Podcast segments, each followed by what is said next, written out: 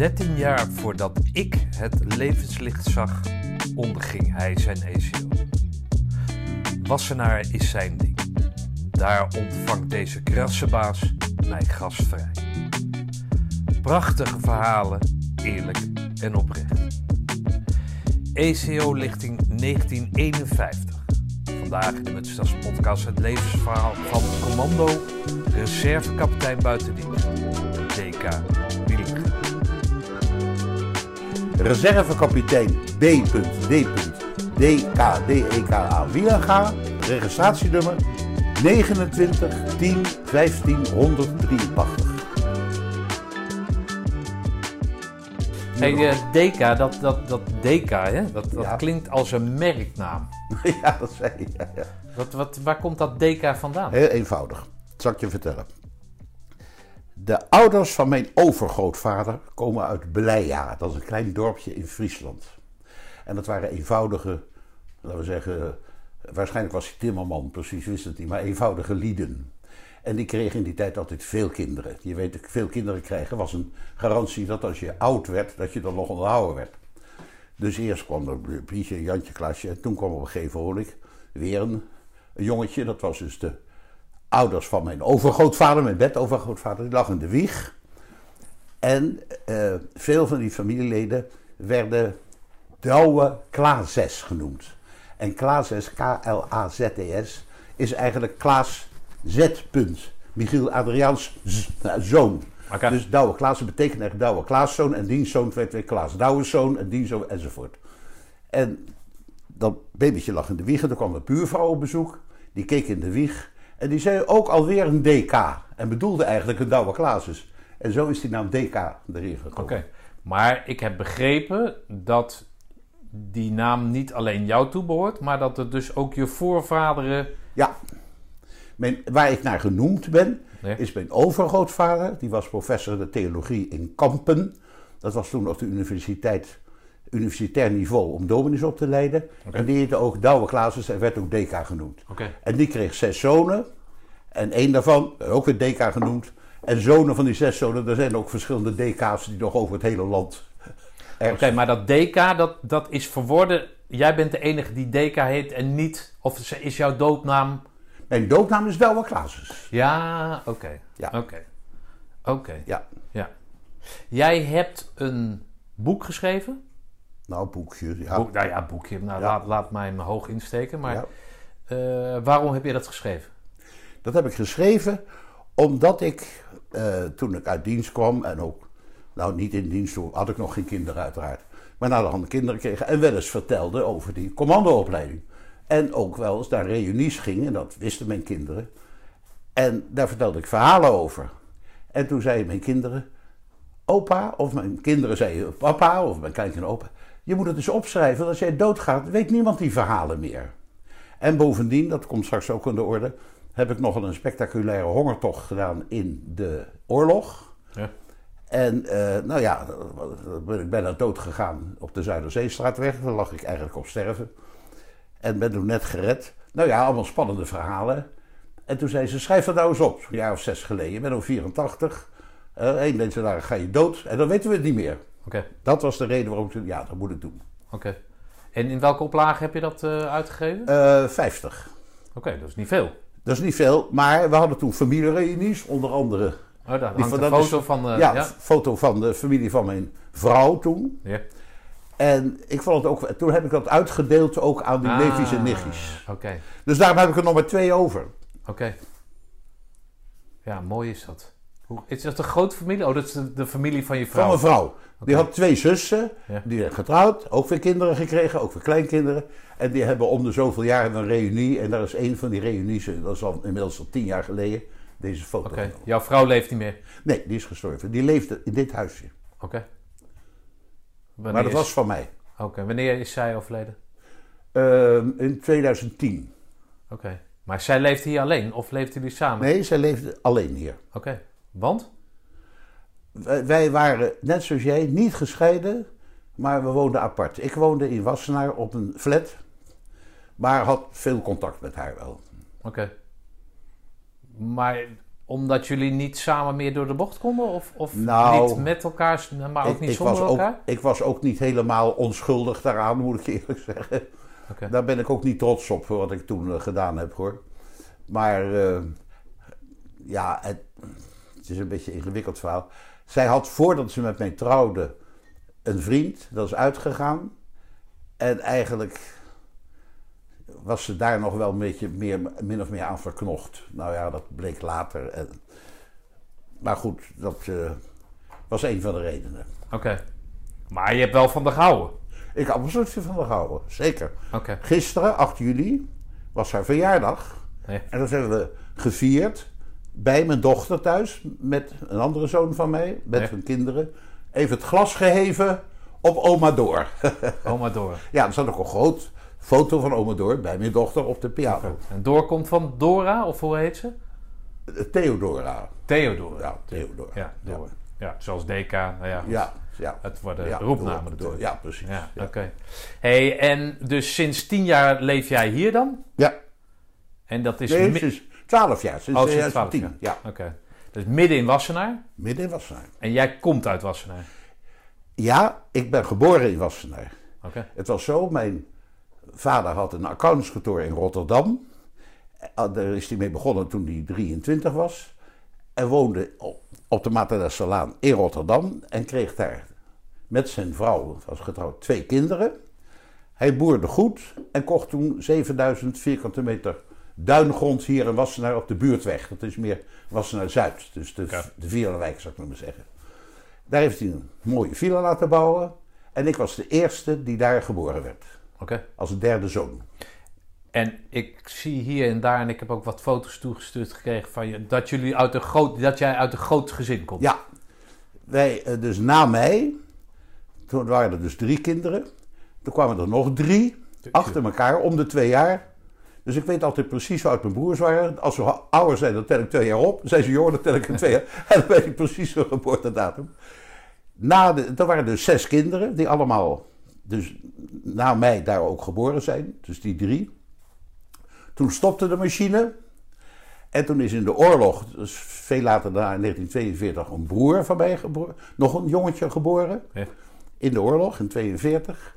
En veel later daarna, eh, dat was dus, eh, en oh, moet ik even goed, mijn eh, zus. Door wie eigenlijk dit allemaal tot stand gekomen Ja. is. Kregen ze nog een klein dochtertje. Oh ja, en die scheelde dus 22 jaar met ja, jou. Het precies. is echt ongelooflijk, 22 Ja, jaar. dezelfde man en vrouw. Dus niet, Ja, nee, uiteraard. Maar dus je moeder heeft gewoon topsport bedreven. zeg Mijn moeder heeft op. Die was al over de 40 toen ze de jongste dochter kreeg. Oké. Jij was dus de derde, Ja. de eerste die in Wassenaar. Dus eigenlijk ben jij, afgezien van het verhaal wat nog volgt en wat ik nog niet weet natuurlijk, ben jij altijd aan Wassenaar, kleef jij. Dat wil zeggen, daar ben ik dus opgegroeid. Ik ben toen in de oorlog, dus eerst op de lagere school, de school met den Bijbel, want we waren gereformeerd. Ja. En er was ook, wij gingen ook elke zondag twee keer naar de kerk, s morgens om tien uur en s middags om vijf uur, naar een kerk die nu niet meer bestaat in Wassenaar-Zuid. Oké. Vertel mij eens, hè, als, ik dan, als jij dan toch zo dicht op die materie zit, wat is nu eigenlijk gereformeerd? Gereformeerd, dat is, ehm, hoe zal ik dat eens zo kort mogelijk uitleggen? Het de gereformeerde kerk bestaat op dit moment niet meer. Oh. Een jaar of, nou, ze- oh, ik weet niet meer precies, tien jaar geleden, zijn gefuseerd de Nederlandse Hervormde Kerk, de Lutherse Kerk en de Gereformeerde Kerk. En die heten nu de PKN, Protestantse Kerk Nederland. Dus de Gereformeerde Kerk aan zich is dus opgeheven. Er zijn nog wel kerken op de Veluwe die zeggen wij doen niet mee met die fusie en zijn nog Gereformeerde Kerk gebleven. Maar dat zijn kleine, ja, geïsoleerde units zou je kunnen zeggen. Maar de gereformeerde kerk als zodanig bestaat niet meer. Hoe is die gereformeerde kerk ontstaan? In eind voor de 19e eeuw, 1830 of zoiets. Toen vonden een stel mensen in de toenmalige nog hervormde kerk. Hè, die bestaat al sinds 16 zoveel, sinds Willem van Oranje zou je kunnen zeggen. Die vonden dat de leer niet streng genoeg was. En scheiden zich af en heten toen de dolerenden, dat was de doleantie. Een paar jaar later kwam er een ander clubje die hetzelfde vonden. En die twee clubjes hebben zich toen in 1870 of zo, maar doen de jaartallen weet ik niet meer precies. Samengevoegd tot de gereformeerde kerk. Die dus naast de hervormde kerk als protestante kerk bestond. Maar als jij zegt dat zij het er niet mee eens waren dat het wat strenger moest, wat was hun missie dan? Mensen. Bijvoorbeeld, ehm, toen, dus voor die reliantie, ehm, de hervormde, in de hervormde kerk was toen al, en ook nog steeds, een vrijzinnige stroming. Maar die bleef in dat statuut van de hervormde kerk bestaan. Dus je had de orthodoxe en de vrijzinnige. En die vrijzinnige, die eh, twijfelde aan de rol van, van Jezus. Want het was natuurlijk wel een goed mens en hij heeft echt geleefd. Maar ja, of hij nou echt de zoon van God was. Bijvoorbeeld in de Vrijzinnige kerk mocht een dominee preken over een mooi boek wat hij net gelezen had. Dat mocht in de gif en de geïnformeerden zei dat is fout. In de kerkdienst mag alleen maar uit de Bijbel worden gesproken. Dus die waren, gingen terug naar de oer, laten we zeggen, bron, de Bijbel, het Oude en Nieuwe Testament. Alleen daaruit mocht gepreekt worden. Nou, en dat deden de hervormden, die waren er wat makkelijker in. Dus daarom zeiden ze, we gaan weg en we stichten een eigen kerk in. En dat was dus die Oké. dolerende. En later kwam de afscheiding. Dat was, dus dolerende, een paar jaar later de afscheidingen. En die afgescheidenen, die fuseerden met die dolerende en vormden samen de gereformeerde kerk. Het dolerende, dat is dolen. Dolen, Het ja. niet weten waar je... Ja, precies. Gewoon Daar- is het ja, een beetje van afgeleid. Ja. Wat, wat, als jij uit dat zo'n geslacht komt, hè, eh, wat, wat vind jij van het geloof eh, überhaupt? Nu zeg maar als, als mens in deze samenleving? Nu op dit moment. Ja? Nou stelt u me een hele moeilijke vraag. Ja, nee, ja, maar daar zijn we hier voor. Daar zijn we hier voor. je. Ehm, ik zit elke zondag in de kerk, tot op de huidige dag. Oh ja? Ja, hier in de dorpskerk. Prachtig mooi oud kerkje, stammend uit de 11e eeuw. Later een mooi gotisch kerkje. Met twee prachtige orgels. Ik ben muziekliefhebber, ook orgelliefhebber. Daarom staat die orgelpijp hier in, mijn, in mijn... Die was van mijn broer Gerrit. En toen hij gestorven was, heb ik die orgelpijp gekregen. Want, nou ja, ik ben erg op kerkorgels. Wat als jochie van... Nou, dat moet ik even vertellen.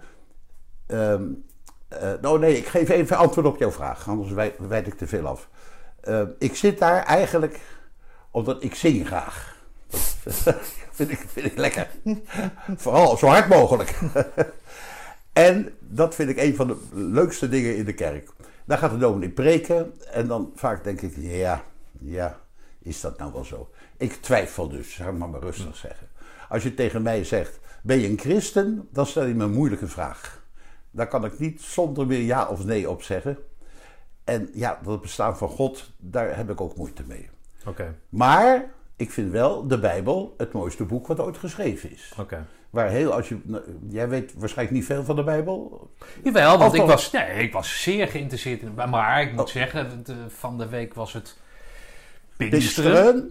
Toen ben ik toch wel eens gaan opzoeken wat, waarom, wat Pinkster is. Eén. En, dan vaak, nu? en dan vaak meteen af waarom er dan de tweede Pinksterdag is uitgevonden. Maar Dat dat, is weer een ander verhaal. Dat is alleen in Nederland zo, dat is Ja, nergens anders. Is- Nee, ik heb ge- eh, gelezen over dat het, het ontstaan eh, van de kerk is met Pinksteren. Omdat de apostelen Ja. eh, in verschillende talen Hm? Jezus, nou, iets in die geest. Ze kregen de geest. Vandaar dat de afbeeldingen zijn van kleine vogeltjes die boven hun hoofd hangen, van schilderijen. En ze konden ineens in allerlei vreemde talen, Oh ja, dat was het. Ja. vreemde Ja. talen spreken. Ja. Konden ze, en iemand begreep, hoe kun je nou als Jood, want het waren natuurlijk Joden, ineens, eh, nou ik zeg het maar, Frans, Duits en Engels praten. Ja, dat konden ze. Dat was de Heilige Geest die op hun nederdaalde. Ja. Maar mag ik zeggen dan dat jij dan praktisch... Je bent niet praktiserend gelovige. Nou ja, wel opdat ik dan elke zondag Nee, oké, de maar jij geeft ook aan dat je van luid en hard zingen en, Ja, en, en de muziek van het orgel. We hebben een uitstekende organist. Ik van te genieten hoe die man Ja, speelt. oké. Maar bijvoorbeeld, het is mij niet gelukt om mijn kinderen ook in die sfeer. Die gaan nooit naar de kerk. Nee, oké. Daar, omdat mijn eigen overtuiging niet voldoende sterk was om dat op mijn kinderen over te brengen. Zoals mijn vader Ja, en ja, moeder dat oké. wel op ons hebben overgebracht. Dus het businessmodel van, van het geloof, dat vind jij niet overtuigend genoeg om door te verkopen. Nee, niet helemaal overtuigend. Oké. Maar ik vind wel mooi, bijvoorbeeld Jezaja, het Oude Testament, het prachtige. En, en, en de psalmen, hè, waar ik ook heel veel, dat vind ik ook heel mooi. En ik verbaas me altijd over hoe die mensen meer dan 2000 jaar geleden zulke mooie teksten konden Ja, schrijven. Daar ben ik wel van onder de indruk. Oké. Ja. Oké, grappig. Jij zei tegen mij, jij stuurde mij een foto. Ja, Eh, aan de hand van die foto eh, eh, heb ik nog meerdere foto's en je boek ontvangen digitaal. Jij zei tegen mij dat muziek een hele grote rol in jouw leven speelt. ja, ja. Ik heb altijd twee hobby's gehad. Dat was sport en klassieke muziek. Eh, sport, ik hield altijd van jongs af aan van hardlopen. Ik liep bijvoorbeeld, ik, mijn broers gingen op de fiets naar de lagere school, die niet zo ver van ons huis af was, zeg maar een kilometer of anderhalf. En dan liep ik als jochie al hardlopend naar school toe en weer terug. Dat vond iedereen raar, maar ik vond gewoon hardlopen lekker. En toen ik later op de HBS kwam in Rotterdam, ehm, deed ik ook, kon ik ook een atletiek doen. Dat was een Sintelbaan in Rotterdam, de Nenijtobaan. Er waren er kampioenschappen van alle HBS'en in Rotterdam. En daar ben ik toen kampioen geworden op de 1500 en 3000 meter. Mijn afstanden waren middenafstanden. Ik was geen sprinter, Ja, maar middenafstand. 1500 en 3000 meter. oké. Waar ik later bij de commando's heel veel profijt van heb gehad. Dat ik, die, dat ik wist hoe je moest hardlopen. En het Ja. ook een, een 10 kilometer kon volhouden. Maar die muziek? Wanneer Muziek. Nou, ik kom uit een heel muzikaal gezin. Mijn moeder speelde heel goed piano. Mijn vader kocht al voor de oorlog voor haar een mooie Steinway-vleugel. Wat toen heel bijzonder was. De meeste mensen hadden nog maar een piano. En mijn vader speelde geen instrument. Maar vond dat muziek maken hoorde bij je opvoeding. En wij hadden thuis ook geen grammofoon. Of er werd nooit naar de radio geluisterd. Nee, zei mijn vader, muziek maak je zelf. Live muziek. Niks, geen microfoon en luidsprekers vond hij allemaal onzin. En dat vond hij muziek in blik. Dus mijn moeder speelde piano. Mijn oudste zoon, waarvan je dus het portret hier zag hangen, eh, was als jochie van zeven jaar, zat er elke morgen, s morgens om half zeven, zijn oefeningen te doen. Ik sliep daarboven en vond het prachtig dat ik die oefening. Hij speelde stukken van Bach ook. En werd. Dus toen- jij hebt dat doorgegeven, wil je zeggen? Je hebt dat doorgegeven aan de volgende generatie. Ja, dat- met dat- name aan mijn oudste zoon. Ja, die speelt heel goed fluit en speelt ook nog allerlei andere instrumenten. Die is heel muzikaal. En kan ook arrangeren, omdat hij ingenieur is. Het is een beta-aangelegenheid. Mensen zeggen altijd even de zaakjes door: muziek dat is gevoelig, hè? dat is alfa. Nee, muziek is beta. Waarom is muziek beta? Jij moet als muzikus, als pianist, violist, cellist, die nootjes die voor jou staan, moet je vertalen op je instrument. Ik dus door mijn linkerhand hier en mijn rechterhand mijn strijkstok. Cello, hè? Ja, op de cello en de fluitist doet dit enzovoort en de pianist doet dit. En dat is, dat is intellectueel conjunctief actie. Nootjes vertalen op jouw instrument. Ja. En daarbij moet natuurlijk een zeker gevoel komen om dat mooi te doen. Ja. Om dat muzikaal te doen. Dat is weer vers 2. Ja. Maar goed, maar, Maar jij goed. zegt dat beta, zeg jij. Maar dat is voor een arrangeur, is dat toch... Ook voor een muzikant. Belangrijk. Ook Ja? muzikant. Ik ken veel professionele eh, muzikanten, daar komen we straks wel op. En die geven dat ook toe aan mij. Die zeggen, ja, als je pure alfa bent, heb je moeite op het conservatorium. Om, om, en je moet eerst de techniek leren, voordat je mooie Maar je moet muziek het kan zien. maken. Je moet zien, Je moet zien wat Dat, dat zwarte nootje betekent Ja, dit op mijn instrument. En dan moet het nog zuiver zijn ook. Ja, oké. Ja. Nee, dat Maar goed, even doorgaan. Ja. Dus eh, mijn oudste broer, eh, piano, later dus orgel. Toen hij 15 jaar was, werd hij al officieel benoemd tot organist in onze geïnformeerde kerk. 15 jaar. Oké. Want hij kon mooier spelen dan de organist die daarvoor was. Ik speelde de cello, de broer daartussenin, die speelde viool. En we hadden toen wij, toen mijn broer, laten we zeggen, 16 was, en de oudste broer en de broer eronder 14 en ik 12, hadden we al een trio wielerga. En voerden we ook al uit in de kerk en in een grote zaal in Den Haag. Als, als drie jochies speelden we Hendel en eh, dat, soort dingen meer. Nou, en dan heb ik nog een broer die speelde hobo. En later mijn zusje nog dwarsfluit. Dus ik was gewend. Ik hoorde alleen maar klassieke muziek. Bach, Beethoven, Mozart enzovoort. Maar dat was allemaal uit vrije wil? Of werd dat opgelegd vanuit, vanuit het, zeg maar, het ouderlijk gezag? Ehm, nou, zeker van mijn oudste broer, die de meest getalenteerde van ons allemaal was. Ja. Heeft ook het verste gebracht in de muziek. Is later componist geworden. Heeft cd's opgenomen die door de professionele organisten goed werden gerecenseerd. Als amateur, want hij is later is die pathologie gaan studeren. En is als hoogleraar in de pathologie in Rotterdam zijn carrière geëindigd. Maar hij had thuis een echt pijporgel, twee klavieren en pedaal. En zat, als hij terugkwam van college geven, zat hij bij- bij bij- bij orgel te spelen. Vaak tot grote ergernis van zijn drie dochters. de oude, schijn nou eens op met die oude Bach. Oké. En ik zat als jochie. Ik was dus vier jaar jonger dan hij. De, ik was zijn eh, registrateur. Dat wil zeggen dat je, je hebt op een orgel registers, dat ken je, waardoor je het orgel kan laten crescenderen of decrescenderen. En dat moest ik dan, als hij zat te improviseren, want een organist moet kunnen improviseren, een voorspel geven, een naspel geven, moest hij langzaam het orgel laten harder worden en weer zachter. Maar als hij zat te spelen, dan moet er een man zijn die die ja, dat- daar heb je dan in de goede volgorde. Ja, ja. Nou, dat leerde mij. En hij leerde mij ook omslaan. Want als hij een stuk van. Bach speelde, dan zat hij met die... En dan moest ik goed volgen. Maar je- ik wil wel vragen, dat vond je leuk? Het was Vond ik- niet van nee, jij... dat vond ik schitterend. Ja, oké. Vond ik schit- Vond ik als jochie. Dus ja. als jij als, als kind had gezegd, pa, moet luisteren, eh, jij speelt zelf geen instrument en ik heb er niks mee, dan was dat goed geweest. Dan was het goed, want ik heb ook wel... eh, ik heb ook, wij spelen allemaal een beetje piano. Hè, mijn broer Bob, die hier in Wassenaar woont, die veel beter dan ik. Nou, maar... ehm, omdat we... Die, die, die vleugel bij ons, die rabbelde de hele dag door. Ja, ja, oké. Oké. Dus, en eh, ik werd ook niet gevraagd. Mijn vader was een redelijk autoritaire man. Dus hij had al een piano, zijn vrouw en zijn oudste zoon. Hij had de viool. Toen werd ik wat ouder, laten we zeggen 19 jaar. Dus kreeg ik een cello tussen mijn knieën. Want daar heb je een pianotrio. Piano, viool, cello. Ja, ja, Er is heel veel voor gecomponeerd. Ja, het is een accountant natuurlijk. Dus wat dat betreft, hij zag daar, eh, hij ziet het anders dan, eh, dan je moeder dan bijvoorbeeld.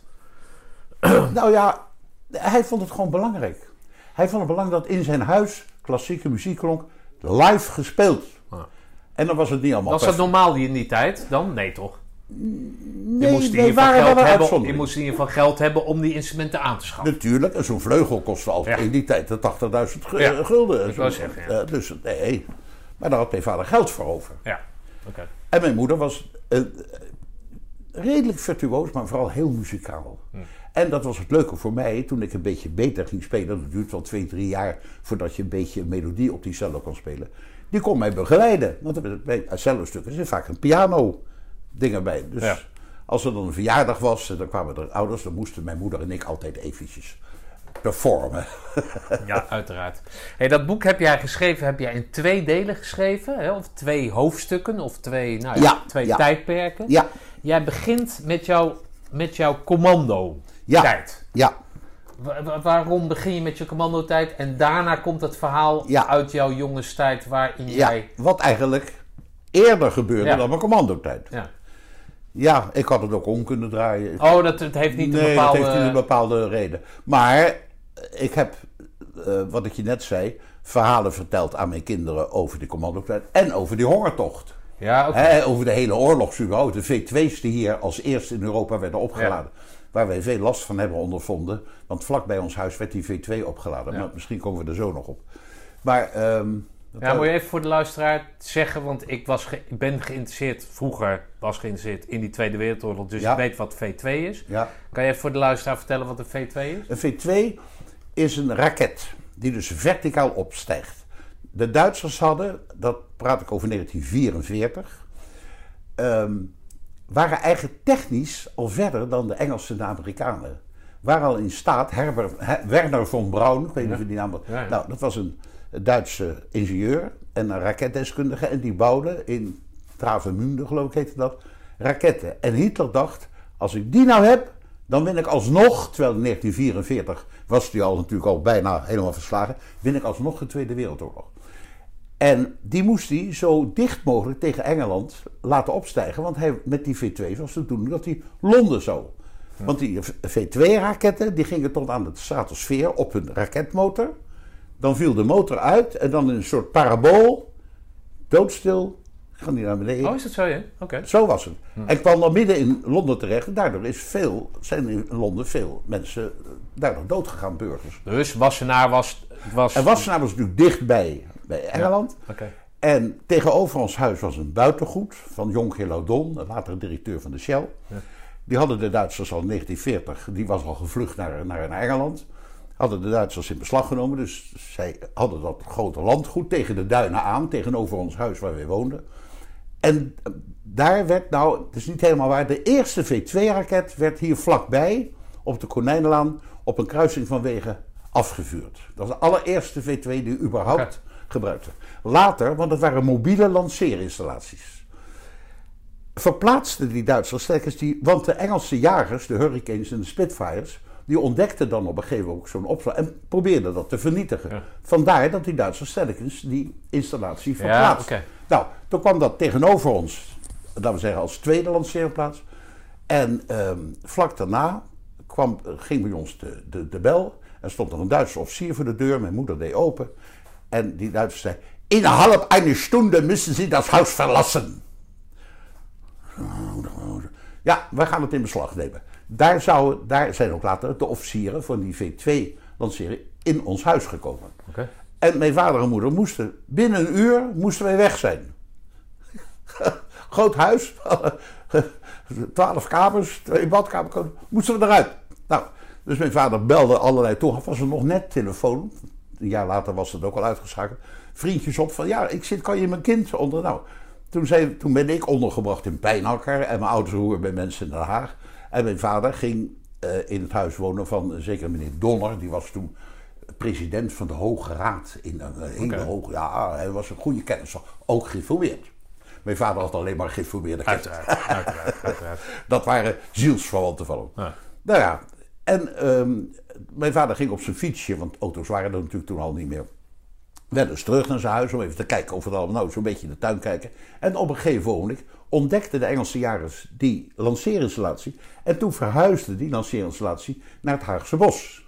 Eerst schoot naar Duindicht, dat is die paarden, Paardending. en later naar het Haagse Bos. En toen mochten wij weer in ons huis. Dat is drie of vier keer gebeurd dat we tijdens in ons huis en weer eruit moesten. Oké. Nou, ik heb in het Nationaal Militair Museum in Soesterberg, heb, hangt daar volgens mij zo'n V2. Ja. Dat is echt een gigantisch ding. Ja, voor die tijd. Nou ja, maar nu nog. Maar echt, Ja, dat, daar ja. sta je echt versteld van. En, dat moet je erbij zeggen, Stefan. In het begin waren die dingen nog technisch vrij onvolmaakt. Want, ehm, dat weet ik nog, we zaten een keer aan tafel. En dat was toen, voordat wij nog uit ons huis, voordat die lanceerinstallatie voor ons huis kwam, werd er een V2 opgeladen, opgestegen, ergens hier in de buurt, de eerste. En we zaten aan tafel en we hoorden een enorme knal en heel lawaai. En iedereen doodstil. Mijn vader zei, blijf zitten, blijf zitten. Wist ook niet wat het was. Nou, toen we uit het huis waren, toen zagen we die V2's boven de bomen. En toen wisten we, oh, daarvan was het afgevallen. Maar die V2, dat is dus zo'n raket. Nou, onder die raket is een vlam. Hè? Dus zoals er nog steeds in Amerika raketten worden afgeschoten. En die, als er wind was, ging die vlam wel eens een beetje schuin. En dan duwde die, die raket naar beneden. En heel vaak, ongeveer nou, 30, 40 procent van die V2's stortte weer neer. Of in Wassenaar zelf, of als die vlam wat later uitging, in Den Haag bijvoorbeeld, is ook paar keer een V2 terechtgekomen. En veel, veel doden. Maar die kwamen toen ook tot ontploffing natuurlijk. Ja, Oh, plofte. Oh, dat is al... eh, Daarom zijn er ook in Wassenaar een paar mensen gedood Ja, ja, door neervallen. Jeetje, joh.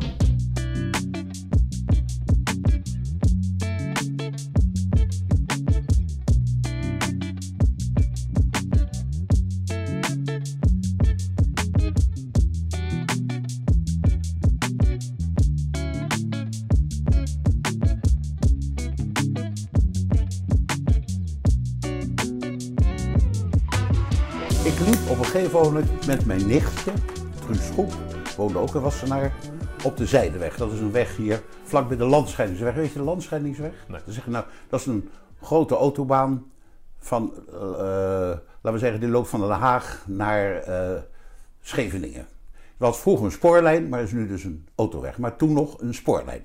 Van een spoorlijntje, Hofplein Rotterdam, niet van Centraal Station, maar Hofplein, naar Scheveningen. En die stopte op twee plaatsen in Wassenaar. En daardoor konden de Wassenaarse zakenlui met dat treintje midden in Rotterdam komen. Binnen 20 minuten. Daarom zat jij ook op die HBS in Rotterdam. Precies. Ja. Daarom is Wassenaar ook groot geworden door Rotterdamse zakenlui. Die bouwden hier hun vakantievilla's. ja. Dat is de connectie Rotterdam-Wassenaar. Ja, ja. Goed. Wist ik niet. Dus dat was er nog een, een treinbaantje. Mijn zusje en ik liepen op een weg die liep parallel langs die treinbaan. Vlakbij Den Haag, aan de zuidkant van Wassenaar. En op een gegeven moment hoorden wij, eerst als zo'n V2 werd opgelaten, hoorde je eerst boem, een harde knal. En dan wisten wij, oh, het gaat beginnen.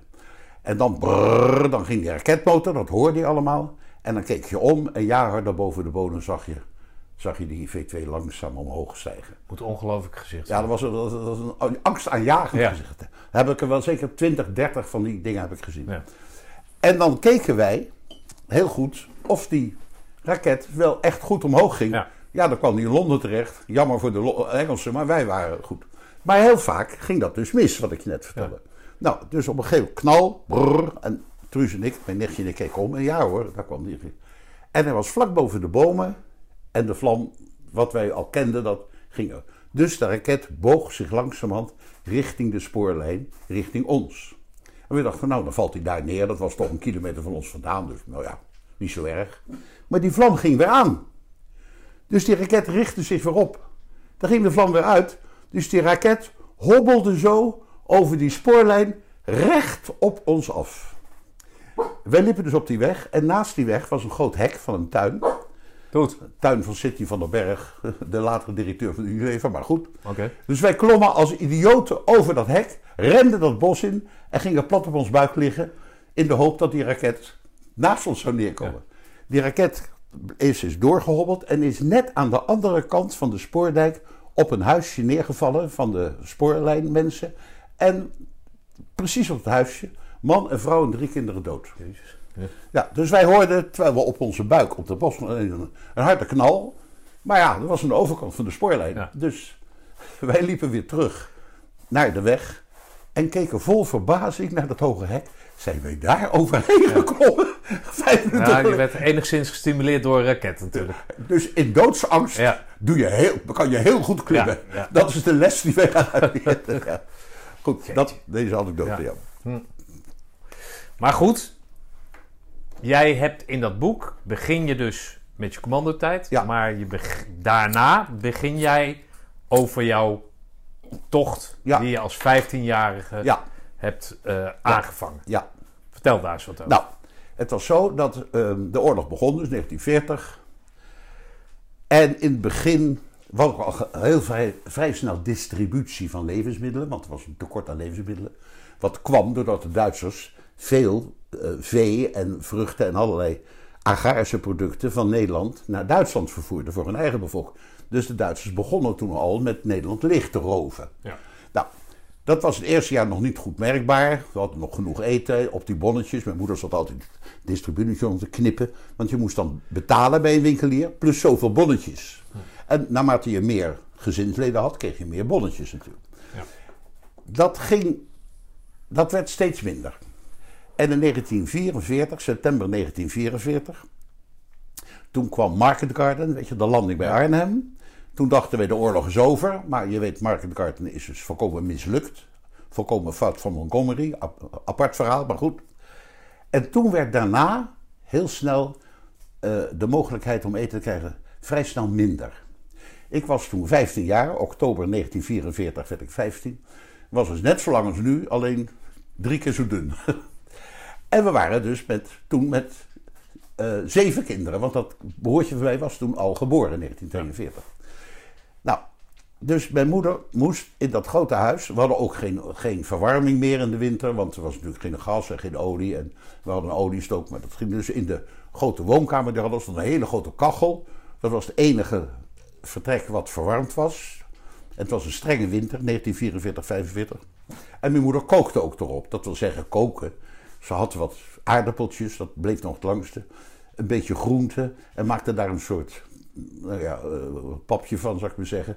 En dan kregen we heel uitgemeten ieder op ons bordje. En eigenlijk na het eten hadden we net zoveel honger als voor het eten. Nou, ik had dus twee broers boven me. Die konden niet weg, want er was een arbeidseinsatz voor jongens van 18, 19 jaar. Die werden in Duitsland, moesten ze in de fabrieken werken. Dus die werden opgepakt op straat, dus die waren eigenlijk min of meer ondergedoken. Ik was 15, dus ik kon wel mee vrij bewegen op straat. Want je had een persoonsbewijs, ook als jochie al, waarop stond dat je 15 was. En ik eh, was dus toen zo door dat eten. Want ik was natuurlijk in de groei. Hè. Als je 15 jaar bent, dan groei je snel. Ja. Dus heeft je lijf meer eten nodig dan jij en ik nu. Ja. Nou, maar dat kregen we niet. was niet de schuld van mijn moeder. Wij gingen toen, ik zat wel hier op, de, op het Rijnlands Lyceum, maar dat was al lang gesloten.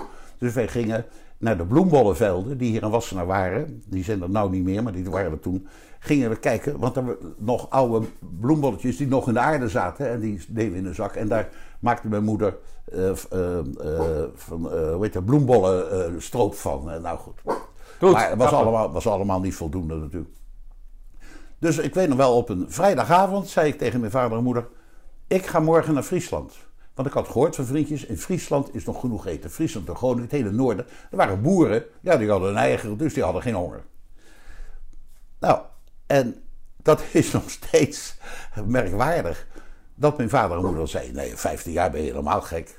Die begrepen dat. Eigenlijk waren ze, heb ik achteraf begrepen, wanhopig.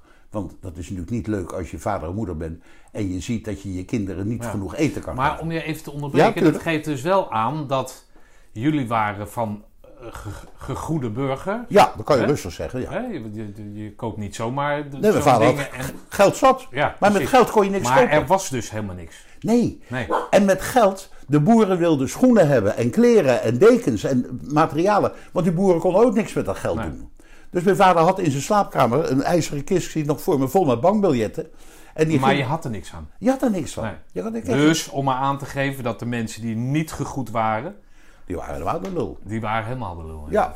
En die gingen ook dood. In Den Haag en Rotterdam lagen de mensen dood op straat. Gewoon puur van de honger. Ja. ja, dat kunnen we ons nu niet meer beseffen kan je je niet meer realiseren. Nee. Dat kan je, kan je niet voorstellen. Ja. Dus dat maakte dat jij als 15-jarige met dat persoonsbewijs op zak, waarmee je kon aantonen dat je dus niet naar het, eh. Duitsland uh, getransporteerd Precies, als ik aangehouden worden. zou worden. Precies.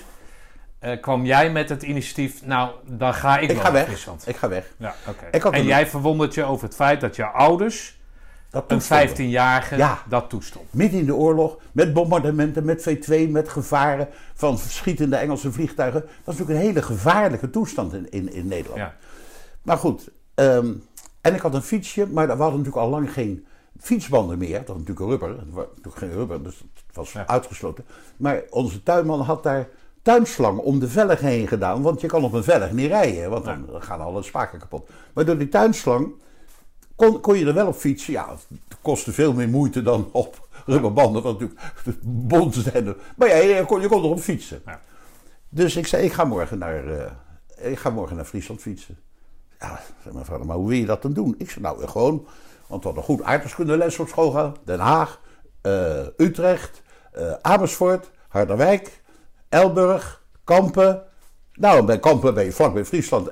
En, en wat dan, zei mijn vader. Ik zeg, nou, dan ga ik bij een boer. En dan zeg ik, eh, beste boer, eh, ik ben Deka Wielag uit Wassenaar. Eh, ik wil graag bij u werken. U hoeft me niks te betalen als u me maar eten geeft. Ik zeg, dat lukt mij altijd, dacht ik. In mijn brutaliteit. Maar, even een detail, maar hoe, Ja. als jij dan eten zou krijgen, hoe kreeg je dat dan in Wassenaar? Nee, ik Oh, wou het was wel blijven. puur voor jezelf. Het was puur voor mezelf. Ja, oké. Niet om eten te halen. Nee, want op je fietsje kan je Nee, want je moet het ook nee, weer terug. dan moet je eh, weer terug. ja, nee. nee, ik wou daar blijven. Ja, want eind- eh, eindelijk zal die oorlog wel eens een keer afgelopen zijn. Ja, oké. Dus dan had, er- was er één mond minder te voeden in Wassenaar. Precies. Dat- ja, oké. Dus ehm, toen zei mijn vader, nou ja, oké, goed. Hij zegt, dan zal ik je een lijstje meegeven met adressen op die tocht van mensen die ons kennen. Dan kan je daar eventueel overnachten, want dat je dat in één dag haalt.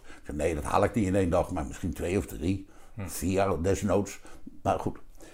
En dat was zo, de familie Wielega was bij de gereformeerden bekend. Waarom? Mijn overgrootvader, zei ik al, was dus professor de theologie. Die had zes zonen die alle zes dominees zijn geworden. Wat, een, wat nog nooit vertoond is in de kerk. Eén familie, een, een vader die professor in theologie en zes zonen, alle zes dominees. Dan zei ik tegen mijn vader, echt veel fantasie hadden die ooms van jou niet. Dat waren dus ooms van mijn vader. Nee, Maar goed. jullie netwerk, dat, dat gereformeerde Ja. netwerk was dus... Ja, en een van die zonen, ook gepromoveerd, die had een boek geschreven, de Bijbel als boek van schoonheid. En dat was verplichte literatuur voor alle theologiestudenten in Kampen, waar mijn overgrootvader dus professor was, maar ook aan de Vrije Universiteit, want dat was ook oorspronkelijk een christelijke universiteit, gesticht door Abraham Kuyper. Zoals je misschien weet, maar dat Nee, weet je niet. lastige naam, maar ik denk Ja, van, nee, ik nee, zal maar ja knikken, maar ik heb er was totaal eh, Of eh, een protestantse universiteit, daar kon je zo.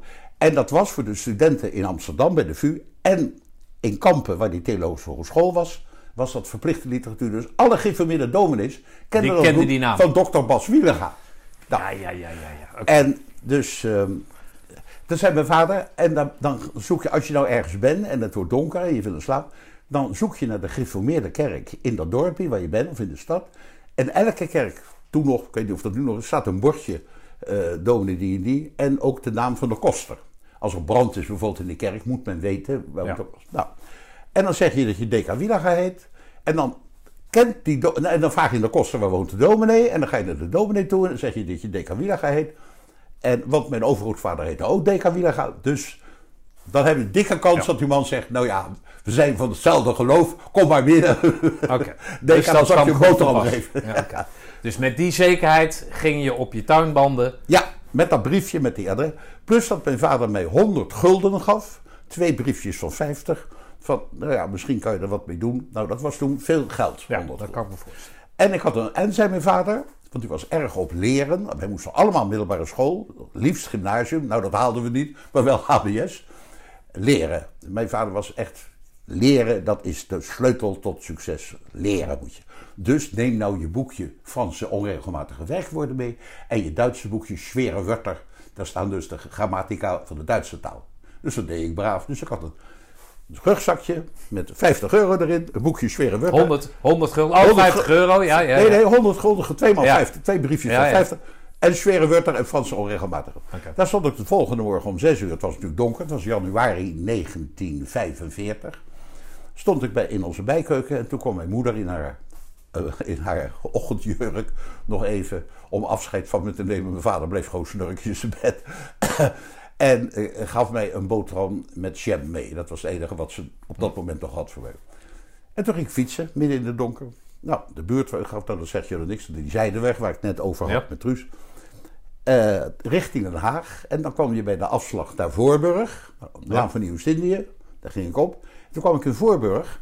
En daar had je toen het begin van de eerste autobaan in Nederland. Was Den Haag-Voorburg, vierbaans autobaan. Dat was de eerste autobaan in Nederland. Oh, is dat zo, ja? Ja. En- de voorloper van de A... Nou ja, van alle andere grote... 12. Ja, voor, ja. ja. precies. Nou, en eh, toen dacht ik, ja, ik kan naar Utrecht. Als ik dat niet doe, dan moet ik via Alphen en via Gouda. allemaal- Weet je wat, ik pak gewoon die autobaan. Want niemand reed meer auto. Nee. Alleen de Duitsers met hun militaire vrachtwagens. Dus ik ging die oprit van die autobaan op. En op een fietsje midden op die autobaan. En het was midden asfalt. Het was wat vriendelijker voor mijn, voor mijn tuinslang. ja. En zo nu dan kwam er zo'n Duitse legerwagen. Die keek vol verbazing naar het, naar het enige andere verkeer. Een jochie op de fiets. Maar dat ging pr- prima. Nou, dus de eerste. Eerste adres was een soort oud-tante van mij in Zeist. Ik heb nog steeds niet begrepen hoe ik het gepresteerd heb op een fietsje met tuinbanden. In één dag van Wassenaar naar Dat is Zeist. een eind. Ja, dat is een Dat is een behoorlijk eind. Ja, 60, 70 ja dat is 60, 70 kilometer. Ja, dat ja dus dat, nou, dat, dat haalde ik op een of andere manier. Dus ik belde aan bij die oud-tante. En die zei, oh, Deka, want die was wel zo in was die kende mij. Nou, ik zei, tante, ik ben bezig naar Friesland te rijden. Mag ik bij u logeren? Tuurlijk, Deka, kom maar hier. Nou, dus ik mocht daar logeren. Toen was het de volgende morgen eh, zondag. Maar ik moest wel mee naar de kerk, want zij was ook geïnformeerd. Je kan honger hebben of niet. Naar de kerk zou je moeten. Dat was geïnformeerd. dus ik ging braaf met haar naar de kerk. Weet jij dat nog allemaal zo goed? Of, eh, nou, dat staat me nog helder voor de geest. Is het zo, ja? Ja, dat Maar dat komt ook mede doordat je dat boek hebt geschreven natuurlijk. ook, ja. Ja, maar denk je er nog wel eens aan? Komen daar nog wel eens ja. emoties los ja, van wat ja, er toen... eh, Ja, het is niet helemaal weg uit punt. Nee? Ik word er s'nachts nog wel eens wakker van. Ja, is dat ja, zo? Ja, ja, ja. En waar, waar word je dan precies wakker van? Nou, van die onzekerheid. Want ik was natuurlijk 15 jaar. Ja, ik deed wel heel stoer en mijn eentje. Maar ja, ik had toch wel een beetje angst. Ja, god, hoe moet het aflopen? Hè? Maar goed. Maar de volgende dag, toen had ik pech, Stefan. Want ik werd wakker, ik keek uit het raam. Een dik pak sneeuw. Hm. Was er die nacht gevallen. Dus ik kon niet bij die tante blijven. Ik zei, ja, Deka, jij kan hier niet blijven. Want ik heb ook niet genoeg welvaartshoog. Dus ik stapte op mijn fietsje, Stefan. En nog geen vijf meter verder zei mijn beide tuinslangen, ploef, ploef. Ging kapot en reed ik op de velgen. Nou, op velgen door de sneeuw rijden hoef je niet te proberen. Want dus, ik heb dat fietsje dus meegenomen. En dat heb ik maanden daarna weer helemaal teruggenomen naar Wassenaar. onbegrijpelijk wat ik natuurlijk had moeten doen. Was dat fietsje weggooien, want dat was alleen maar mij tot last. Waarom Maar die heb, heb jij meegesleept? heb ik meegesleept. En ik heb mezelf afgevraagd, waarom deed ik dat? Ik denk, maar dat kan ik me niet meer goed... Dat was eigenlijk mijn enige bezit. Hm. Dat had ik, dat fietsje. Dat gooi je niet weg. Ook al kan je er niet meer op rijden. Rare gedachtegang. Want het hinderde mij alleen maar in mijn... Nou goed, oké. Maar je bent dus lopend, Lopend. verder. Ja, ik moest lopend. De rest heb ik allemaal lopend gedaan. Oké. Ja. En de tweede nacht was ik bij een, eh, ben ik aan, was het tweede adres in eh, de buurt van, Am, eh, ja, buurt van Amersfoort. Was, nee, nee, de buurt meer van Harderwijk, maar dat weet ik niet meer precies. In een bos, een groot kindertehuis. En dat was voor uit de ouderlijke macht ontzegde jongens, ook gereformeerd. En mijn vader was accountant van die stichting die dat beheerde. Was dus directeur, dus dat wist ik te vinden. Dat liep ik dus van Zeist naar, dat was niet zo ver. We zijn een kilometer of twintig of zoiets, maar dan kon je op een dag lopen. Ja, dat zal Amersfoort toch geweest zijn? Ja, zo in de buurt van Amersfoort, ja. Niet in Amersfoort zelf, maar een dorpje daar vlakbij. Nou, dus daar belde ik aan en uh, zei mag ik de directeur, meneer Gelijnse, ik weet nog zijn naam precies. Nou, daar werd ik naartoe gebracht. En die zei, oh, je zoon van Wielaga, want hij kende natuurlijk omdat mijn vader accountant was. Die kwam er regelmatig de boeken controleren. Ja, je kan hier wel even blijven, maar niet lang, want zoveel eten hebben wij ook niet. Maar hij zegt, je moet er wel voor werken. Je moet elke dag met mijn zoon een boom omzagen en een stukken hakken voor de keuken. Want er was genoeg hout. Nou, zei, geen probleem, werken wil ik. Oké, nou, dus ik eh, moest slapen ergens in zo'n barak die daarbij dat grote huis waren gebouwd. En de volgende dag ging ik met de jongen het bos in, bomen te hakken. En ehm, toen hoorde ik van een van die knapen dat als je bij de bakker in dat dorpje, eh, als je die hielp bij het werk s'avonds, dan kreeg je een zakje roggegraan van die bakker. En daarmee kon je naar de. Nee, ja, ja de bakker, maar daarmee kon je weer terug naar die bakker. Zo was het zo'n beetje, ik weet niet meer Ja, ja. precies. En dan kreeg je een roggebroodje. Ja, dat bakt hij voor jou. Dat bakte hij voor. Ja. Van dat graan wat jij verdiend had. Dus dat roggebroodje nam ik mee naar mijn kamertje. En dan snee ik elke avond één plakje af. Liefst vrat ik dat helemaal natuurlijk gelijk op. Maar moet zuinig zijn. Dan morgen heb ik ook weer honger. Dan moet ik nog. Goed. Mijn pech was dat het dienstmeisje, er waren ook dienstmeisjes die dat schoonmaakten, dat verklapte aan de directeur. Van ik heb een roggebroodje gevonden onder even. Dus ik werd bij de directeur geroepen en ik kreeg toch mijn sodemieter. Ik was asociaal, want dat roggebroodje had ik in de gemeenschap moeten inbrengen. Ik zei, ja, maar ik heb ervoor gewerkt, eh, meneer Gelijnse. Ja, niks mee te maken. En bovendien moet je hier weg ook, want ik heb ook geen... eh, goed. Nou ja, ik moest weg, oké. Toen zei ik, mag ik dan mijn 100 Ja, gulden want die had je aan hem eh had ik al, oh ja, dat had ik al gegeven. Ja. Want ik denk, ja, dat is wat veiliger dan dat ik dacht. Goed. en eh, toen deed hij zijn la open en gaf mij 50 gulden terug. Dus ik, nee, dat is In plaats 100. van die 100. Ja. Toen zei hij, ja, maar die hou ik voor kosten inwoning die je hier een week hebt gegeten. Ik zei, ja, maar ik heb ervoor gewerkt elke dag. Niks mee te maken, donder op. Heeft jouw vader die man daar later nog op aangesproken? Nee, die werd vrij snel na de oorlog werd hij ontslagen, want hij had meer rare dingen gedaan. Dit was Ah, natuurlijk schandelijk. Ja, Ja. oké. Dus de volgende dag, de sneeuw lag er nog dik, stond ik om zes uur s morgens weer met mijn fietsje. En toen kwam de vrouw. Dus het maakte eigenlijk helemaal... Jij, jij geeft eh, Friesland aan als doel... Ja. Omdat, je daar, eh, omdat daar eten was en omdat Ja. je daar kon werken. Ja. Maar in principe, als je daar rondom Harderwijk had gebleven, had je ook eten gehad. Dus dan, dan Als hij maakt gezegd, joh, we hebben eten zat, blijf maar hier. Dan was ik daar gebleven. Het ging mij om het eten. Ja, het Niet ging om het eten, om, puur om, dat, eten. om dat eten uit te sparen uit, de, uit één mond bij, jou, eh, bij je eigen gezin. En je was eigenlijk aan de goden overgeleverd en maakte eigenlijk geen reet uit waar je Nee, terecht zou komen. nee, precies. Je hebt exact genoeg. Maar goed, met die 50 gulden ga jij dus weer op pad. Ga ik weer op pad? En jouw doel was dus ergens in Friesland. Ja. Dus ik ging weer richting Harderwijk. Nou, eh, ik had goed aardrijkskunde, dus ik had geen kaart nodig. Ik wist uit mijn hoofd wel hoe ik moest rijden. En toen kwam ik op de zogenaamde Zuiderzeestraatweg. Want je weet, het IJsselmeer heette vroeger Zuiderzee. En dat was de weg, toen was er nog niet die grote autobaan die er nu is. Dat was de weg Amersfoort, Harderwijk, Ermelo, Elburg, Oldenbroek, Kampen. En bij Kampen ging ik, daarvoor ik rechtsaf richting Meppel. Dat was toen een tweebaansweg. Daar kwam ik op terecht. En die was vol met eh, eh, eh, voedsel halende en brengende burgers. Met kinderwagentjes en zo. Nou ja, maar de Engelsen, en maar er waren ook Duitse vrachtwagens daartussendoor. Dus op een gegeven moment liep ik op die weg, te midden van al die andere mensen. En op een gegeven moment kwam er een aanval van Engelse Spitfires die op een Duits konvooi wat daar net reed. Dus in de berm van de weg. Nou, brrr, tik, tik, tik, tik, tik. Oké, vliegtuigen waren weg, stond weer op. Vlak naast mij lag, wat ik eerst dacht, een, een bundeltje kleren. Maar toen ik even goed keek, was dat een vrouw met een klein meisje. En die stonden niet op. Dus ik dacht, hè. Dus ik riep nog even, vrouw, we kunnen weer. Maar die waren dood, die waren geraakt door die kogels. Vlak naast mij. Dus ik had geluk dat ik niet door zo'n kogel van de Spitfire was geraakt. Want vlak naast mij waren die twee mensen dood. Maar ja, in die tijd. Ik had natuurlijk al de V2's meegemaakt en er was iemand dood. Dus ja, dat hoort bij de oorlog. Ik werd daar niet door geroerd of al oh, wat zielig of zo. Nee, dan is een dood. Ja, dat hoort dan nog. Oké, doorlopen. En toen liep ik door richting, richting Ermelo, zou ik maar zeggen. Maar mijn krachten namen steeds af. Ik was natuurlijk al ondervoed, zwaar ondervoed. Ik en die fiets had jij voor mijn beeld voor altijd, de hele tijd... Altijd door die stomme sneeuw. Ja. Lul dat ik was eigenlijk. Ja, oké. Dus, dus, ik liep. Maar en, ja, had er wel steun aan. Een soort. Of zo. Het was meer last dan. Die, ja, Je kan beter zonder fiets lopen dan zo'n ding dus als je het nu nog een keer zou doen, dan had je die fiets in zijs achtergelaten. Bij wijze van je gewoon op de kant gegooid. Hindert mij alleen maar. Maar oké, ik nam hem mee. En, langs die weg stonden bomen, geplante bomen, zo om de, twee, om de 10 meter of zo, boompje. En ik voelde toen dat ik op een gegeven moment het niet meer zou halen. mijn, mijn lichaam nam in kracht af. En dan gaf ik mezelf de opdracht: ik moet drie bomen lopen en dan mag ik even rusten. om jezelf een soort discipline te geven van ik moet wel door. En dat werden twee bomen en dat werd één boom. En toen kon ik niet meer. En toen zag ik in de verte drie zwarte figuurtjes. Dat waren nonnen, bleek later. Want die herkende je aan die kappen. Hè? En, nou, en die zaten aan de kant van de weg. Ik denk, nou, daar ga ik maar naast zitten. Dus daar ging ik naast zitten. En, uh, en toen zei ik, zuster, want ik had een katholiek vriendje. En ik wist dat je die dame moest aan. Zuster. Niet mevrouw, okay. zuster. zuster. Uh, ik zei, waarom zit u hier? Nou, zei ze waarschijnlijk net zoals jij, we kunnen niet verder. Die waren ook uitgeput.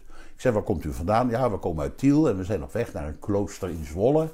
Want daar is genoeg eten en daar kunnen we dan, uh, nou ja, de rest van de oorlog onderbrengen. Oh, ja. En jij? Nou, ik zei, ja, hetzelfde. Ik ben nog weg naar Friesland. Toen ben ik daar in slaap gevallen, tegen die non aan. Eigenlijk in coma geraakt, zou je kunnen zeggen. Het vroor. En later heeft die non tegen mij verteld over een paar uur is de jongen dood. Want als je ondervoed bent en je ligt in de buitenlucht met 5 graden vorst, dan ga je de pijp uit. nou, de rest van het verhaal, dat staat ook in mijn boekje, wat ik nu vertel, staat ook in een boekje. Weet ik alleen maar van horen zeggen. Dus ik was buiten Westen. Toen is daar een molenaar aangekomen van de andere kant van de weg met een platte kar met een paard ervoor. En bleek later katholiek te zijn. En die zag die drie nonnen langs de kant van de weg en dacht... dat zijn bruiden van de Heer, hè, zo heette de katholieke Die kan ik daar niet zomaar laten zitten. Dus die stopte en die zei, dames... Uh, ik kan jullie meenemen naar mijn molen. Nou, als het kan, graag meneer. Dus die. En toen vroeg die non waar ik tegen... neem dat jochie ook mee. Want, nou, dus die molenaar tilde mij op. Met mijn fietsje. Hij gooide mijn fietsje en mij ook op die platkar. Oké. Hij reed naar zijn molen toe, die ergens op de Veluwe stond. En de volgende morgen werd ik wakker. En ik lag in een bed. Kon ik hier nou? Ik had dus van die hele tocht niets meegemaakt, want ik was buiten Westen. Maar ik zag wel heel raar, de muren van dat kamertje liepen naar elkaar toe. En hoog was een raampje. Raar, waar, waar ik? Maar ik voelde me weer wat opgeknapt. En mijn, mijn broek en mijn trui lagen op een stoel naast me. Ik had die man uitgetrokken om in bed te leggen. Dus die trok eraan, deed de deur open en stond in een soort zolder waar ook die muren. Toen dacht ik ook, oh, ben in een molen. Want de molens lopen zo. Dus, dus, ik ging de trap af. De deur deed ik open en er zat in de keuken die molen met zijn vrouw. En die molen zei, hé, hey, daar is onze gast. Heel aardig. ja, ik zei, wat is er gebeurd? Nou, toen vertelde hij, enzovoort, wat je dat vertelde. En die vrouw zei, je wil zeker wel wat eten hebben. Nou, eten, graag mevrouw. Toen, toen kreeg ik een bord met havermout, met stroop erin. Nou ja, dat is een soort paradijsmaaltijd. Dus dat slokte ik naar binnen, maar ik kreeg daardoor een buikpijn. Want mijn maag was natuurlijk heel klein geworden. Dus ik zei, waar zit de wc? En ik rende naar de, nou, daar, daar, daar. Dus dan kotste ik wel alles uit. Dus in ieder geval, ja, stom voor mij. Natuurlijk, Waar waren die zusters gebleven? Die, waren, die, waren, oh ja, die had hij ondergebracht in zijn schuur, waar heel veel uh, hooi lag. Ah, dus die zusters konden lekker die hooi, dus die hadden die drie zusters ook lekker geslapen. Nou, en die kwamen een half uurtje later ook naar binnen. En daar heb ik met die drie zusters vier dagen in die molen geweest. En dan had met die zusters allerlei theologische gesprekken, want ik was een geïnformeerd Ja, jochie. En ik wist veel van de Bijbel af.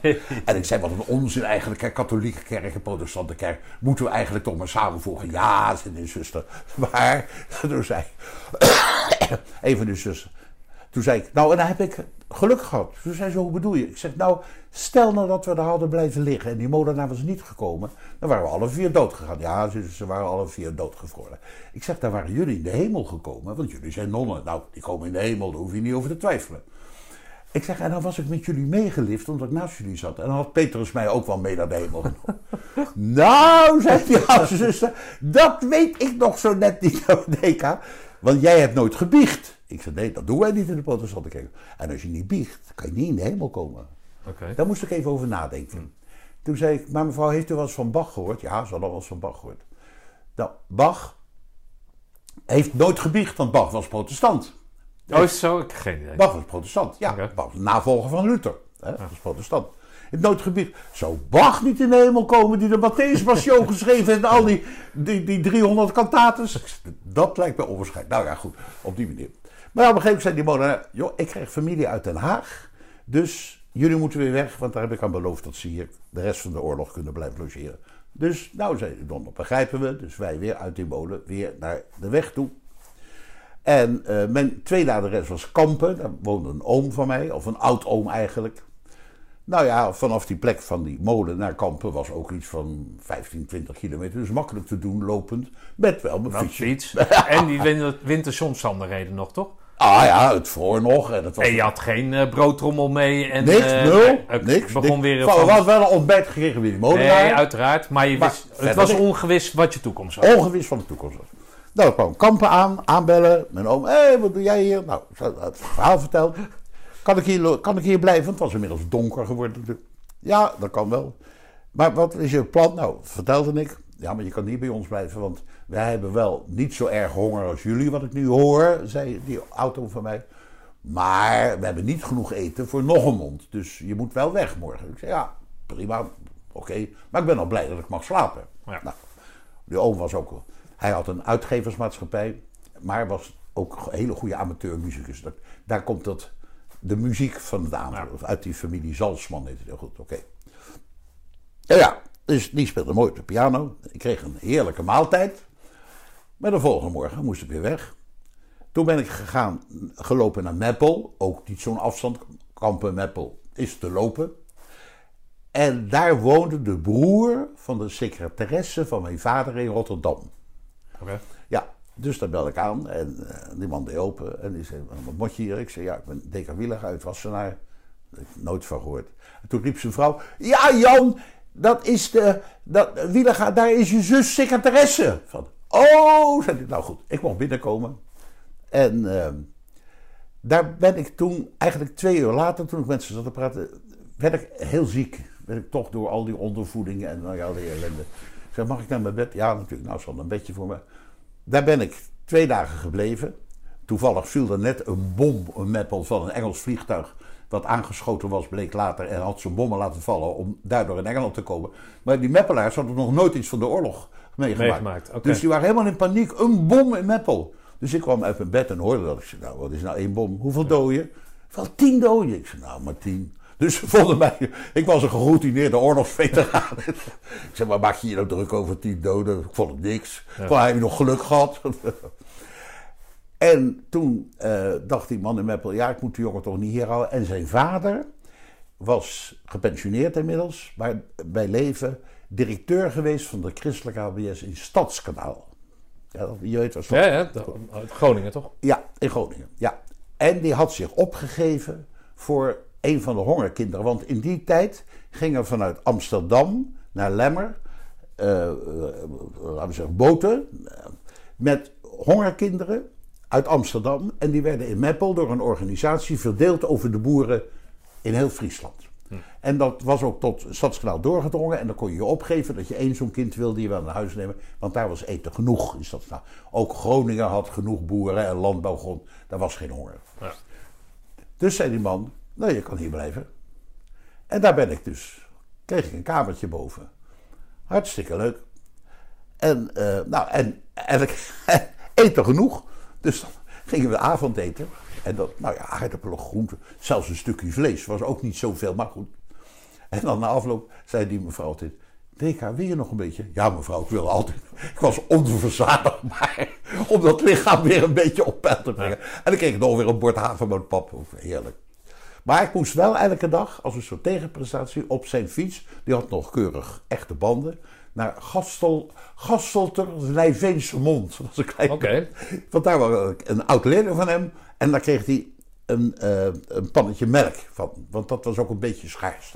Oké. Nou, dus dat deed ik. eh, Dus dat deed je in ruil voor ja, hetgeen wat voor jij een rij dat ik er onderdak en eten kreeg. Ja. En kreeg je dan ook een garantie, nou niet tot na de oorlog, want niemand wist... Nee, niemand wist van oh, oh, nee. Je mag hier zo blijven zolang wij eten hebben. En, Oh, oké. Ja, Dus, dus, heel braaf van die mensen. Ja. oké. Nou, en toen kwamen de Canadezen. Want na Market Garden is toen, zijn de Amerikanen en Canadezen naar rechts gegaan naar Duitsland. Want de bedoeling was hoger, maar dat lukte dus niet. En die gingen dus parallel aan de grens Nederland-Duitsland omhoog richting Hamburg, zou ik maar zeggen. En die kwamen bij Ter Apel weer Nederland in. Daar heb je een kanaal, een rechtkanaal, dat is zo vanuit de Veenkolonie aangelegd. Ehm Ter Apel, Mussel, Mussel, Mussel, nou een of andere dorpje. eh, Stadskanaal, ehm, nou ja, nog dat, een Ja. rechte lijn. Met een weg erlangs. En daar kwamen ze overeen richting Stadskanaal om Noord-Nederland te bevrijden. En wij hoorden in de verte al. Oh ja, dan kreeg ik een heel goed vriendje daar in, eh in, in Stadskanaal. Ook een jongen uit Amsterdam. Die bij een familie in de straat waar ik ook woonde onderdak gekregen had. Ook een hongerjongen. En ehm, het was, was een goede muziek. Die speelde trompet en die speelde gitaar. En van hem leerde ik gitaar spelen. Vijf akkoorden en daar kan je alle liedjes mee spelen op een gitaar. En dan was een meisje, daar werd ik prompt verliefd op. Was zo 15 jaar. Sjoukje, Sjoukje. De achternaam ben ik vergeten. Zijn voornaam is een Sjoukje. En die zong. Best wel leuk. Dus we hadden met z'n drieën een soort beentje. Oké. Maar wat speelde jij dan? Want Gitaar. geen- Ik had- Oh, jij, jij mocht Ja, de gitaar Maar het grappige was, ik vertelde dat die directeur dat ik cello speelde, want dat deed ik al. Toen zei hij, oh, we hebben hier een man in het dorp, die heeft vroeger ook cello gespeeld. Kan je misschien les van krijgen? En inderdaad was een, nou ja, achteraf niet echt een goede solist, maar veel beter dan ik. En die had een cello over, dus ik heb daar ook cello gespeeld en Ah, kreeg. En toen dacht ik, ja, maar die man moet betaald worden natuurlijk. hè, Want ik had natuurlijk een leraar hier in Den Haag die geld kreeg van mijn vader. Ik zei, meneer, maar na de oorlog zal mijn vader u wel betalen voor die lessen. ik had alleen die 50 gulden. Die heb ik hem geloof ik ook nog gegeven ook. Dat weet ik eigenlijk niet meer precies. Maar goed, dus ik speelde wel een beetje. Maar ik leerde ook gitaar spelen. Oké. Waren dat louter en alleen honger, hongerkinderen, zoals jij dat Ja. noemt? Maar er zaten geen onderduikers, weet ik van wat bij? Nee, geen onder. Die Sjoukje, die woonde daar, want haar vader was toevallig ook accountant. Dus die woonde daar. Maar die Amsterdamse jongen was ook uit Amsterdam mee. Ja, ja. Ja, ik heb een tijd of een tijdje geleden was er naar aanleiding van de, van de, van de wedstrijd eh Herenveen-Ajax werd er volgens mij een plaquette bij het het stadion werd er onthuld Ja, vanwege die hongerkinderen. Als Ja, dank, ja als dank. Ja. aan de, aan de Ja. Friese gemeenschap. Precies. Maar nee, veel, ook Groningen, de Groningse beurs hebben veel van die hongerkinderen in de oorlog ook opgenomen in hun huis Ja, ja, oké. om eten te geven. Dus dat, dat ging prima. oké. Nou ja, op een gegeven moment hoorden wij eh, boem, boem, boem in de verte, want de Canadezen kwamen er aan. Ah, dat wisten wij dat, op een of andere manier. Hoopte dat of wist je dat? Nou, dat hoorden wij wel, ja, ik weet het niet, van andere mensen. WhatsApp Die hadden eh, naar de Engelse, ra- hadden BBC geluisterd. Oh, oké. Ja, ja, BBC kon je luisteren Ja. ja, het is een heel ander tijdperk, hè? Eh, totaal anders. Hè? Even tussendoor. Ja. Ehm, wij moesten, nog in Wassenaar, iedereen moest zijn radio's inleveren. Dat, van de Duitsers. Want de Duitsers wilden niet dat wij naar de BBC luisterden en naar Radio Oranje. Ja. Hè, waar de koningin sprak enzovoort. Ja. Maar mijn vader had twee radio's, een grote Philips en een kleintje. En dat kleintje, dat ding was al kapot, heeft hij ingeleverd. Dus hij had zogenaamd als een verplichting of voldaan. En die grote radio werd verstopt tussen de eerste en tweede verdieping van ons huis in Wassenaar. En dan deed je luik open en dan kon je naar die radio luisteren. Ja. Dus wij lagen op ons buik. altijd naar de BBC luisteren. En daardoor wisten wij precies hoe het ging met de oorlog. En mijn vader had een grote landkaart van Europa in de hal hangen. En daar zette hij met pinnetjes. De Duitsers- ja, en, en zag dus op een gegeven moment ook dat, ik weet nog heel goed, dat op een gegeven moment de BBC, dat Hitler in 1941 Rusland de oorlog verklaarde. En toen zei mijn vader, jongens, dan gaan wij winnen. Niemand kan Rusland veroveren. Het is Napoleon niet gelukt. Het lukte Hitler ook niet. En die voorspelling is ook uitgekomen, zoals je weet. Nou, maar in elk geval, daar hoorden wij ook de beroemde reden van Churchill. Toen in 1941, toen je weet, de, de Engelsen die waren helemaal teruggedrongen in Frankrijk tot aan eh, Calais. En dat is op het strand en daar zijn ze net gered door al die bootjes uit Engeland. Je kent die historie. Ja. Stommiteit overigens van Hitler, want die had die mensen, die geallieerden, waren tienduizenden van die geallieerden, had hij makkelijk kunnen wegvagen met zijn vliegtuigen. Maar Hitler gaf aan zijn generaals toen opdracht om niet door te zetten. Een van zijn al zijn grootste stommiteit daar geweest. Maar goed, Eh, wat zou dan, ik dan eh, zeggen? Ehm, oh ja, dus die Engelsen kwamen weer terug in Engeland. En Engeland was toen eigenlijk de underdog in de oorlog. Iedereen dacht dat redde hij niet tegen Duitsland, die een veel beter leger had, veel geavanceerder. Tanks waren veel beter, nou enzovoort enzovoort. Dus je kent het hele verhaal van Churchill, zullen we nou niet herhalen. Die werd dus premier. En die was de enige in zijn kabinet die zei: Wij gaan ons nooit overgeven aan Hitler. Natuurlijk, we zijn nu zwakker. Maar dit is een barbaar en die gaan wij overwinnen. En die hield toen een reden voor de BBC, die heb ik gehoord. Ik zal het nooit vergeten. Met die schorre stem, weet je wel. We shall fight. Als de Duitsers komen, want men was bang dat Hitler eh, invasie op de Engelse kust zou doen. Ja. Dat heeft hij ook voorbereid. Is nooit ge- geweest, zoals je weet. En op dat moment, dus in 1941, zei Churchill aan zijn Engelse bevolking: Als Hitler komt met zijn boten en probeert onze kust te veroveren, then we shall fight on the beaches. We shall fight in the countries. We shall fight in the streets of our cities. But we shall never surrender. Geweldig. Na de oorlog heeft mijn vader een grote foto van Churchill in de gehangen. En toch, die man, als die er niet... Hey, Nee, dat maakt niet uit. Maakt niet uit. oh, oké. Is het voor mij? Ja, nee, nee, dat Oh. maakt niet uit. Oh, Nee. oké. Als die man er niet geweest was, hadden wij Duits gesproken. Hadden we de oorlog verloren. Grote bewondering voor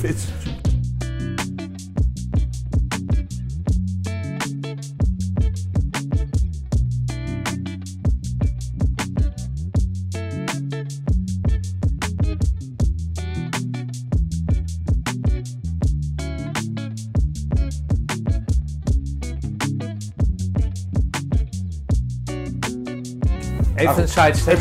Ik, ik, ik zie dat jij koninklijk onderscheiden bent. Ja, Eh, jij liet mij een foto zien van eh, Maxima, die jij eh, Ja. als gast op een van Ja. jouw concerten hebt gehad. ja. Wat, dus jij hangt aan het Koningshuis?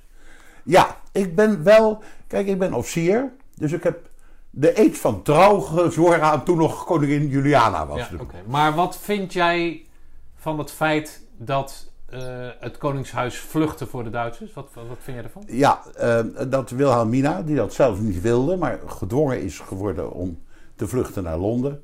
Achteraf vind ik dat wel vind ik een te actie. Als je dan rekent, de Belgische koning heeft dat niet gedaan. En is gewoon gevangen gezet door de. is dan netjes behandeld door de Duitsers. Wat had Wilhelm- Wilhelmina kunnen doen als hij hier was gebleven? Was ze ook ergens in een luxe kamp ondergebracht. Plus de, alle ministers. Ze hadden niks kunnen doen. En van daaruit, niet dat ze in Engeland nou zoveel gedaan hebben, maar Wilhelmina hield toch die praatjes hè, voor de Nederlandse onderdanen, die dus onder de bezetting van Duitse leden. En dat toch ook voor het verzet een zekere moed insprak van jongens, zet door, de Duitsers blijven onze vijand, wij zullen op den duur enzovoort. Ja, ja, dus... dus Ik de- was er wel voor, ja. Ja, ja, vond ik niet. Het was geen, niet, niet een Ik vond het niet laf. of zo. Nee, Maar, ze had niks kunnen doen. Ik bedoel, goed. Ja, oké. Ze kon nu in ieder geval nog als voorbeeld dienen of als mo- Ja. ter motivatie Ja. of, eh, of iets die Ja. Oké, nou ja, goed. Ja, en de Engelandvaarders, dat weet je, je hebt soldaat van Oranje gezien, neem ik aan. Die werden ook ontvangen door Wilhelmina. En dat, dat vond Wilhelmina de grote helden, hè, de verzets. Dus zij heeft toch wel, wel gunstige. Er zat reuze de pest aan de ministers. Dus onze minister, dat vonden ze allemaal slappe zakken. Eigenlijk vond ze dat zij de baas van Nederland was. Wat natuurlijk helemaal niet waar was, want toen was er al democratie. Zij was niet de baas, de regering is de baas. Ja, nee. Maar zij vond, Ja. ik ben de baas. Ja, dus dat diende als voorbeeld. Ja, ja, Ja, oké. Ja. Nou ja, oké. ja. Ja. Nou, ik heb me dat altijd afgevraagd hoe, hoe de bevolking daarover dacht. Nee hoor, daar, nee, dat, ik weet dat mijn vader ook daar ook wel over... Ja, om een koningin gevlucht. Ja, maar zei mijn vader, ja, wat moest je doen? Wordt ze gevangen? Ja, dat is waar. Oké. Nou goed, even terug naar, naar Stadskanaal. Eh, wij hoorden dus die kanonnen.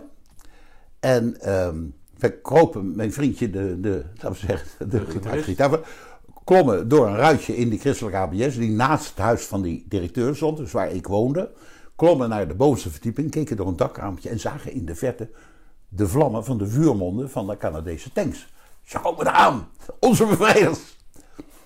Nou, toen kwam die tanks dichterbij. En toen moesten we allemaal in de kelder, want Stadskanaal had ook een kleine Duitse bezetting, dus die vochten tegen die Canadezen.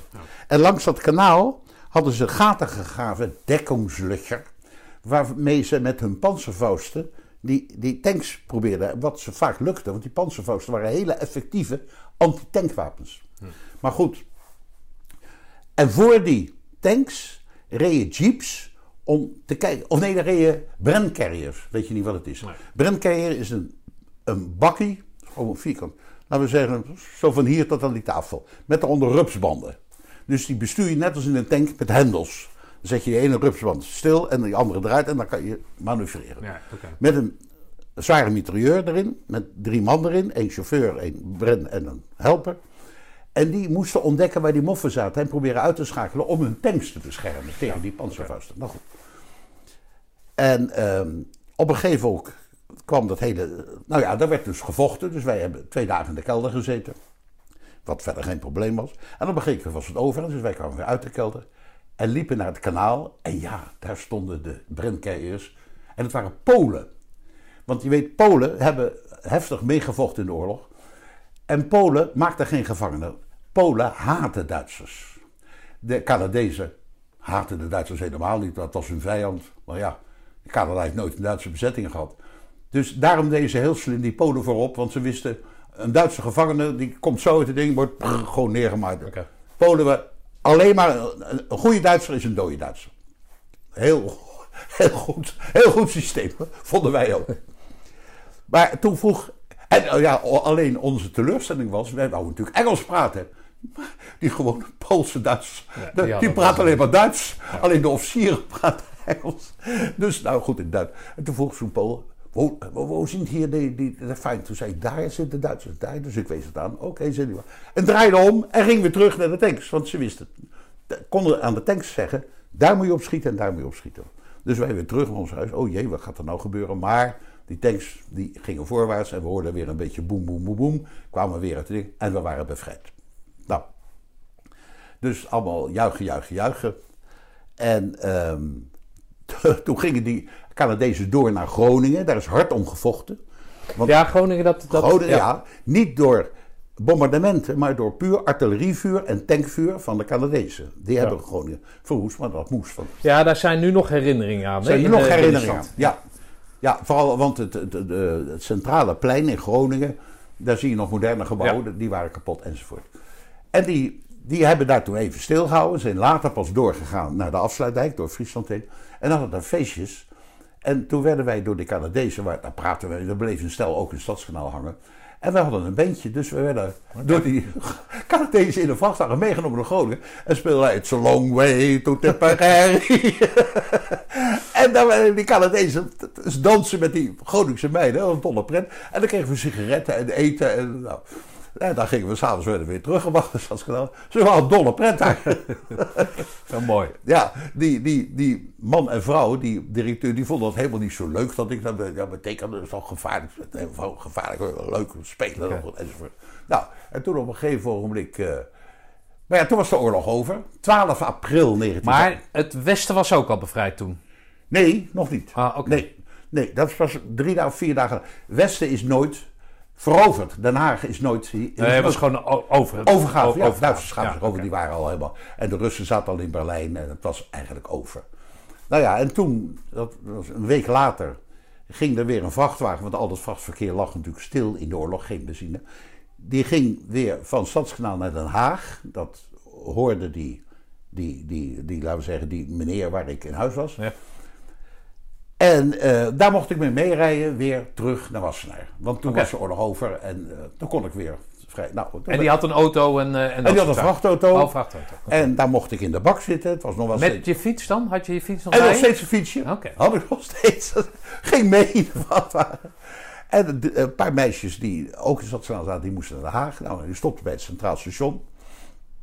Die meisjes gingen naar... En ik liep met mijn fietsje de Rijksstraat af. Naar Wassenaar toe. Naar mijn huis. Ze wisten wel dat ik nog leefde. Dat hebben ze maandenlang niet geweten.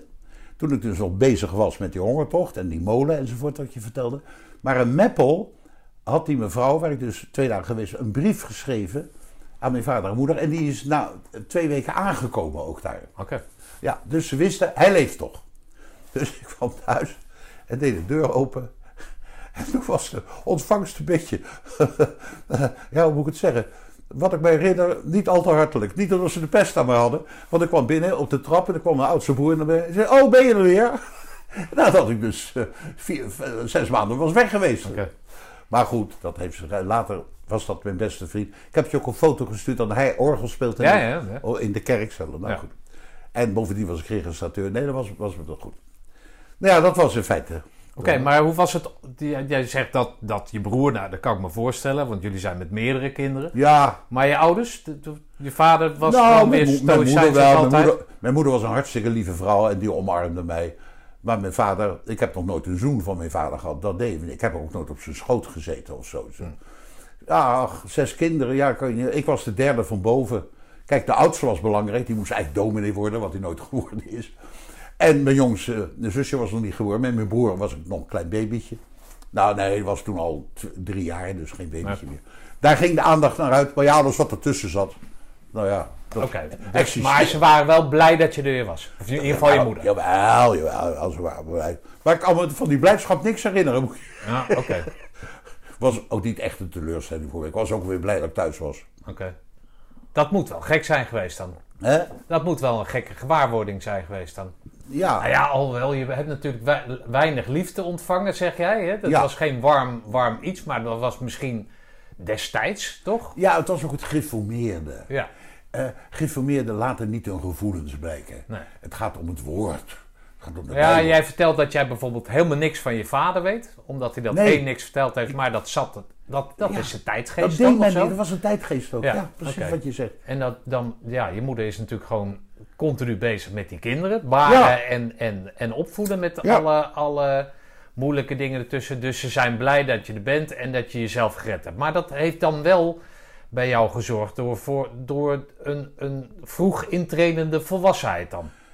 Ja, dat kan je zeggen. Een vroeg intredende ook onverschilligheid. Ik ben een beetje onverschillig.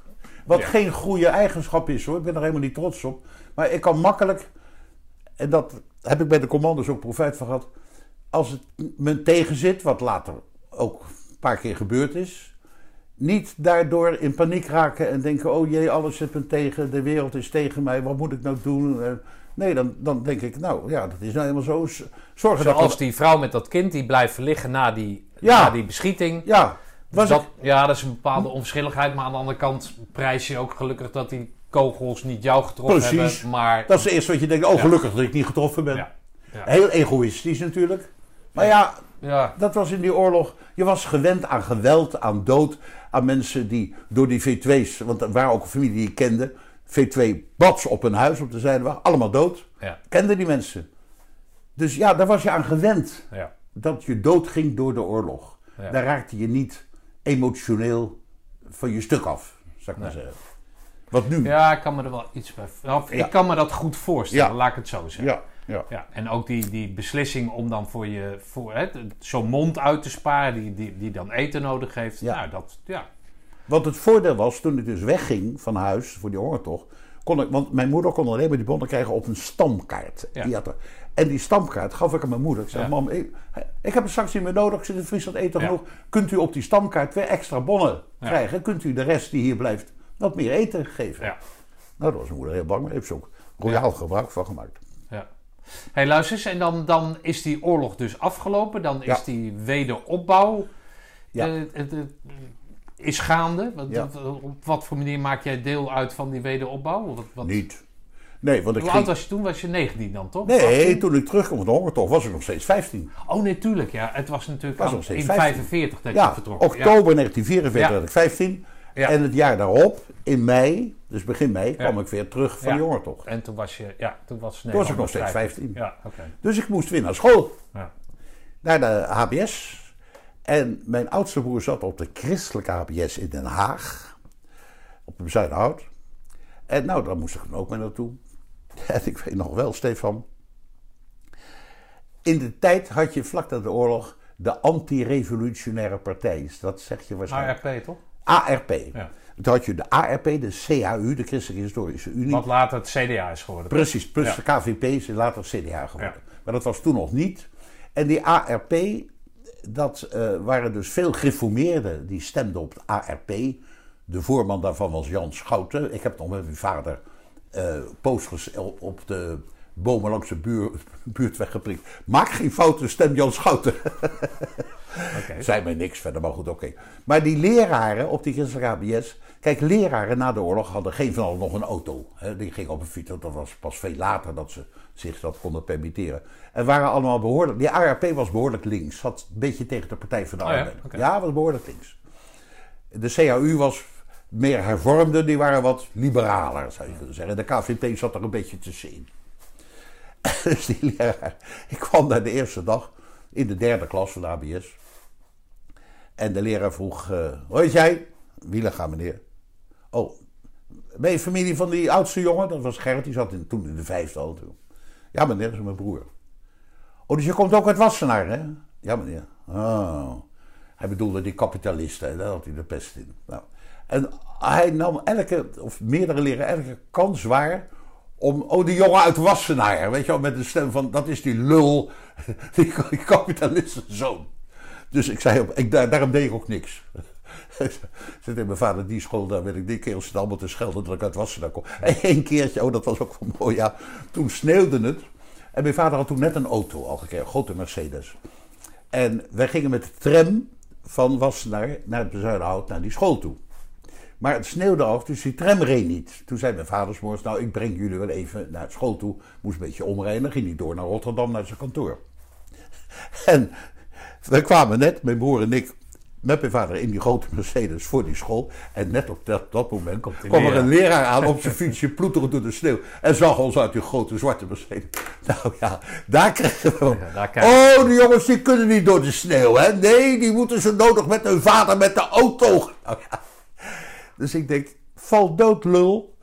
Dus ik deed niks. Nou, bleef pom zitten toen mijn vader niet begreep. En toen ben ik in Rotterdam naar de HBS gegaan. En dat was een particuliere HBS met, jongen, met jongens van zonen van Rotterdamse zakenlui. En dat werd dus particulier betaald, niet gesubsidieerd, dus het kostte. Ik weet het nog heel geld. goed, 600 gulden eh, schoolgeld per jaar. En dat was een hele hoop geld. Ja. En het was een kleine, was een soort oud huis, gewoon een groot huis aan de Westersingel. En op elke verdieping stond een klas. Eerste klas, tweede klas tot met de vijfde. En dat was perfect. Dat, dat, die leraren begrepen dat ook. Want die jongens van die, die reden al in auto's rond en zo. Want die vader waren allemaal rijke havenbaronnen enzovoort. En daar zat ik tussenin. En kom, voelde me helemaal op mijn gemak. Ik hield voor Rotterdam. Ik hield, want mijn moeder kwam ook uit Rotterdam. En mijn vader ook. Dus Ja. wij hadden veel met Rotterdam. Dat, nog op, tot op de huidige dag, als ik Rotterdam binnenrijd, krijg ik een warm gevoel van binnen. ja. Dus daar haalde ik goede cijfers. Ik slaagde op de vijfde klas samen met een andere jongen, waarmee ik veel optrok. Waren we allebei het hoogste aantal punten op het examen. Alleen, ik had een 9 voor gymnastiek en hij een 6. En ehm, eh, hij had een. oh, en hij een 6, ja, en ik had een 6 voor Frans. En, nee, ik had een 9 voor Frans en een 6 voor. Nou ja, Door dat boekje wat je mee had genomen op. op Nou ja, daar Oh, heb ik nooit van gedaan. Nee, ik had in de vijfde klas een Frans vriendinnetje. Dat was een vriendinnetje van mijn nichtje, wat hier, waar ik mee dus die V2-avontuur had. En het was een bloedmooi meisje uit Parijs. En dat was een dochter van een kennis van haar vader. En eh, daar had ik iets mee. Nou, Die zat ook op die school. Nee, nee, nee. Oh. Die, die logeerde in Wassenaar. En het, Oh, weekend, het weekend was ik altijd thuis natuurlijk. En ehm, daar ben ik nog mee, mee gereden een keer. Want zij had dan een klein autootje, een chevaux, een klein Renaultje. En ze zei, joh, Deka, ga mee naar Parijs. Zeg ik tegen mijn vader, ik, mag, ik kan mee met... Nou, toen ze nog al thuis was. Eh, met haar mee naar Parijs. Nou, zei mijn vader, maar moet je wel een dag doen, doe je als bang dat ik samen met dat Grietje in een hotel zou kruipen en seks zou hebben met dat meisje. Nou, dat was in mijn vaders ogen natuurlijk niet aan de orde. Heb ik ook nooit gehad hoor, dat was heel onschuldig. Maar dat werd toch niet zo verteld dan, toch? Hoe bedoel je? Nou, over die seks. Daar... Nee, hij noemt het woord seks niet, want Nee, dat kan niet zo zeggen. Maar eh, dan Ja. moet je wel in één dag doen. Ja, ja, dat en heb dat ik niet jij in als zijnde... ja, ja, ja, precies. Maar goed, daardoor schreef ik, daarna toen ik weer terug was, Franse liefdesbrieven naar met een dictionair naast me. Dus ik, bij Frans was Ja, dat is perfect. ja. ja, toen moest ik in dienst. Oké. Want toen was ik 19 jaar. En toen was er nog dienstplicht. En toen ging ik. Dan komt het volgende verhaal. Ja, oké. Maar als je dus 19 bent, dan is eh, die, die opbouw is, eh, eh, gaande van Nederland. Mhm.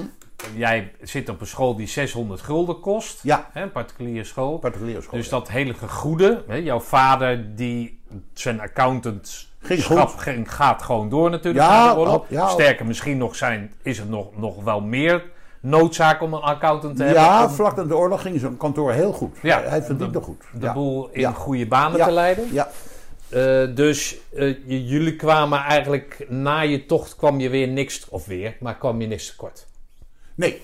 Nee, dus Niet. het is Was eten genoeg? En- Ja, oké. Maar het is dus, mag ik jou die periode die je dus nu net verteld hebt, mag ik dat samenvatten als dat dat dus louterend geweest is voor jou? Ja, dat is moeilijk voor jezelf te zeggen. Hè.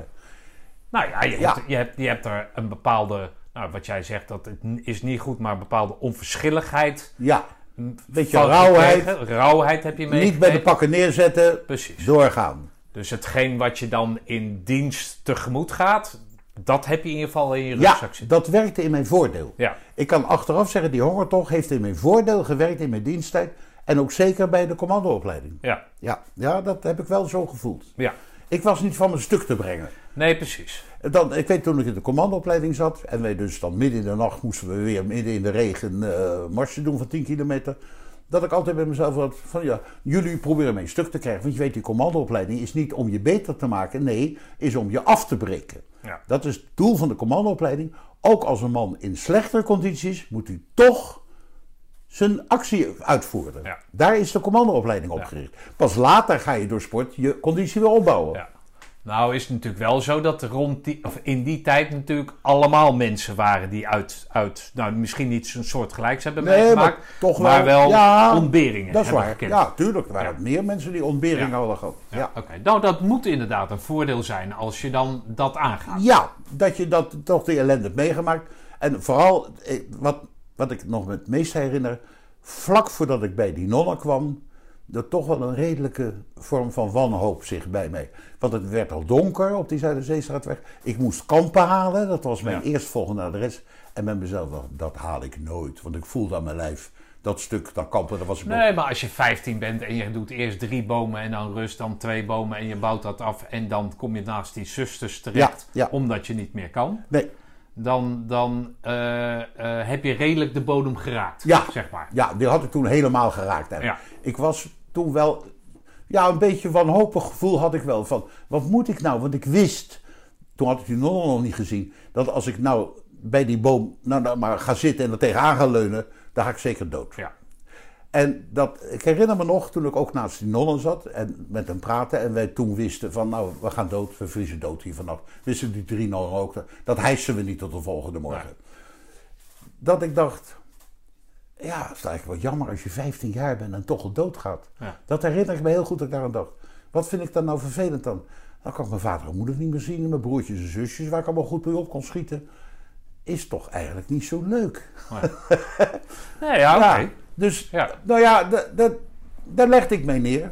Ja, het einde, Ja. einde voorstelling. Oké. Hey, maar dat, dat als je dan in dienst moet, dat heeft natuurlijk dan een hele andere lading dan, dan, dan dat ik bijvoorbeeld in de, in de jaren tachtig in dienst moet gaan. Ja, je was een weldoorvoede jongen die... Hè? Ja. Maar ook in de zin van dat je net overheerst bent. Hè?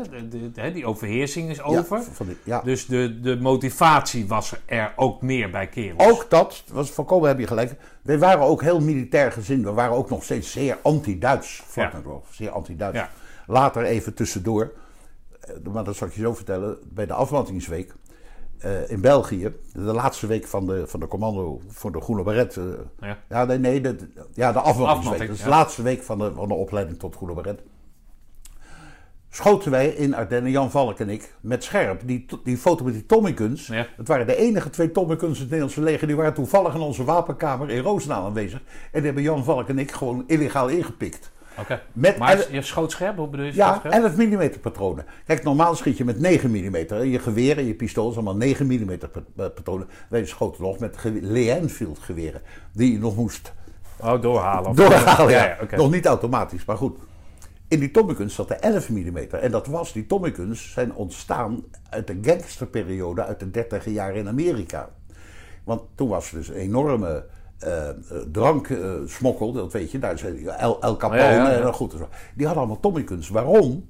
Als je met een geweer of mitrailleur met 9 mm schiet, en dat was in de Tweede Wereldoorlog, met name de oorlog in Japan, en je schiet tegen een aanstormende vijand met een 9 mm patroon, en de soldaat, jouw tegenstander, is fanatiek genoeg, dan kan je zo'n 9 mm patroon, als hij niet tegelijk je hart raakt, die kan je makkelijk door je lichaam heen hebben en dan blijf je toch doorlopen. Maar met een 11 mm patroon, dat is een veel groter, dan klap je gewoon neer. Ah.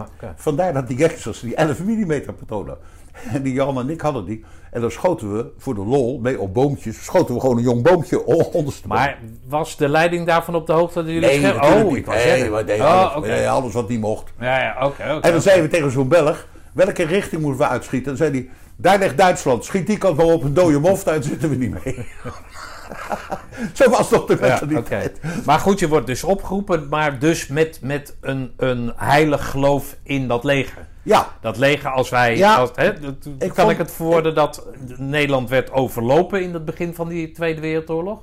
Hè, dus enig verzet gepleegd, maar men bewoog zich nog voort op fietsen. En, hè, ik Ja. heb wel eens die foto's gezien. ja Er was een heilig geloof dat, je, dat een leger dus een functie had. Absoluut. Ja, oké. Absoluut. En, en eh, ja, niet dat wij weer geloofden dat de Duitsers waren verslagen. Daar, daar Nee, waren oké, we niet maar- meer bang voor. Nee. Maar ja, een leger hoorde erbij. Ik had ook Ja. helemaal geen moeite om een dienst te... Integendeel, er werd een dienst en wordt nog steeds veel sport gedaan. En dat lag, was op mijn lijst Ja, ja. geschreven. Maar kan ik het een beetje vergelijken met nu dat we de- de- dus de Ja. functie al die tijd hebben Ja, nu met de en nu in één keer is ja, het van, kijk, realiseer je Daarom dat we wij- toch wel wat hebben. Hè? ja, precies. om, om de eventuele vijand. Niet dat ik nou bang ben dat eh, straks bij Winterswijk eh, de Russen binnen zullen, zullen vallen.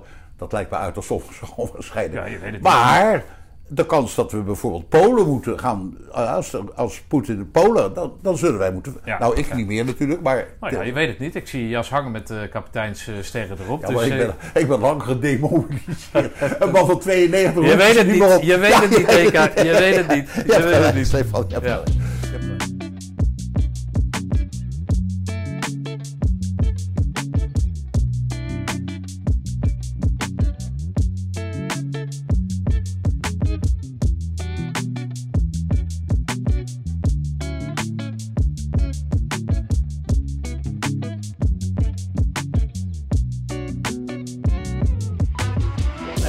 Ging hyper gemotiveerd. Ja, ja, ik vond het helemaal niet erg. Nee. En het grappige was, ik moest een berg op zoom opkomen bij de infanterie. Ik was gewoon infanterie, eh, infanterie depot.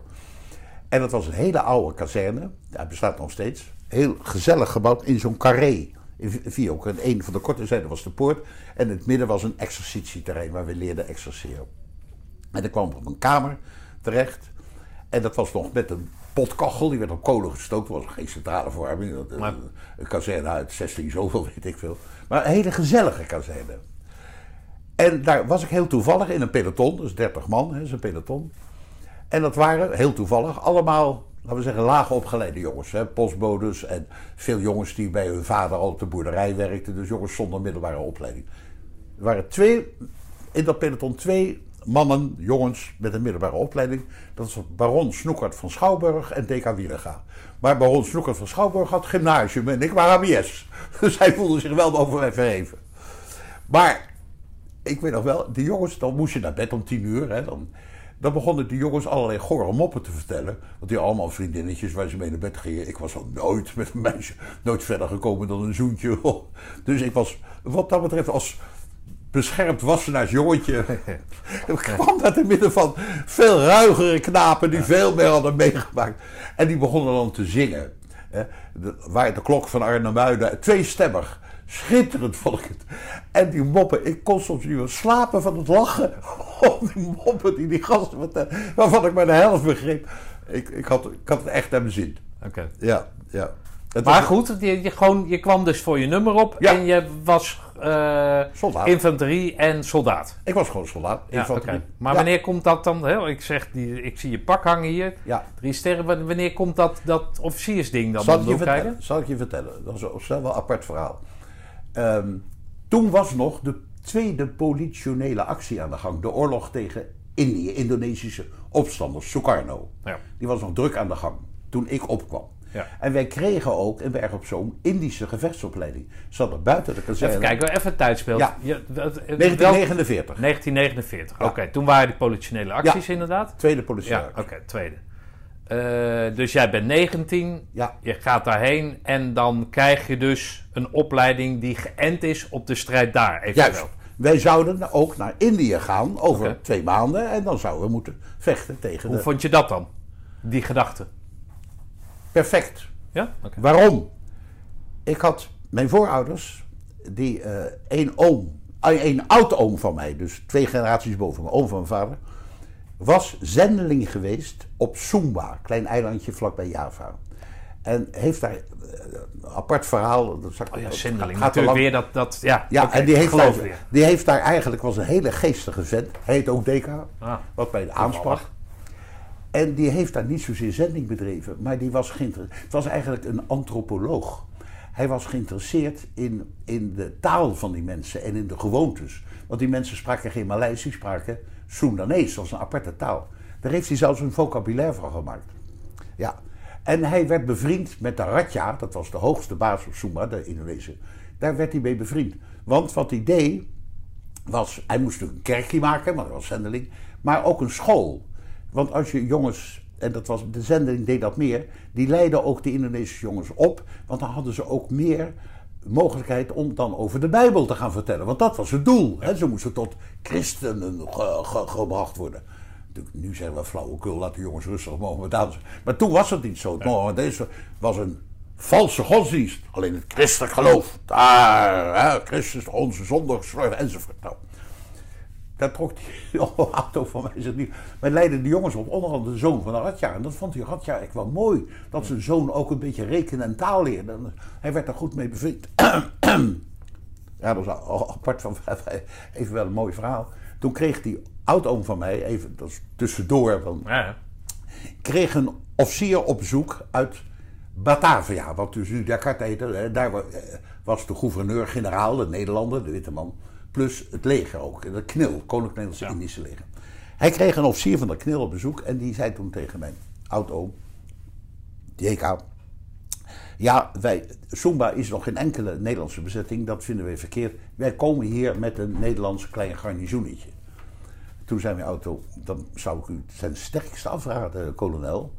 Hoezo? Nou, dat pikt die Ratja niet dat er blanke mensen op zijn eiland komen. Dat wordt een bloedbad. Doet. Want die Nederlanders, die hebben geweren en jullie hebben alleen maar pijl en boog. Ja, zei die kolonel, het gaat toch door. Toen zei mijn auto, kan je nog even wachten? Ja, een paar weken. Dan ga ik proberen die Ratja dat verhaal te vertellen. Om te voorkomen Dat er een stel van die. Soemanezen doodgaan. Want dat zijn vrienden van mij geworden. Nou, hij ging dus naar die Ratja toe. En dan was het de gewoonte, hij heeft me dat later verteld. Dat je eerst met zijn man over ditjes en datjes, over de oogst en zo. Eerst een uur lang over ditjes. En dan kom je pas tot het onderwerp waarvoor je komt. Dus die vertelde aan die Ratja met hele voorzichtige bewoordingen dat hij er rekening mee moest houden dat die Nederlandse. En die Ratja werd boos. Die trok zijn kleewang en gaf mijn oom zo een klap met die kleewang op zijn gezicht. zodat zijn wang helemaal open lag. Bloed stroomde eruit. Maar mijn oom had ook een kleine medische opleiding gehad. Ik kreeg elke zending kreeg een beetje een soort medische opleiding voordat ze naar Indië gingen. En heeft dat zelf dichtgenaaid. Met, met een soort naald zijn eigen wang weer aan elkaar genaaid. Daardoor had hij een heel zwaar litteken. En hij kwam later, na de oorlog, bij ons. En dan kregen wij als jongens vol ontzag. nou, daar heeft hij nog de militaire Willemsorde voor gekregen. Nee. Want hij, toen, toen heeft hij naar het bed gelegen, want hij was natuurlijk zwaar gewond. Maar is toch weer op zijn paardje weer teruggegaan. Die kolonel kwam op bezoek. En en nee, toen heeft hij tegen de Radja toch eigenlijk ervan kunnen overtuigen dat hij zich daarbij neer moest leggen. En dat, dat is ook gebeurd. En het Nederlandse leger is daar gekomen zonder een kogel. te Oh, netjes. En daar is die koninklijke Daar heeft hij van-. Oh, oké. Want hij had een bloedbad bespaard. Nou, Oké. mooi verhaal. Ja, heel mooi. Mooi verhaal, ja. Ja. Was ook een hele geestige vent. Daar kan ik je nog verhalen over vertellen, maar dat, dat is te ver. Maar in elk geval... ehm, waar- Maar goed, jij wordt dus in, eh, eh, hoe heet dat, eh, opgeleid om in Indië deel Ja. te nemen aan die tweede Ja. politionele actie. Ja, ja. Maar je bent daar niet geweest, want... Want... Toen werd ik bij de kapitein geroepen, onze compagniescommandant, nog een berg op zoom. En die zei, Willega, eh, je hebt A, HBS, dus je hebt middelbare opleiding. B, ik heb van je pelotonssergeant gehoord dat je een goed soldaat bent. En ik deed enthousiast, velddienst, eh, stormbaan. Ik was het de eerste op de, op de stormbaan. Ik, vo- ik vond het leuk, het was sport, het was ruig, het was avontuurlijk. Dat was op mijn lijf geschreven. Dus ik was een goed soldaat. Dus je komt een aanmerking voor de officiersopleiding in Ermelo. SROI, School Reserveofficieren Infanterie. En eh, dan hoef je niet naar Indië, maar je gaat dus naar de officiersopleiding. En toen zei ik, maar dat wil ik niet. Ik zei, "Nee, dat wil ik niet. Want eh, geen van de jongens wilde naar Indië. Want ze hadden een meisje thuis en ze hadden het bedrijf van hun vader thuis. Dus die zagen er tegenop om naar Indië te gaan. dat En- begrijp ik toch? En ik wou graag naar Indië. Want ik wou dat wel eens zien waar mijn oud-oom en een broer, broer van mijn vader, zijn oom, heeft ook voor de oorlog als dominee in Bandung gezeten. Had er een eigen internaat enzovoort. En na de oorlog is hij natuurlijk weer teruggekomen. Maar er was ook een DK. dus ik had iets met Indonesië. Ik had in mijn kamertje als vroeger, als jochie, allemaal ook foto's van, van de, de oerwoud van Indonesië. Ik had er iets mee. Ik wist ook van de hele historie af enzovoort. Dus ik wilde daar naartoe. Ja, maar dan moet je wel vechten. Nou ja, dat neem ik ook toe. Ja, die paar paloppers doodschieten. Nou ja, goed. Zat ik niet mee. Ik had de oorlog meegemaakt. Ja. Kon mij wat schelen. Nou, dat vond die kapitein heel raar. Want die Snoekert van Schouwburg, natuurlijk ook gymnasium, die ging natuurlijk naar de SOI. cavalerie. Oh, de cavalerie. Ah, dat- oh, dat was natuurlijk zijn, jongens eh, van ja, ja, adel. eh, ja. Huzaren van Boreel. Ja. Wij Is dat zo? ze- Ja, al die jongens... Ja, ja, ja. Maar adellijke jongens. Want adellijke jongens reden paard. Oh, zo, ja. ja. Hè? ja ik en toen was het nog mee. cavalerie. Ja, oké. Ja. Ja. Ja. En toen waren er na de oorlog geen paarden meer. Dat werd ingenomen door de tanks. Ja. En daarom is tanks nu cavalerie. Ja. Maar eigenlijk is cavalerie slaat op de paarden. Ja, Want. Voor de oorlog hadden wij paarden in het leger. Ja. Dus, ja, dus Snoekert van Schouwburg ging naar de cavalerie. Ja. Maar die ging, die ging wel graag naar die. Maar die andere jongens... Nou ja, A hadden die geen middelbare schoolopleiding... dus ze kwamen niet in aanmerking voor de SOI. Ja. Maar zagen er tegenop om naar Indonesië. Ik Ja. niet, ik verheugde me erop. Dus ik was wat dat een buitenbeentje. Nou, toen kwam ineens de Van Rooije Roem-overeenkomst. Vrede tussen Nederland en Indonesië. Roem was de minister Ja, ik had last het in je boek, maar ik kende dat helemaal niet. Maar goed, Herinner je niet? Nou, na nou, de herinner ik, ik wist het niet. politionele actie, dat ging natuurlijk helemaal fout in Nederland enzovoort. De Amerikanen bemoeiden zich mee enzovoort. En Van Rooyen was toen de minister van Buitenlandse Zaken van Nederland. En meneer Roem was minister van Buitenlandse Zaken in de zogenaamde regering van Sukarno. En die gingen bij elkaar zitten en sloten een verdrag. Dus de oorlog was over. Dus kregen wij te horen, twee weken voordat wij op de boot zouden gaan naar Indonesië. Jongens, jullie gaan naar Indonesië. Groot gejuich van de jongens van mijn peloton. Maar ik baalde, want ik was dus niet naar de SOI gegaan, omdat ik tegen de kapitein had gezegd: ik ga er niet op toe. Ja. Maar toen dacht ik, ja, om nou de rest van mijn diensttijd als soldaat, eh, Hoe lang was die dienst uit? Even wat anders. eh, bijna twee jaar. ja. Eh, Voor soldaat. voor soldaat. Ja, ja. Dus ik dacht, ja, daar baalde ik van. Ik kwam thuis het weekend en vertelde aan mijn vader dit verhaal. En mijn vader was toen ouderling in de geïnformeerde kerk. Dat is een soort bestuur van de kerk. En een mede-ouderling van hem was secretaris-generaal op het ministerie van Oorlog, heette dat toen nog. Ook ouderling. En voor de, voor de dienst zaten ze dan in de consistorie. Hè? Dat, dat is zo'n bijgebouwtje bij de kerk. Ja. En mijn vader vertelt dat verhaal aan die secretaris-generaal. En die luisterde dat, zei niks verder. Volgende maandag lag ik in het veld buiten Berg op Zoom te tirailleren. Hè? Je weet wat het is. Ja. Tijdens de sluipgang die- kwam een grote motorrijder. Brrr. Willen gaan. Dus ik stak mijn hand op. Mee, achter op de motor, je moet naar de kapitein. Oh. Ik denk, heb ik iets fout gedaan of zo? Nou, Bij me weet ik niet. Nou, dus ik achter op de motor naar die kapitein. En ik kwam op het bureau van de kapitein. Netjes in de houding staan, soldaten willen gaan melden. Ben je gaan? Ja, ja, ja, kapitein. Ja, zegt hij, ik krijg hier een brief van het ministerie dat ik jou alsnog naar de SROI moet sturen. Wat een onzin, die cursus is al lang aan de gang. Begrijp jij er iets van? Mijn vader had verteld, dus ik begreep precies. Oh ja, zeg ik dat. Dus ik zei, nee, kapitein, daar snap ik niks van. Ik ging dat verhaal natuurlijk niet aan hem vertellen. Ging er geen flikker aan. Nou ja, hij zegt, ja, brief dus. Haal maar een vrij vervoertje, want je reist dus gratis met de trein mee als militair. En meld je maar bij de commandant eh, SROI. Nou, dus ik vrij vervoertje, kwam bij de commandant SROI. Hetzelfde verhaal, was ook niet blij met mij. Godverdomme. Want jij viel midden in die opleiding. Precies, ik Ja, vond ja, in die opleiding en die was al lang bezig, twee, drie weken. Nou ja, ja, ja, ik zeg, ja, kan niet anders. Nou ja, goed, eh, je wordt ingedeeld bij dat peloton en daar is een sergeant-major. En je gaat in de avonturen bij de sergeant-major en die woont hier vlakbij. Die spijkert jou wel bij wat, bij wat wij de afgelopen, wat de andere jongens al geleerd hadden in de afgelopen twee, drie weken. Nou, dat heb ik braaf gedaan. En binnen twee dagen wist ik al net zoveel. Zo snel gaat die opleiding niet meer. En ik had een hele goede opleiding in Berg op Zoom gedaan. Want onze pelotonscommandant was een sergeant, geen tweede luitenant. Want er was een gebrek aan officieren, vlak na de oorlog. Dus dat een sergeant pelotonscommandant is, zou nou niet meer... is altijd een officier, een tweede Ja. luitenant of, nou goed, of een eerste luitenant. Maar die was heel goed. Die had in de Tweede Wereldoorlog nog geland bij Normandië. Die was een perfecte militair. Dus ik kon heel goed marcheren. Ik kon heel goed velddienst. Dus die opleiding voor de SOI, die had ik binnen drie dagen al. Want dat waren allemaal kerels die als spijkerbroek, om het zo maar te zeggen, die SROI binnenstapten. Nee, die waren net zoals ik gewoon opgekomen. Ja. Of bij de infanterie. En daar hun basisopleiding Daar een gekregen. op. Ja, oké. En als ze HBS of gymnasium hadden. Ja. En bleken een goed soldaat te zijn. Ja. Hè, dus niet uitvallen tijdens een mars of wat is het. Dan kwam je in aanmerking voor een oké. officiersopleiding. Ja, Nou, oké.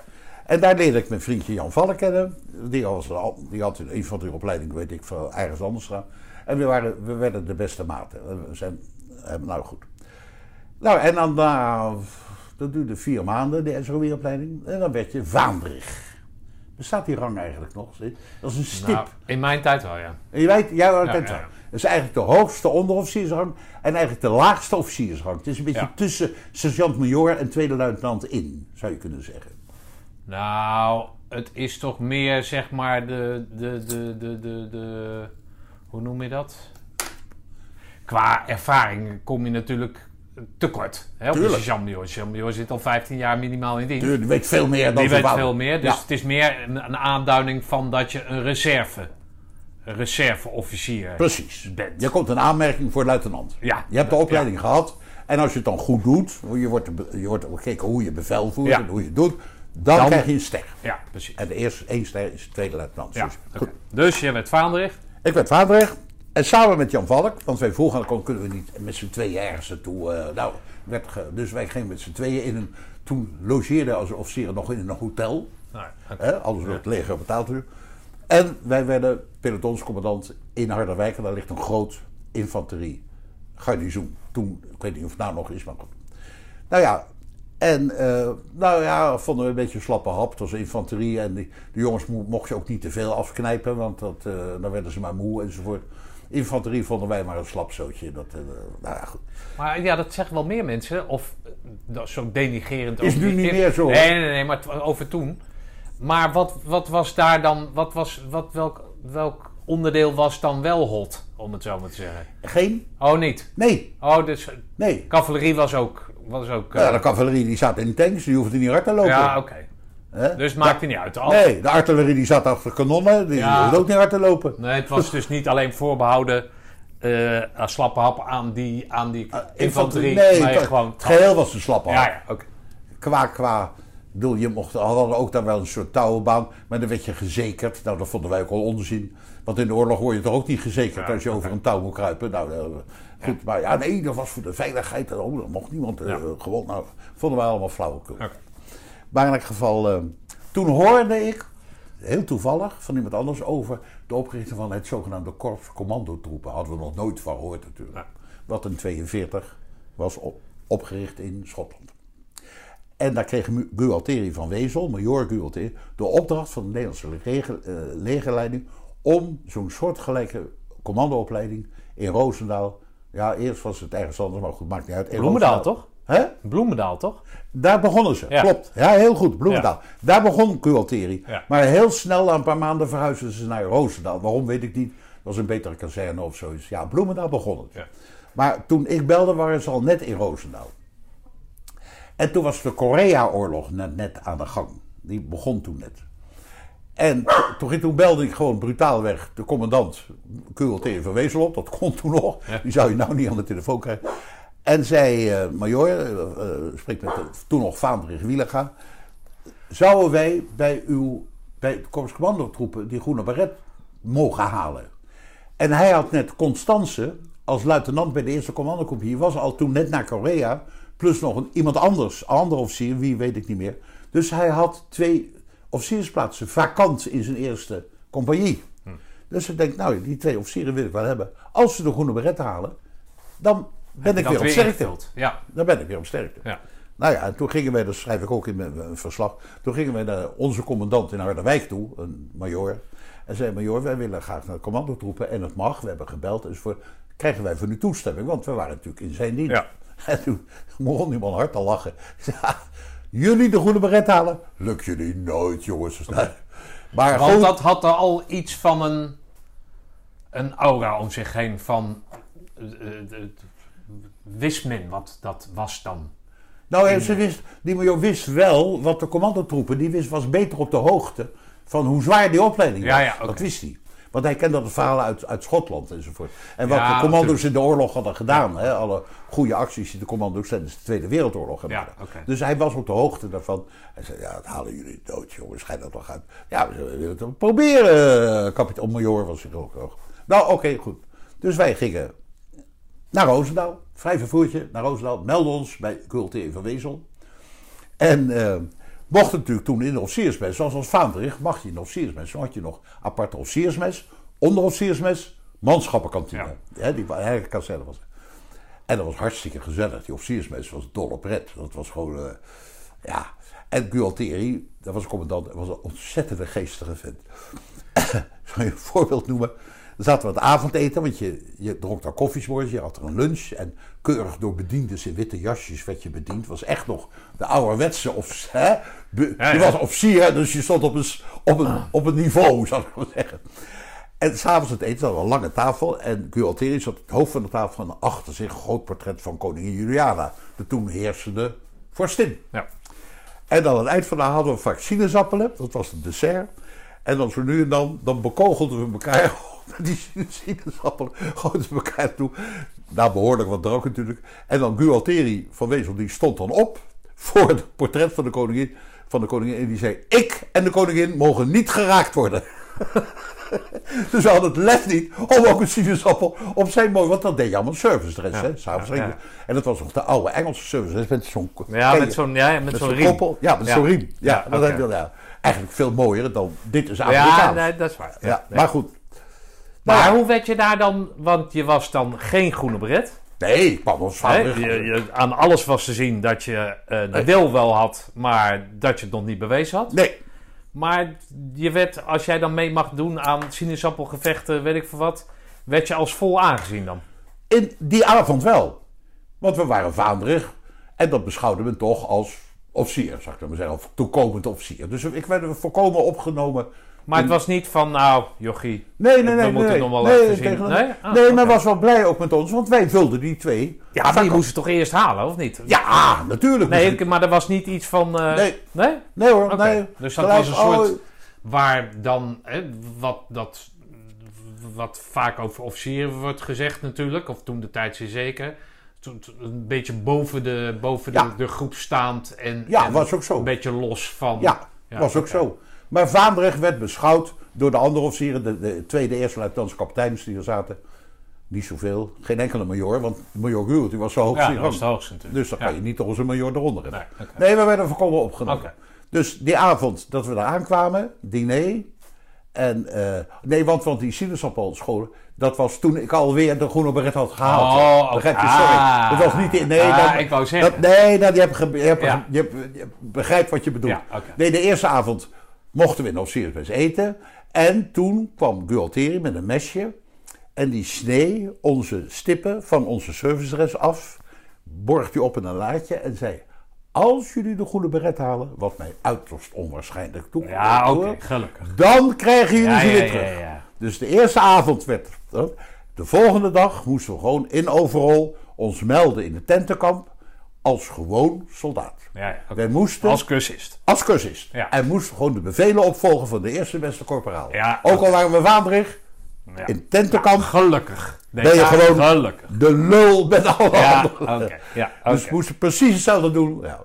Er waren ook grappig. Eén dominee, die is altijd kapitein, hè, dat worden ze die zat ook in tentenkamp. Die heeft drie dagen volgehouden. En toen liep hij huilend weer terug. Die zei: Nee, dat is niks voor mij, dat kan ik niet. Maar goed. Toen nog ook wel een leuke anekdote. Eh, dat waren dus tenten en die stonden toen nog onder de klimtoren.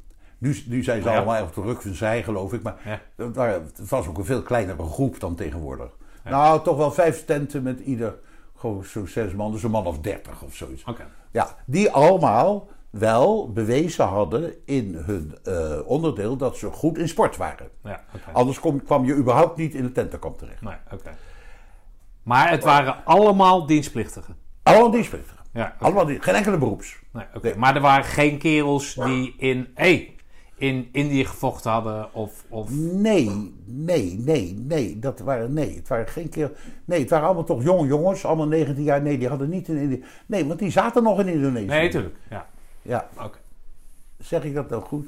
Nee, toen was Indonesië al lang afgelopen. Nee, maar misschien dat ze Ja. daaruit... Ja, dat zou wat- hebben gekund. Nee, die heb ik later wel, wel getraind. Nee, die zaten toen niet in tentenkamp. Nee. Maar goed. Dus onder de klimtoren. Onder de klimtonen, Ja. zes tenten. Alleen maar eh, eh, een dak. Geen grondzeil. Dus je sliep op een hobbelige ondergrond. Regende. Dus die ondergrond was ook nog een beetje vochtig ook onder die, onder die tenten. Je had geen... Geen grondzeil. Nee, maar geen... Hoe noem je dat? eh, veldbed. Nee. Je sliep op de grond met twee paardendekens. ik praat met een echte commando. Ja, met veldbed ben je laatst.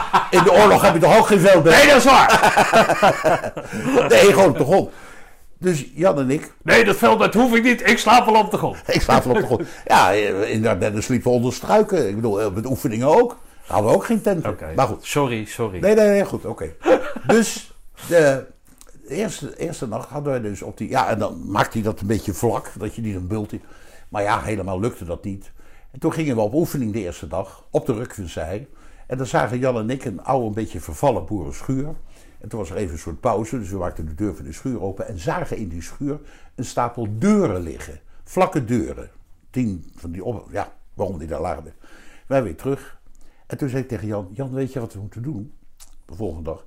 Wij gaan zo'n deur jatten en dan leggen we die deur op de grond. Dan liggen we tenminste vlak. Oh, vond Jan een goed idee. Dus wij om één uur s'nachts, dan iedereen al diepe stilte in de kazerne, naar het hek van de, de kazerneterrein, want de klimtoren ligt binnen het kazerneterrein. Over het hek geklommen, naar die boerenschuur toe, die schuur opengebroken, ieder zo'n deur op ons nek genomen, teruggegaan naar het hek, die deur over dat hek geflikkerd, in onze tent neergelegd. En we lagen in elk geval keurig vlak en niet meer vochtig. Dus we hadden goed. De volgende dag kon Gualteri inspecteren, nenten. Ook onze tenten. We dachten, oh god, nou zijn we de lul natuurlijk. hè. Die zag die twee deuren en zei niets. De volgende dag, hebben we later pas gehoord, is die boer in zijn schuur miste twee van die deuren. En dacht, dat kunnen alleen maar de klootzakken van de commando's zijn. Want verder kwam daar niemand op die ei. Dus die ging naar Gualteri toe en die zei: eh, Ja, commandant, ik ben, eh, mis twee deuren. Dat zijn nieuwe deuren, die heb ik nodig voor mijn nieuwe stal. Blablabla, heel verhaal. En dat moeten toch commando's van u geweest zijn? En Gualteri, die die deuren al had gezien, Die zei, nou, ik weet nergens van meneer. Maar wat is uw schade? Nou, iets van 20 gulden per deur. Gualtieri haalt een geldkistje uit zijn la. Hij zegt, meneer, u hebt 40 gulden.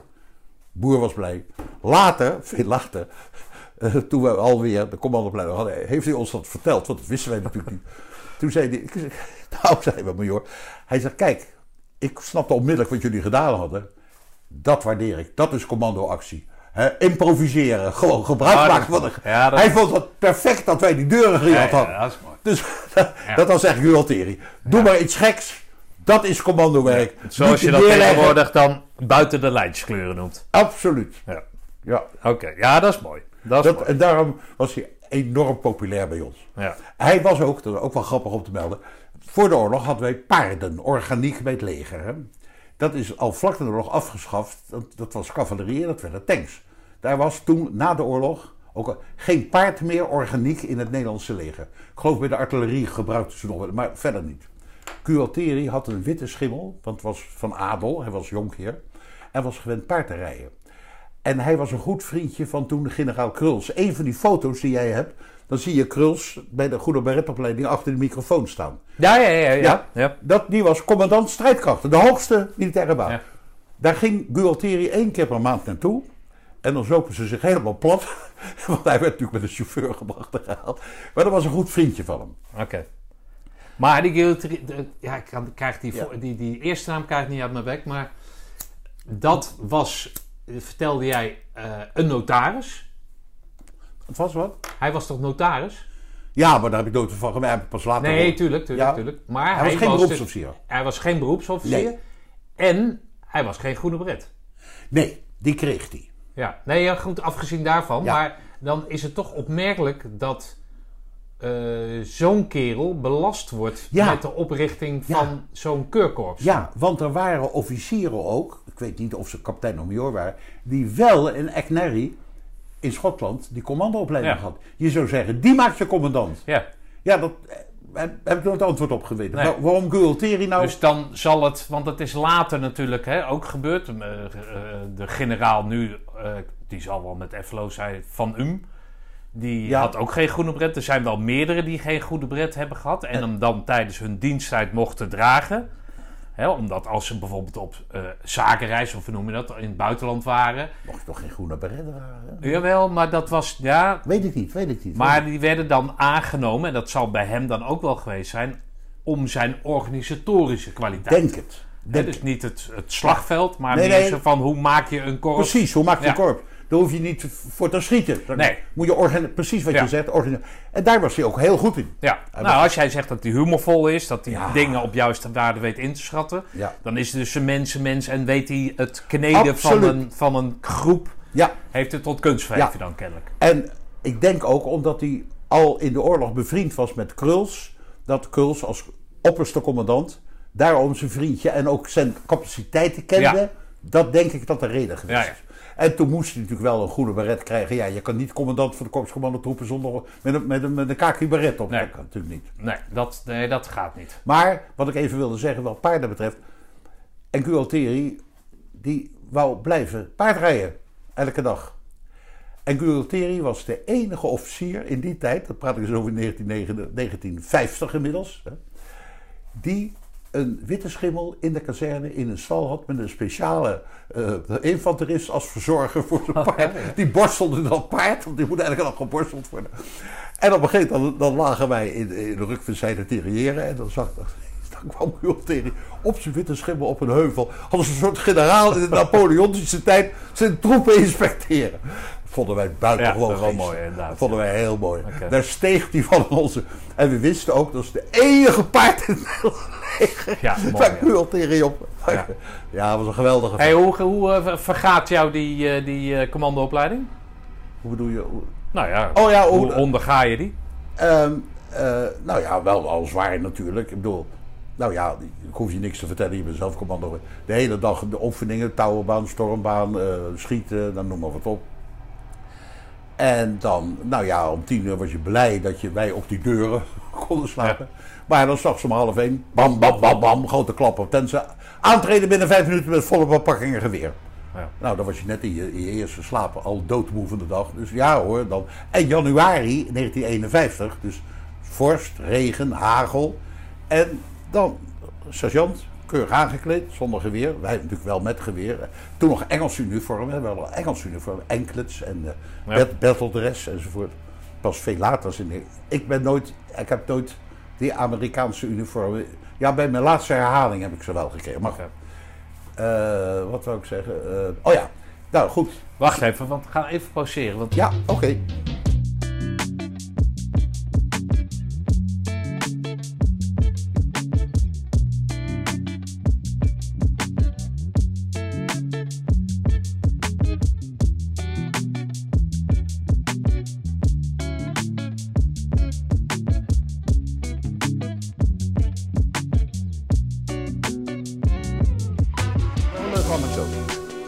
Een van, ik ben dus, eh, nou ja, goed. eh eh, we begonnen bij- Oh ja, nou, je laatste vraag, hoe ervoer je die? Ja. Ehm, nou ja, wat ik net zei, ehm, dat je de hele dag ben je bezig, hard werken, veel sport, touwbaan enzovoort enzovoort. Dus je bent blij dat je om tien uur eh, plat ligt. En dan s'nachts om één uur moet je er weer uit. Niet elke nacht, maar zo'n paar keer, drie, vier keer. Keihard op de tentzeil, in de regen, hagen, maakt niet uit. Aantreden, volle bepakkingen geweer. Sergeant voorop, looppas, mars. En dan ging je sjouwen, doodmoe, maar goed, oké. Om het kazerneterrein heen, dat is een paar kilometer lang, dat is heel, heel groot. En dan op een gegeven moment kom je weer vlak bij de poort van de kazerne. Dan zie je er verder en denk je, aha, hè, gaan we de poort in, gaan we door het kazerne naar het tentenkamp kunnen we slapen. En dan, ik weet niet of dat nu nog zo is, was eigenlijk de eerste keer wist je dat niet, de volgende keer wist je het wel. Dan, dan zei de sergeant op een gegeven moment, loop, eh, gewone pas mars. Dus dan moest je van looppas, gewone pas. En dacht, ja, gewone pas gaan. En dan vlak voor de poort zei hij, looppas, mars. Eh sergeant, daar is de poort. Geen rekening te maken, looppas. mars. en dan moest je weer. En dan vielen de kerels uit. Die helemaal gehoopt hadden, we zijn moe, we, straks liggen we in ons bed. Want we godverdomme, godverdomme, nog een keer op de Ja. klote. En dan zag je kerels aan de kant van de weg. Geen groene beret, terug naar het onderdeel. ja. Nou goed. Eh, maar dat, daar had ik geen last van. Ik bedoel, ook weer diezelfde van, ik, had- ik had ook, ook die teleurstelling, ik wou ook graag in, ja, nu moet, ja, dat hoort daarbij gewoon, dus ik begon alweer. En mijn vriendje Jan Valk, die had, bleek achteraf, in het Jappenkamp gezeten, of dat wist ik ook, en had daar ook veel ontberingen, die hebben muizen gegeten en sprinkhanen, die hebben veel honger geleden, die mensen in het, in het Jappenkamp. Dus die kon ook heel goed kippetjes schoonmaken. Want dat had hij allemaal geleerd in het Jappenkamp. Dus, ehm, oh ja, en dan op zo'n mars, dat moet ik even bij zeggen. Dan, en daar heeft hij achteraf gebleken een beetje een hartafwijking van gekregen. Maar dat wist hij niet. Dus dan liepen we en dan liep, Jan, dan liep ik naast Jan, we liepen altijd met z'n tweeën. En zei Deka, ik kan niet meer, ik, ik scheid er meer uit. Ik zei, nee Jan, want ik wist, uitstappen is terug naar het onderdeel. Dan ben ik mijn vriendje kwijt. Zei, Jan, geef mij jouw geweer maar. En dan liep ik met twee geweren. En liep hij ontlast van zijn geweer. Dan kon je dat toch een beetje langer volhouden. Nou goed. Daardoor, en toen is hij, eh, eh, ja, om het verhaal even af te maken. eh, dus heeft ook zijn groene beret gehaald. En is daarna, toen moesten we op een gegeven moment uit dienst. Toen belde hij op. Oh nee, toen hebben we ons nog opgegeven voor Korea. Wij wouden, want wij oh, ik, sla, ik sla een beetje dingen over. Even bij die commandoopleiding blijven. Dus inderdaad, ehm, en touwbaan en stormbaan en dodenrit vond ik schitterend. Ik hou van avontuur, ik hou van een beetje avontuur. Dus vond ik allemaal hartstikke leuk. Niet nog parachutespringen. We kregen wel de opleiding, maar er waren toen nog. Dat was er toen nog niet, er was geen geld voor. Want parachutespringen is een dure grap. Je hebt vliegtuigen nodig, parachutes nodig, opvouwen enzovoort. Maar we kregen wel de opleiding, want de bedoeling was dat we allemaal parachutist zouden worden. Maar Ja. dat heb ik in dienst niet parachute gesprongen. Pas later als burger heb ik mijn brevet gehaald. Ehm, maar goed, toen moesten we de dienst uit. En toen belde hij me op. En eh, nee, ik, ik sla. Toen, en toen gingen we naar de kapitein toe om ons af te melden. En toen zeiden wij, maar waarom heeft u ons niet opgegeven voor Korea? Want we hadden al daarvoor ons opgegeven voor Korea. Waar we als vrijwilligers er naartoe gaan. Toen zei die kapitein, dat was Bill van Gelder. Ik weet niet of die, nee, nee, nee, was kapitein. Die was in Korea geweest, maar weer teruggekomen. Die zei, jongens, ik vind jullie zo aardige jongens. Ik heb jullie aanvraag onder op de stapel gelegd. Want om door die Chinezen te worden uh, uh, doodgeschoten, dat gunde ik jullie niet. Nou, dus dat was aardig. hij was aardig van hem. dat was aardig. Maar goed, we hadden daar, maar goed, dat ging dus niet door. Toen belde Jan mij op. Hij zegt, ja, ik wil toch worden dienst. Ik wil piloot worden. Toen waren net de Gloster Meteors, straaljagers. In, dat waren de eerste straaljagers. Hij had goede ogen, maar ik ben een beetje bijziend. En dan word je afgekeurd als piloot. Maar had je piloot willen worden dan? Ja, dat kan oké. Als ik goede ogen had gedaan, was ik met hem meegegaan. Trok me ook wel. Een staaljagers, ja, spannend. Piloot worden, spannend. Ja. Ik, Hang naar avontuur. ja, hang naar avontuur. Heb ik altijd gehad. Heb ik op de huidige dag nog steeds.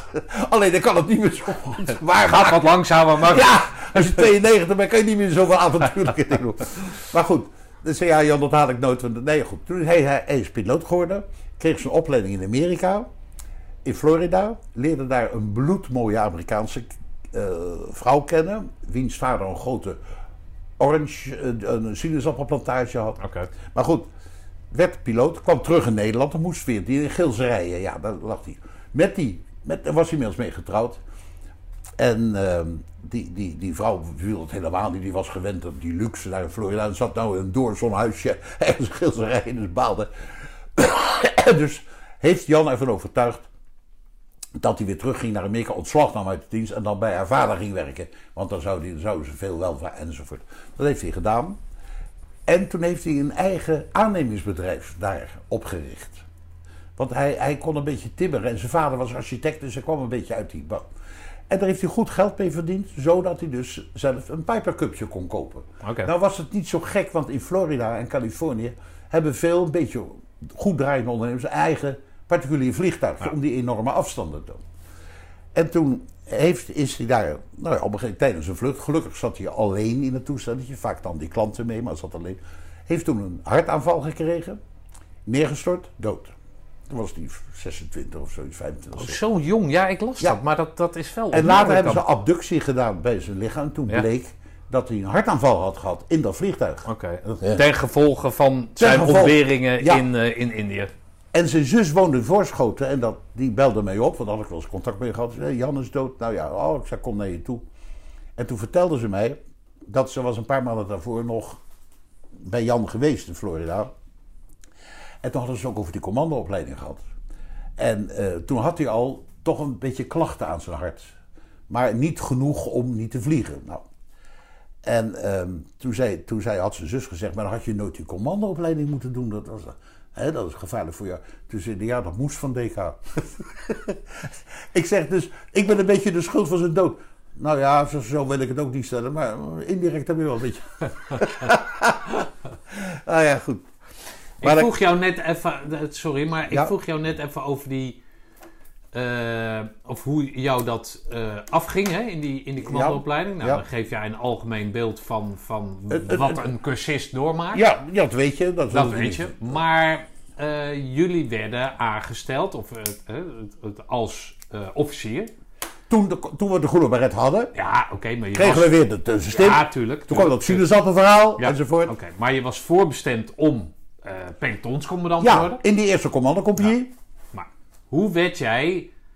eh, je bent natuurlijk voor jezelf bezig. Je bent voor Jan bezig door zijn, eh, zijn eh, geweer te dragen als hij niet Ja, meer kan. ja. Maar je werd natuurlijk ook getest op jouw leidinggevende capaciteiten. En, Niet, niet in de, niet in de Nee? helemaal niet. Ik deed gewoon precies hetzelfde als al die anderen die, geen die gewoon soldaten Maar je werd niet extra getest Nee. op, op... Jij wordt leidinggevend, dus jij Nee, moet het goede voorbeeld geven nee. of wat dan ook. Nee, de command, althans in mijn tijd, dat, zo zei ze het ook op een gegeven moment later.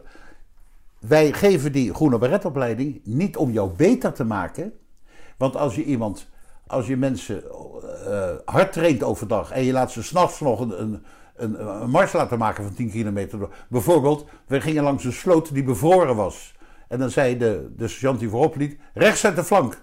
Ligt de sloot, eh, sergeant? Ik zei rechts uit de flank. En dan moesten we in die sloot, in dat ijs, moeten moeten ze met volle pakken geweer door een sloot met het ijs tot hier komt. Vermoeiender kan gewoon niet. Nee. Nou, nou goed. Dus nee, dat moesten we allemaal doen. Ik werd niet eh, ten opzichte Nee, van... maar ja, ik pro- probeer eigenlijk meer te zeggen dat, dat in al die andere verhalen hè, Ja. doorklinkt dat als je.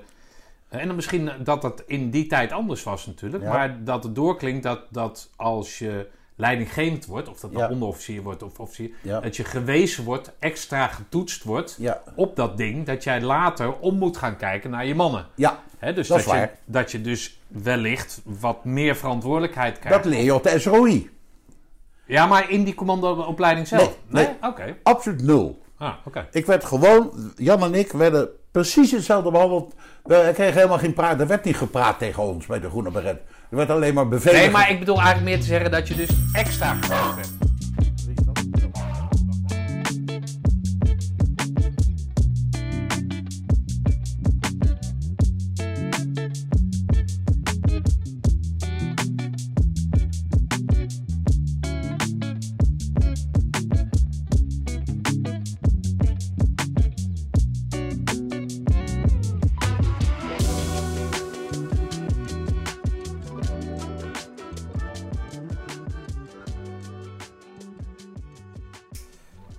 Maar Jan, eh, een eh, oude vriendin, die kwam eh, even langs om Even wat langs, te brengen.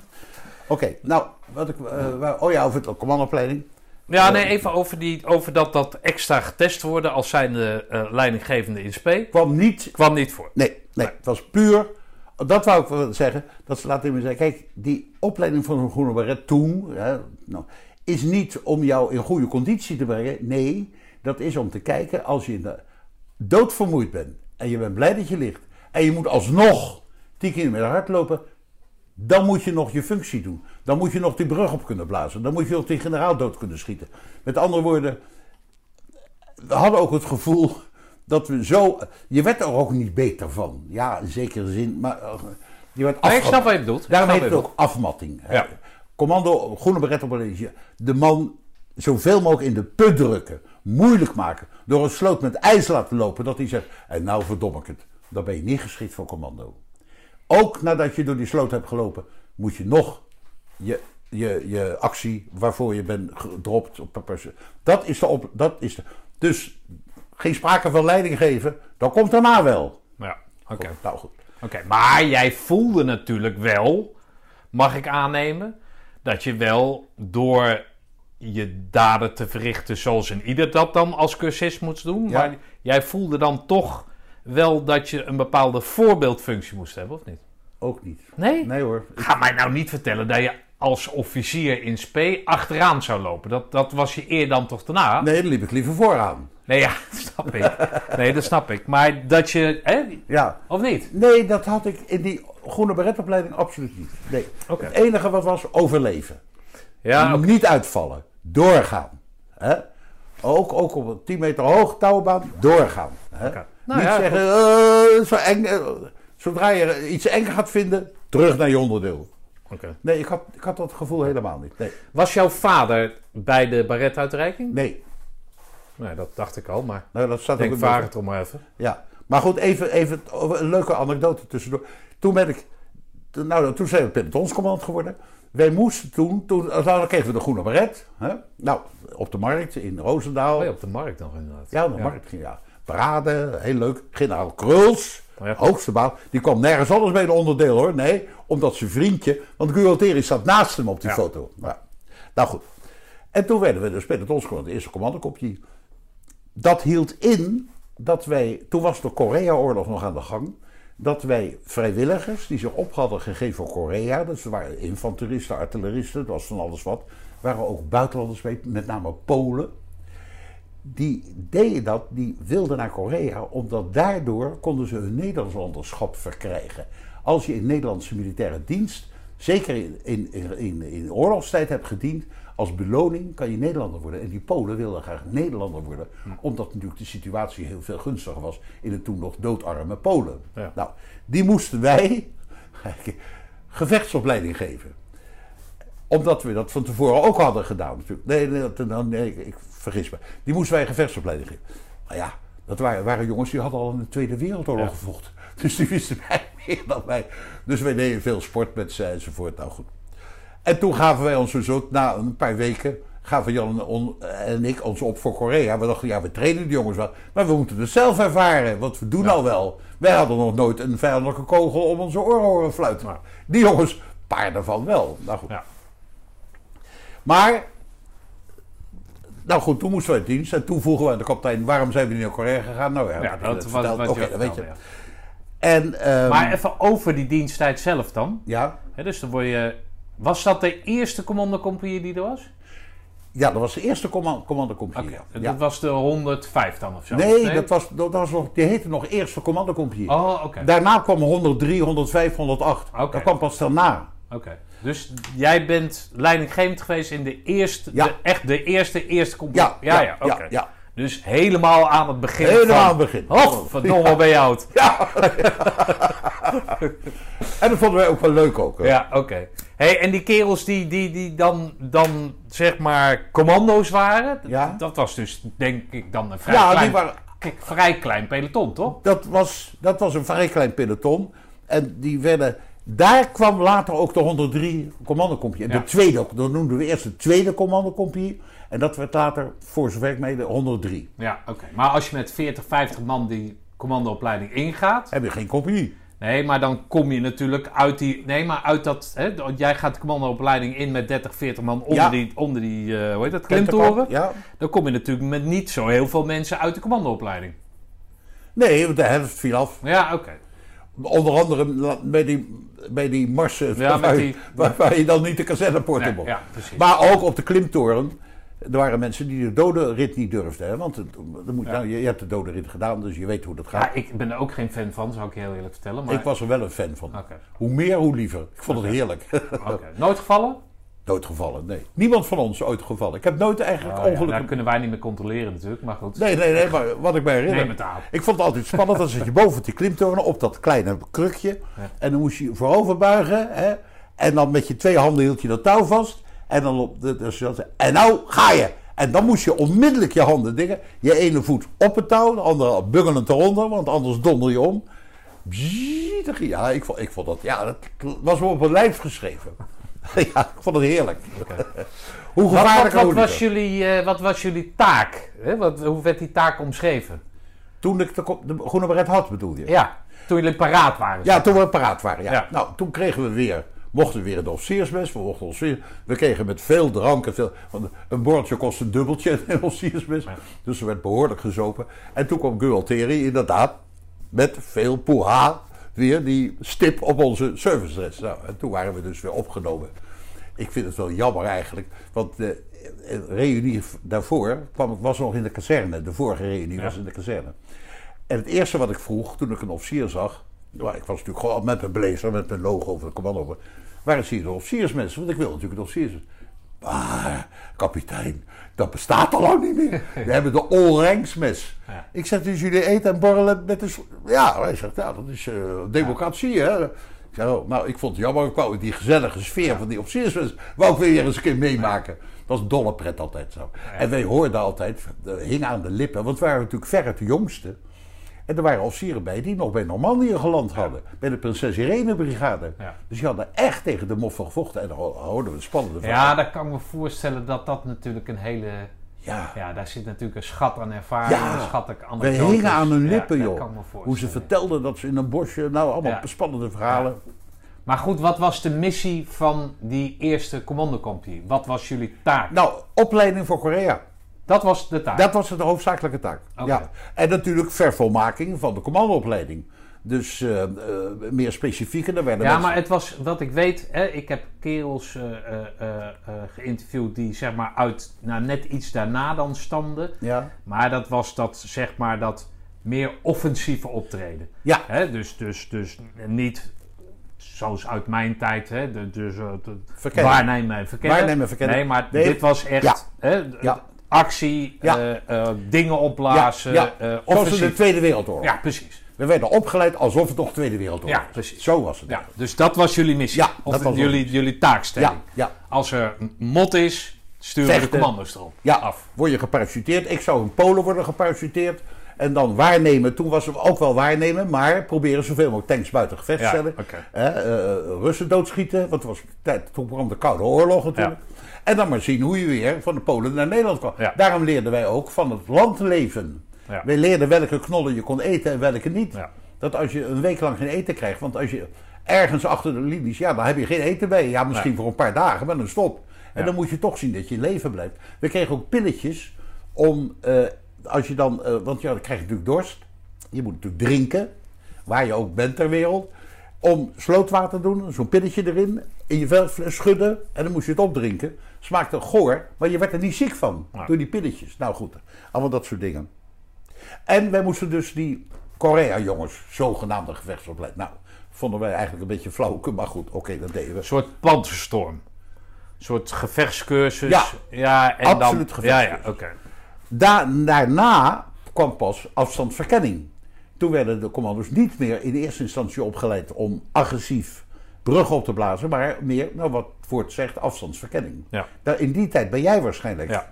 Was, ja. En nu is het weer, door Afghanistan en Malen, weer actie. Ja, Dat is weer een beetje omgedraaid. ja Nou, oké. hey, maar eh, dus, dus, dus, ja, want jij, jij gaat verder.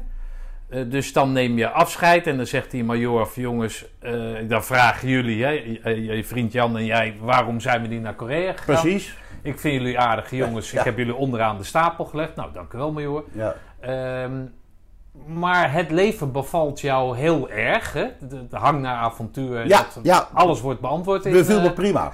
maar waarom ben jij nooit naar de... Heb je wel eens overwogen om naar de KMA te gaan of zo? Nou ja, dat ga ik je vertellen. Toen ging, ehm, en toen ging ik het. eh, toen heb ik even nog in Amsterdam gestudeerd, maar dat beviel me eigenlijk niet. De economie was zo'n heel saai vak. En, en toen ben ik gaan werken bij de AQ, Algemene Kunstzijde een groot bedrijf in Arnhem. Toen ben ik ook in Arnhem gaan wonen. Inmiddels getrouwd en later in Oosterbeek. En dat was op zichzelf wel leuk, want één keer per maand was ik een week weg en ik heb alle hoofdsteden van Europa ben ik geweest met agenten, want wij maakten synthetische latex. Daar kan je synthetische rubber van maken. Het was een joint venture, dus een samenhang tussen de AQ en BF Goodrich Chemical. Dat is een Amerikaans bedrijf die ook banden maakt, Ja. Goodrich, maar maar die maakte ook synthetische rubber. Is geen succes geworden, want de concurrentie, met name van Bayer, die, die, die maakte het veel goedkoper dan wij. Nou goed, een apart verhaal. Maar ik had echt de.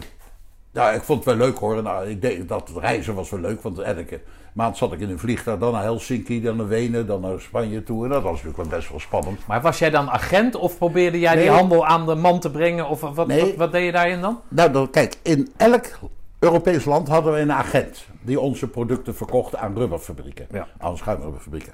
Maar ik moest als man uit Arnhem die agenten ondersteunen.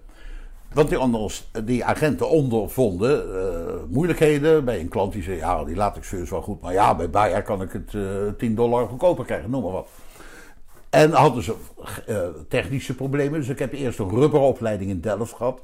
Twee maanden lang heb ik in Delft achter rubbermachines gezeten. Hoe je autobanden moet maken. Om een beetje over. Want Ja. ik was natuurlijk een, een alfa-jongen door Arabiërs. Ik had Ja. geen verstand van synthetica. Ik moest dat leren. Nou goed.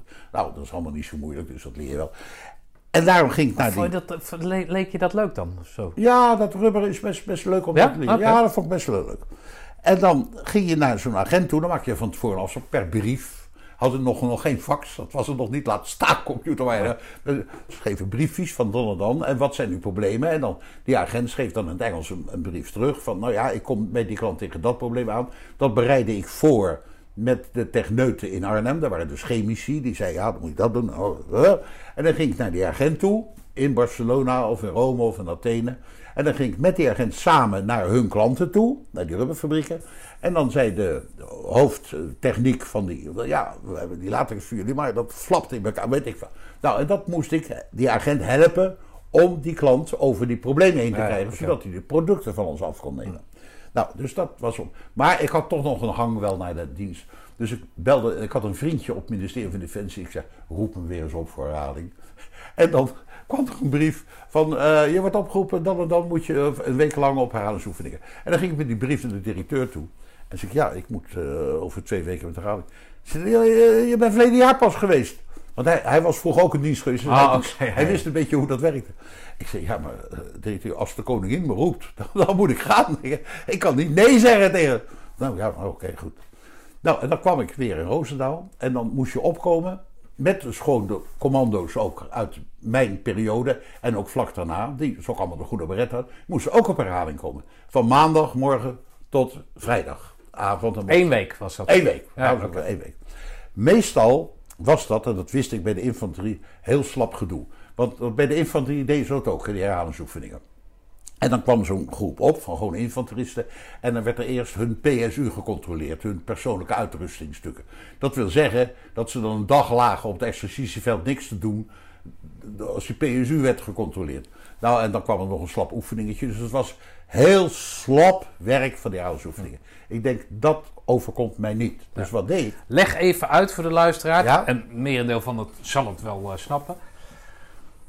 Maar wij zitten dan volop, of wij, hè, Nederland zit dan Ja. volop in die Koude Oorlog. Ja, klopt. En dat eh, die dienstplichtigen na hun diensttijd gaan met groot verlof. Ja, Maar omdat we in die Koude Oorlog zitten, precies. wordt er nog eh, aanspraak, of aanspraak, maar in ieder geval, er wordt nog geleund op Ja, de inzet van die mensen, Ja. van de reservisten. Zijn het reservisten? ja dat zijn reservisten. Ja. En die worden middels die, eh, die eh, Herhalingsoefeningen. herhalingsoefeningen, blijven die op peil, dat is Ja. de bedoeling, op peil, omdat als de Russen komen, dat dan het oorlogsgeweld het uitgebreid kan worden met die hele grote groep aan Je, reservisten. je hebt het uitstekend geformuleerd. Dank u, dank u. Stefan, je hebt het heel goed begrepen. Want al die mensen, en ik ook, waren toen, laten we zeggen 30, vijf, waren nog mobilisabel. Ja, oh ja, Als- mobilisabel. dat ja, is we waren mobilisabel. ja, ja, ja. Als de Russen werkelijk toen hadden aangevallen, wat dus de, de angst was, hè, de Koude Oorlog, dan was massaal al die reservisten, al die jongens tot aan je- je 45 zo. Op een gegeven moment houdt het op, hè, dan word je Ja. gedemobiliseerd. Ja. Ik heb ook nog een papier met dank van de officier. En toen ik gedemobiliseerd, toen was ik Gedemoniseerd. eh, gedemo- gedemoniseerd. Toen was officieren is het iets hoger. Ja. Ik geloof in mijn 42 of zo werd, ik, werd ik definitief, word niet meer opgeroepen. Nee. Want dan ben je te oud om enzovoort. Nee, dat was dus inderdaad. In het geval van oorlog zouden die jongens. Dus daarom moest hun bekwaamheid Ja. op peil gehouden worden. middels die herhalingsoefeningen. Dat was de reden. Nou, wat deed ik dan? Dan ging ik vrijdag al naar Roosendaal toe. En dan ging ik samen met een stafofficier van Gualt. Nou, toen was Gualtier geen commandant. Toen was het de volgende. Wie ben ik weer vergeten? Ging ik oefeningen voorbereiden. Want mijn ideaal was, als ik nou toch, als de jongens dan moet ik ze van het begin af aan tot aan vrijdagmiddag bezig houden. Ook een beetje afmatten. Een beetje weer commando laten worden. Dus dan ging ik vrijdag en zaterdag ging ik al op papier met een onderofficier die daar wat meer verstand van had, oefeningen voorbereiden. Bijvoorbeeld, mag ik beschikken over aanvalsboten? Ja, natuurlijk. Heb je die in Zeeland? Ja, die hadden we bij de vaarschool nog. Weet je wel, bij de, Ja, ja. bij de Moerdijk hadden we toen Ja. de vaarschool daar beneden. Ik zei, nou, dan gaan we gelijk maandag... Oh, was dat toen in Moerdijk, hè? was Moerdijk. ja. Oh, oké. Onderaan de oprit van hieraf ga je dus de Moerdijkbrug op. En daar is een soort taluut. En daaronder was een oude school. En daar was de vaarschool Ah, van de. Korkma. En daar leerden wij, ook na de goede beretopleiding, hoe je met buitenboordmotoren, daar leerden Ah, ja, hoe je onderwatermijnen moet plaatsen in de vijandelijke haven enzovoort. Allemaal op de vaarschool. Ja. Dus dan vroeg ik, zijn daar boten? Ja, dat is een boot. Oh, nou, dan maakte ik al een oorlogssituatie. Dat als de jongens die kwamen maandagmorgen op. Hè, allemaal, allemaal in burgerkleden met een plunjezak op hun rug. Een beetje mopperend. Hè, want meesten vonden het toch niet zo echt leuk om weer. Goed. Dan zei ik, plunjezakken daar. eh, op het exercitieterrein. Er stonden drie tonners klaar. Dus een uur nadat ze opgekomen waren in Roosendaal, zaten ze in een drietonner op weg naar Zeeland. En daar had ik een hele oorlog, ook vaak, vaak samen met bataljons van de infanterie. Er waren dan vijand, had ik allemaal geregeld, al op vrijdag en zaterdag. Dus die werden gelijk in aanvalsboten. En dat vonden ze wel leuk. Ja. Want dat werd wel gedaan tenminste, een beetje op de, op de schelden, op de, nou ja, enzovoort. Ik heb een keer eh, ook georganiseerd, dat was heel leuk. Toen waren er nog op Gilserijen, was dus de luchtmachtbasis. En daar waren eh, ook dienstplichtige soldaten en ook onofficieren en officieren die opgeleid werden tot piloot. Maar niet als straaljagerpiloot, maar piloot meer op Dakota's op transportvliegtuigen. Maar die moesten, om een brevet te houden, elke maand twee uur vliegen. Dus die moesten elke maand opkomen om in een Pipercuppie even weer hun, hun, hun, hun pilootvaardigheid. Maar dat waren dus spijkerbroeken Ja, die als In- dienstplichtig soldaat opkwamen. en piloot waren geworden. En dan word je op een gegeven moment gevraagd om piloot te worden Ja, of zo. wordt er gevraagd, moet je Je hebt in ieder geval goede ogen, weet ik wat. Ja. Die leerden in hun diensttijd leerden ze vliegen. vliegen, haalden ze hun brevet. Haalden ze, dat, is, dat moet toch een fantastische baan zijn? Dat is net Ja. als chauffeur, alleen dan in de Ja, lucht. ja. Dan haal je rijbewijs alleen dan vliegen. En dat wordt dan elke maand moesten ze dat dan. Moesten ze dat bijhouden, opkomen? Stond, stond dat dan niet in de weg bij een sollicitatie dan? Als die jongens. Ja. Van, eh, wat doe je daarnaast? Ja, ik ben reservepiloot. Ja. Ja, dat En ik moet dus, elke maand... eh, en dat betekent dus dat ik jou elke maand twee dagen eh, kwijt nee, eh, een morgen. Oh, Ze hoefden maar twee uur te vliegen en dan was het weer klaar. Oh, nee, één morgentje in de, in de maand. Ah, oké. Nou, dat, dat, Nou ja, dat is haal- een haalbare zaak. Goed. En toen had ik toen bedacht, ik maak een situatie, het is oorlog. Tegen de reservisten die opkwamen. En in oorlog, eh, er loopt een spoorlijn in een vijandelijk gebied. En jij krijgt de opdracht om die spoorlijn te vernietigen. Vraag, waar vernietig je hem en wanneer? En had ik de spoorlijn genomen van Den Haag naar Hoek van Holland. En halverwege is er een afslag van de spoorlijn naar Den Haag. Daar moest je natuurlijk bombarderen. En op het moment dat er een trein voorbij komt, dan heb je A. het kruispunt kapot gemaakt, wat nadelig voor de vijand is. En B. heb je de kans dat je een paar honderd soldaten naar de andere wereld hebt. Nou, dat wisten ze dus niet, dat moesten ze uitzoeken. En dan ging zo'n reservist achter een piloot zitten in zo'n Pipercupje. Dat waren die ouderwetse Pipercups die ook in de oorlog voor verkenningen gebruikt werden. Omdat die heel licht waren. De wanden van die Pipercup was niet hout, maar was eh, zeildoek met, met was ingesteken. Daarom zijn ze heel licht, met een motortje enzovoort. Dus om de beurt gingen die jongens die maandagochtend... zaten ze maandagmiddag achter een piloot in een vliegtuigje... En die piloot wist precies wat hij moest doen. En die vloog dan van, van Rotterdam naar Hoek van Holland en weer terug. En dan moest die reservist van mij moest kijken, ja, waar, moet ik die, waar moet die bommen gooien? Nou, en als ze dan dat kruispunt zagen, zeiden nou ja, natuurlijk daar. Hè, en wanneer? En dan moesten ze net zo lang rondvliegen dat ze treinen zagen komen. Dus om vijf voor half komt er een trein voorbij en vijf over weer. Dan moet ik dan op dat tijdstip. Nou goed, dat vonden de jongens leuk natuurlijk. Was spanning. In een vliegtuig is dat nooit in zo'n pijpje gezegd. Nou, en daarmee maakte ik, en dan de volgende dag had ik weer een andere. En ik deed ook veel touwenbaan. Ja, mot, eh, deden we in dienst. luid, toen was ik inmiddels tweede luitenant en later ook eerst luitenant. Ik zei, ja jongens, moeten jullie nog kunnen? 10 meter omhoog, over de ketrol. Nou, en de jongens hadden sommigen al een buikje. Moesten toch van mij over, over die touwenbaan heen. Ja. Nou ja, goed.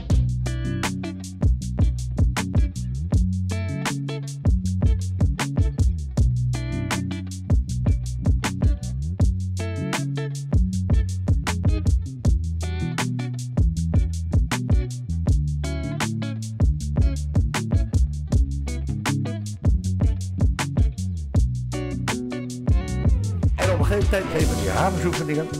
ehm, was onze tegenstander de cavalerie. Wel, vaker was, waren de tanks onze tegenstander op oefeningen. En ja, die tanks, die komen dan aanrijden, de cavalerie, met die officieren boven het luik. Hè. En dat vonden we altijd heel arrogant. Er zat zo'n officier boven zo'n die tank. Ja, dan konden wij als commando's tegen die passen niks doen.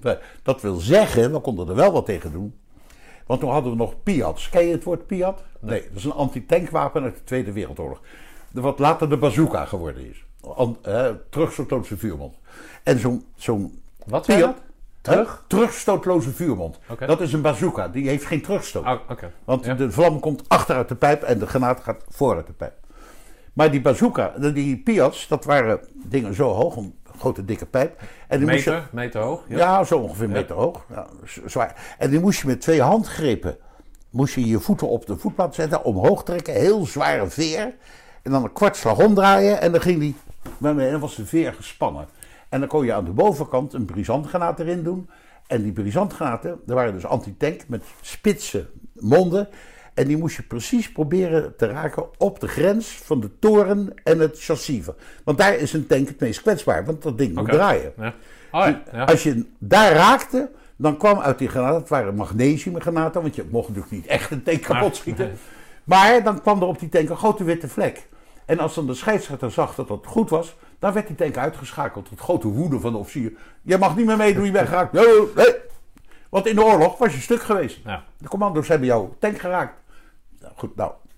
En op een gegeven moment hadden we weer zo'n oefening. En ik wist, ik lag op een weggetje ergens op de, op de Veluwe. En ik wist dat die tanks eraan kwamen. En toen waren voor die tanks de jeeps. Die reden nog een paar jeeps rond om nog een beetje te kijken waar de vijand is. Ik denk, ja, hoe kan ik nou die jeeps uitschakelen? Dan heb ik het volgende bedacht. We hadden ook bij de commando's, maar die heb je ook gehad. Mortiertjes 5, die kleine mortiertjes. Nee, heb ik niet gehad, maar ik, ik ken de... Je kent de mortier ja, 5. ja. Dat zijn kleine buisjes eh, met onderin een knop en dan gaat er een pin omhoog. En daar kan je drie soorten granaten mee afschieten. Een lichtgranaat, een brisantgranaat die dus schermen maakt en een rookgranaat. Als je wil, ont- eh, je wil je terugtrekken, dan schiet je een paar van die rookgranaten af. Dat de vijand je niet ziet, dan kan je je terugtrekken. Nou, die brisantgranaat die konden we natuurlijk niet gebruiken, want Nee. die maakt schermen, maakt dooien. Nou, dat wouden we ook weer niet. Nee. Maar die rookgranaten en die lichtgranaten wel, die hebben we veel gebruikt. Je ligt s'nachts echt in een veld, aan de rand van een veld. En moment denk je, hé, hey, ik hoor iets, ik hoor iets. Mortier, schutter, lichtgranaat. En dan, en dan komt die licht, dan, een zee van licht. En dan zie je dat de vijand komt. En dan gaat je mitrailleur eh, wapperen.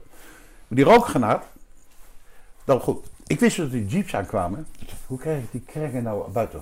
Toen heb ik tegen een van die soldaten, of die commando's gezegd... Ga plat op je buik liggen, met je hoofd de andere kant uit. Dus met je voetzolen hier. Daar kwam de jeep vandaan. Wist ik om de bocht van de weg. Hoorde je ook al in de verte die tanks rommelen. Jongens, komt er. Dan deed ik een rookgranaat in die mortier. En dan liet ik die dat kleine mortiertje heel langzaam zakken. Dat hij met zijn, met zijn achterkant nog tegen die slagpin aan zat. En dan wachten. En dan kwam die jeep op de bocht. Dat hij even dichtbij was. Zover was dat bereik niet van die rookgranaat. Laten we zeggen 300 meter of 400 meter. En dan deed ik de knop. En dan ging die rookgranaat. Die zie je gaan, hè? Die, die gaat idee, ja. Ja, die zie je gaan. Die, die hobbelt er zo voor. Tegen de radiateur van zijn jeep aan. Bam! Hoop rook. En die cavaleristen schrokken zich natuurlijk het Lazarus. Die sprongen uit de jeep in de dekking. En ja, zo de voorkant van een jeep, die is sterk genoeg. Je maakt die jeep er niet mee kapot. Alleen komt een geweldig hoop rook. nou, dus jeep uitgeschakeld. Tanks durven niet meer verder. Ik heb de oorlog gewonnen. ik deed dat een keer. Het lag dus ook op mijn buik met die mortiergranaat. En dat had ik allemaal zelf verzonnen. En op een gegeven moment kijk ik om, om, eh, naast me en dan zie ik een paar keurig gepoetste Molières staan. Dus ik keek omhoog, stond Prins Bernhard. Die had in de tijd was hij inspecteur-generaal. Ja, ja, ja. En die had er een rol in. Hij was van, van huis ook wel militair ge, ge, geëngageerd, eh, ge, geëngageerd, zou ik zeggen. En die ging wel eens naar oefeningen toe en stond toen naast me. En zag dat. En begreep dat dat niet de bedoeling was van een mortiertje 5. Dat ik dus volkomen buiten het boekje om had gehandeld. Dus ik kwam s'avonds, hoorde ik later van Gualteri, bij Gualteri. Een officiersmes werd natuurlijk met alle eer ontvangen, de officiersmes. En ik zei, godver, ik heb een een man van jou, een officier gezien, die heeft dat en dat gedaan. Dat mag toch helemaal niet? Nee, zei Gualteri. Maar dat is juist commando. Doen wat je niet mag. Gualteri stond altijd achter me aan zijn. Gekke dingen. En later kreeg ik van Gualteri. Hij zei, Prins Bernhard vond het echt wel een mooie truc die jij had. nou, zulke gekke dingen. Ja, daar, daar hou ik van. Dat, vind, dat vond ik leuk. Maar een gemiddelde commando, eh, eh, hoe vaak kwam hij hè, tot, tot zijn dertigste of zo? ja, nee, was iets mobilisabel? Gemiddelde soldaat gewoon tot 35. Ah, Uit hoofd. Maar in, in die tijd tussen zeg 20 en 35, hoe vaak moest hij dan op herhaling? Twee, drie keer, ook niet meer. Ik zeven keer. Ja, maar omdat, om mijn eigen verzoek. ja, één. En twee natuurlijk omdat je officier bent. En ook omdat ik zie ben, ben Ja. je sowieso al ouder. Ja. Ja. En, toen, en nou kom ik even op jouw KMA-vraag terug. Een andere oefening, lag ik ook ergens, helemaal georganiseerd met radio enzovoort. En toen kwam eh, niet Gualteri, maar toen was Bill van Gelder was ondercommandant van, van de korpscommandotroepen. En die, die zei toen tegen mij, na afloop van oefeningen, kreeg een compliment, was goed gedaan en eh, we hadden de strijd gewonnen. En goed, keken ze hoe je bevelen gaf, en die moet je opschrijven, hè, dat controleren ze. Voldoet het aan de eisen, want een militair bevel van officier moet aan bepaalde punten voldoen. Nou, als je dat allemaal goed deed, dan, nou, deed je werk goed. En toen zei hij, waarom ga je niet in de KMA, jongen? Je bent hartstikke goed als eh, reserveofficier. Dit soort jongens hebben we nodig, zo zei. Nou, toen heb ik inderdaad daar ernstig over nagedacht. En toen dacht ik, ja, Kijk, nu vind ik het leven leuk, zo in het veld en parachutespringen. Dat had ik inmiddels al gedaan bij de, eh, in Seppen, dus bij, bij Pellens. Pellens. Ja. Charlie Pellens. En ja, en dan word, je wat, dan word je major en word je overste. Ja, en dan kan je niet meer in het veld dit soort grappen uithalen. Dan kom je ergens achter een bureau te zitten. Dat was een beetje mijn angstsyndroom van die officieren die alleen maar achter een, achter een bureau eh, or- orders gingen schrijven. Dat wil ik niet. Ik wil niet nou, dus ik heb het niet gedaan. Oké, maar in onze pauzes heb je hè, nu verteld dat je daar Nou ja, goed. eh, je kan eh, wat zeggen de Engelsen, wat zijn nou? Dat nooit terugkijken. Don't maar- cry over spilled milk, zeggen de Engelsen. Precies. Ja, dus je- maar dat je er toch. Nou ja, Ja, ja. beetje spijt. Ja, nou ja. Je moet van dingen ook... Ik bedoel, een van de dingen... Waar, waar ik niet zeggen er sterk in ben, maar... Ik kan wel makkelijk dingen die ik verkeerd gedaan. Ik heb gewoon natuurlijk ook dingen fout gedaan. Ook in het zakenleven na de hand hoor. Dat achteraf dat ik lul, waarom heb je dat had je beter anders kunnen doen? Ja, had ik dat wat? Nou goed, enzovoort. Don't cry over oké. Wat je in je verleden fout hebt gedaan. Jij hebt ook fouten gemaakt, misschien met je vrouw en eh, weet ik veel. Of zakelijk. Ja, ik kan er wel over zitten piepen en s'nachts lakken. Het scheelt geen reet op. Ik moet voort, ik moet doorgaan. Ik moet iets anders verzinnen om wel geld te verdienen.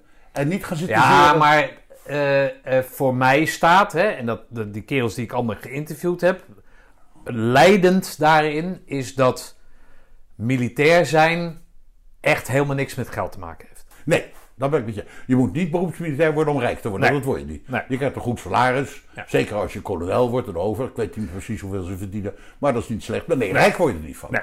Nee. Dus er werken. zit altijd een andere motivatie achter dan geld. Het is nooit geld gedreven. Nee, het is nooit bij officier is nooit geld. Dan, dan, Nee. dan, moet je, dan moet je in het zakenleven gaan. Ja, precies. Ja, ja.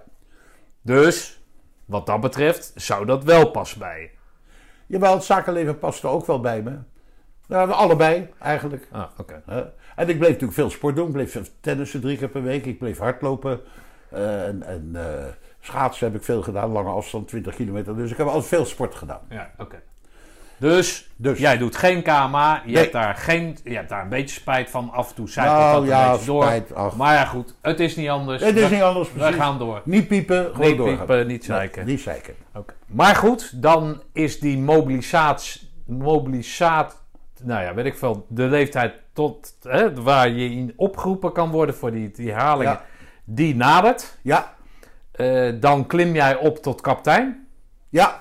Omdat ik de reserve, omdat ik mijn werk als pelotonscommandant goed deed en goede bevelen schreef, zeiden ze toen, nou, moet je, nou kan je compagniescommandant worden. Bij de Ja. volgende herhaling, de laatste twee herhalingen heb ik als compagniescommandant ge, Ja. ge- gefungeerd. Had ik een compagnie, had ik 120 mensen onder. Ja, oké. En bleef die oefeningen maken. En Ja. dat waardeerden ze in Roosendaal zeer, dat ik niet die reservisten een, eh, een dag lang op het exercitieterrein bleef laten lummelen, maar gelijk ze bezig hield. Ja, ja. Oké. Actie. Oké. Dat vonden ze leuk. Oké. Maar dan word je 45 of zo. Ja, En dan is dat afgelopen. dan is dat afgelopen. Oké. Ja, dan En- word je niet meer opgeroepen. Dan word je niet meer opgeroepen. Nee, word je Hou je dan nog wel binding met dat korps op een of andere manier? Nou, er is, in Wassenaar zijn er volgens mij drie commando's. Drie groene beretten. Dat is één vriendje van mij die ook in, een- in een kerk zit, daar actief in is. Niet in de kerk waar ik kan toe gaan, maar we hebben drie protestante kerken hier. En dat is Ton Huuk, nee, heb je nooit gehoord. Nou, die heeft na zijn diensttijd, was een, hij was gewoon commando, hij was niet onderofficier of zeker geen officier. Maar hij heeft naderhand, toen hij uit de commando's was, heel veel sportieve dingen gedaan. Hij heeft bijvoorbeeld met de fiets gereden van het noorden van Noorwegen tot het zuiden van, van Portugal. Weet je, hij, elke week zat hij te schaatsen, kilometers lang in, in een schaatsbaan hier. In, Ja. Dus die heeft veel. Nou, die ken ik dus en die zie ik vrij regelmatig. Oké. Hij, ik heb hem ook ontmoet op de reunie.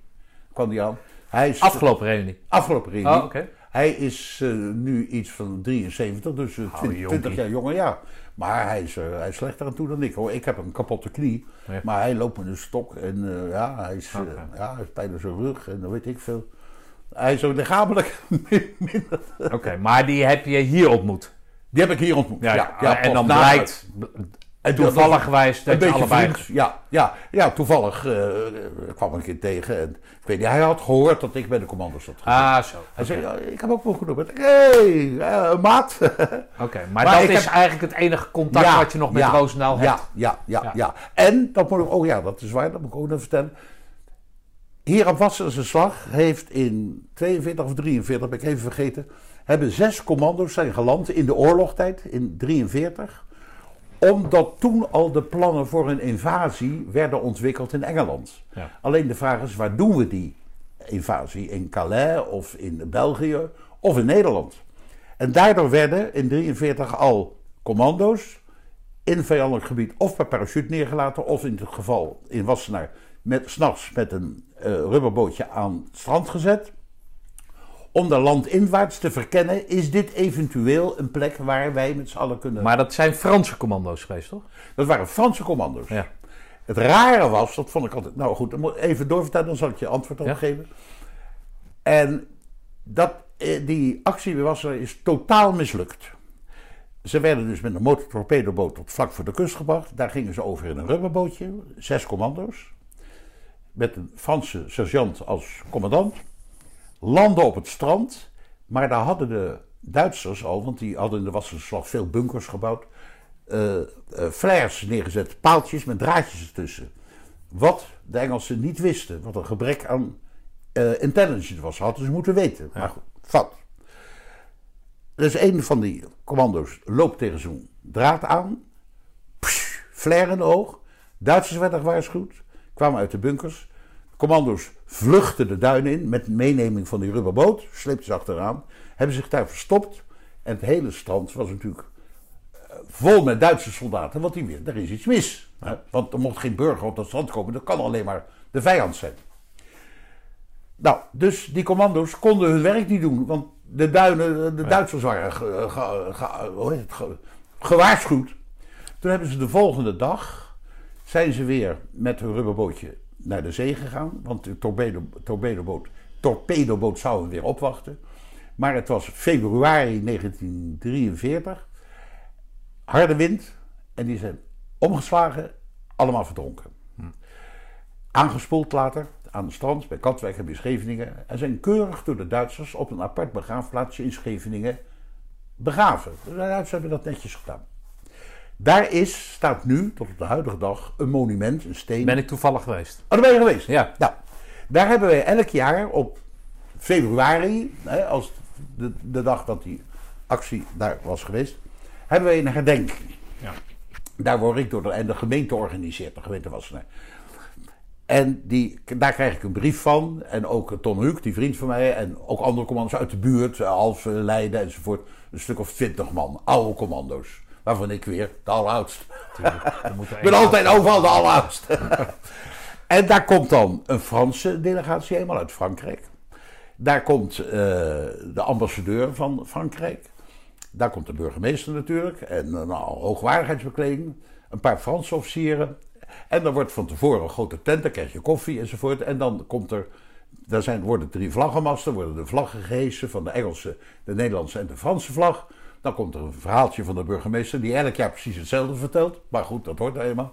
Dan komt de Franse commandant die in het Frans een mooi verhaal houdt. En tegenwoordig worden dan ook onderscheidingen uitgereikt van eh, Franse en Nederlandse commando's die goede dingen hebben gedaan in Afghanistan. Dus dat ze oké. daar onderscheiden hebben. Die krijgen dan tijdens die, hebben ze dat een beetje extra zwaar te geven door dan ook die medailles uit te reiken. Nou, dat is maar leuk. Er wordt weer Helmers gespeeld, dan maar- en dan sta jij, het is februari, in de, in de regen, soms anderhalf uur. nou, de laatste keer kon ik het nauwelijks volhouden. Maar goed, ik heb het volgehouden. En dan worden we door, door iemand die is voorzitter van de. Want je hebt commandoverenigingen. hè? Ja. Nou, die is voorzitter van Zuid-Holland Commando. Die, die, eh, die beveelt ons dan. eh, nou, want we worden apart opgesteld in een soort peloton voorwaarts, maar rechts, rechtsom. eh, Dat we netjes daar in dat groepje staan. Waarom vragen waarom- Nou, wa- wa- wat jouw binding met het korps. Maar daar wil ik op inhaken om het nog verwarrender Ja. te maken. Ik ben daar een keer langsgelopen met een stel commando's die zich aan het voorbereiden waren voor die mars die daar laatst gelopen is. Oh, ja. Van Normandië naar Nederland. Ja, ja, En die wisten mij te vertellen dat het zo raar is, Ja. zo vreemd is, ja. dat het korps daar dus niet vertegenwoordigd is. En daar zal ik je antwoord op geven. Diezelfde vraag, ik heb er ook zelfs een klein boekje over geschreven, zo bij de gemeente van die landing. Volg ik mij ook af. Waarom geen Nederlandse commando's? Er waren al Nederlandse commando's die opgeleid waren. Echt. Dat, Nee, sorry dat ik je onderbreek. ja, Maar dat het korps nu dus geen acte de présence geeft bij die herdenking. Dus niet jullie, maar ja, zeg ja. maar de korpsleiding, dat daar dus niemand van het korps is. volgens mij, dat is wel waar. Er komt wel iemand van de korps. Ja? Oh. Ja, Dan heb ik dat niet Niet, niet de commandant, maar toch wel een ondercommandant. Ja, er is wel iemand Ja? van het korps. Oh, oké. Ja, nee, eh, er is wel iemand van... Dat is groene beret staat erbij. Nee, twee Oh, of drie man. Ja, nee, dat is wel ook van het korps. Is daarbij. Maar goed, even terug. Waarom Fransen? Ja. Want dan hebben ze het nadeel van de taal, want Fransen spreken geen Nederlands. Ja. Ik heb daar nooit, vroeg wel eens aan, eh, niemand wist er antwoord op. Tot ik een keer hoorde, want ik heb dat al tien keer gedaan of twaalf keer gedaan. Ik ben niet elk jaar daar geweest hoor, maar ook afgelopen jaar was het ook niet. Maar het jaar daarvoor, toen was corona, Ja, je ja, wel, ja. goed. hoor. En toen zei ze tegen mij, de zoon van Charles Trenet, de commandant van die Franse commando's, Ja. Die is aanwezig. Als eerbetoon aan zijn vader. Ik denk, waar is die man? Daar staat hij. Dus ik naar die man toe. En in het Frans, want, omdat ik een aan het Frans Uiteraard, kon, dat meisje uit Frans. Parijs. Ja, Parijs. Toen zei ik, zo zo meneer, ik heb me dat altijd afgevraagd. Toen zei hij, dat zal ik u vertellen. Mijn vader was getrouwd met een Nederlandse vrouw. Ah. En, die sprak, en mijn vader sprak vloeiend Nederlands, want hij heeft een tijd hier in Nederland gewerkt. Dat is de oplossing van het raadsel. dus mooi. als jij dat nog een keer wil gaan, dan weet je nu dat- het antwoord. ja, dan is Het staat niet in het boekje, want dat wist ik toen nog niet. Nee, dat is een mooi verhaal inderdaad. Ja, en niemand bijna weet dat. Oké, dus jij hebt nog binding door die jaarlijkse... Ja, jaarlijks, eh, ja, daar ga ik altijd naartoe. Ja. En dan de reunie. En de je- reunie, ja. ja. Nou heb jij mij, eh, of jij laat meer, of ja, ik weet dat je 92 bent. Ja, We hebben net twee weken geleden die reunie gehad. ja. Ik ga dan op zoek naar het bordje 82. Ja, tuurlijk. Daar ga je En op. jij gaat dan op zoek naar jouw jaartal. Ja, dat het niet was. Oké, vertel dat eens dan. Nou, eh, ik kwam dus in de commandoreunie en dan zag ik dus die tent met die bordjes, 103 commandocompagnie, 1988, 1987, dus, eh, je hebt het gezien in die tent. ja, ja. Dus ik zocht naar 1951. Dus ik kijk, 1952, stop. 1951 was geen bordje. Heb ik ook in het verslag geschreven. ja oké. Ik denk, ja, maar, nou ik ga er maar 19. Maar heb jij dan nog nagevraagd? Is het dan, zijn jullie allemaal uitgestorven? Of eh, wat, wat is dat dan? Nou ja, Constance, Ja, die was ja, eigenlijk nog voor 51. Die was van 1950 eigenlijk nog. oké. Maar die, die heb ik niet gezien daar. Ik weet niet of hij er geweest is. Ja, hij was er. Ik heb hem Hij was er. Oh, Ja. ik heb hem niet gezien. Ik weet wel, Pellens was er ook, maar die heb ik ook niet gezien. Oké, ja, ik, ik wou dat nog opzoeken van welke lichtingen zij waren, maar gezien de leeftijd. Nou, Pellens is iets jonger volgens mij dan. eh, die is nog geen eh, 90 volgens mij. Nee, er is nog geen 90. Dat is jonger Nee, dan ik. Ja, ja, ja, ja. ja. Dus als we het hebben over die binding met dat korps, dan is die jaarlijkse Wassenaarse reunie, of heet dat? Dat is herdenking is, ding, wat. ja. Dan is die eh, reunie is dan Ja. eh, eh, het ding wat jou, eh, Ja. wat jou bindt. Waar ik het leuk vind om naartoe te gaan. En dan eh, is het afwachten hè, met jouw leeftijd of je de volgende haalt. Uiteraard een zaak. Dus over vijf jaar ben ik 97. Nou ja, daarom schrijf ik ook onder, onderaan mijn verslag ook. ehm, dus of ik de volgende reunie haal, weet ik niet. Ach, nou ja, we zien wel. ja, ja, meer kan ik er niet van zeggen. Nee, meer kan je er niet van maken. Nee. inderdaad. Meer kan je er niet van maken. Nee, nee, Hé, nee. luister eens. Nou maakt dat muziek, hè? Maakt, Ja, dat is eh, een apart maakt een, een heel groot deel uit van jouw Ja, leven. ja, Jij vertelde mij over de telefoon eh, ik, dat jij mij graag een, eh, een, eh, een foto, en die heb je ook opgestuurd, wilde opsturen met jou en je, en, en je cello. ja. En dat jij vaak geconfronteerd wordt met het feit dat mensen zich niet kunnen voorstellen, omdat ze weten dat jij commando bent geweest, dat jij cello speelt. Ja, vinden ze heel raar. Oké. Ja. Nou ja, in eerste plaats, ik heb je al verteld, omdat ik van jongs af aan dat altijd gedaan heb. Met mijn broer, mijn broer samengespeeld. Later in kwartetten heb gezeten, later in orkest. Ik, ik speel nog met mensen samen tot op de huidige dag. Ik moet op 16 juli geven weer een concert hier in de Dorpskerk. Met mijn trio, dus met mijn zoon en mijn nichtje, dus de twee fluiten. Ik heb daar nooit een tegenstelling in gevonden. Er zit zelfs een overeenkomst in. Want sport doen is met je lichaam bewegen. Cello spelen. Kijk, ik heb wel die kapotte knie, maar het voordeel is dat als ik zit, voel ik geen pijn. Als ik slaap, voel ik geen pijn. Daarom, ik ben toevallig verleden week naar een orthopedisch chirurg gegaan om te vragen: heeft het nog zin om die knie voor mij te, te, te opereren? Nieuwe kunstknie. Ja, kunstknie. Dat kan, kan natuurlijk. Want ik heb niet zo. ja, kijk, hier loop ik, zoals je ziet, zonder stok of zonder rollator. Maar als ik boodschap moet doen bij Jumbo, dan neem ik, dan neem ik die rollator mee. Mijn uithoudingsvermogen is slechter geworden. Mijn vraag aan de orthopeed was: komt dat door de knie? Toen zei ze: heeft niets met elkaar te maken, meneer. Die knie heeft niks met uw uithoudingsvermogen te maken.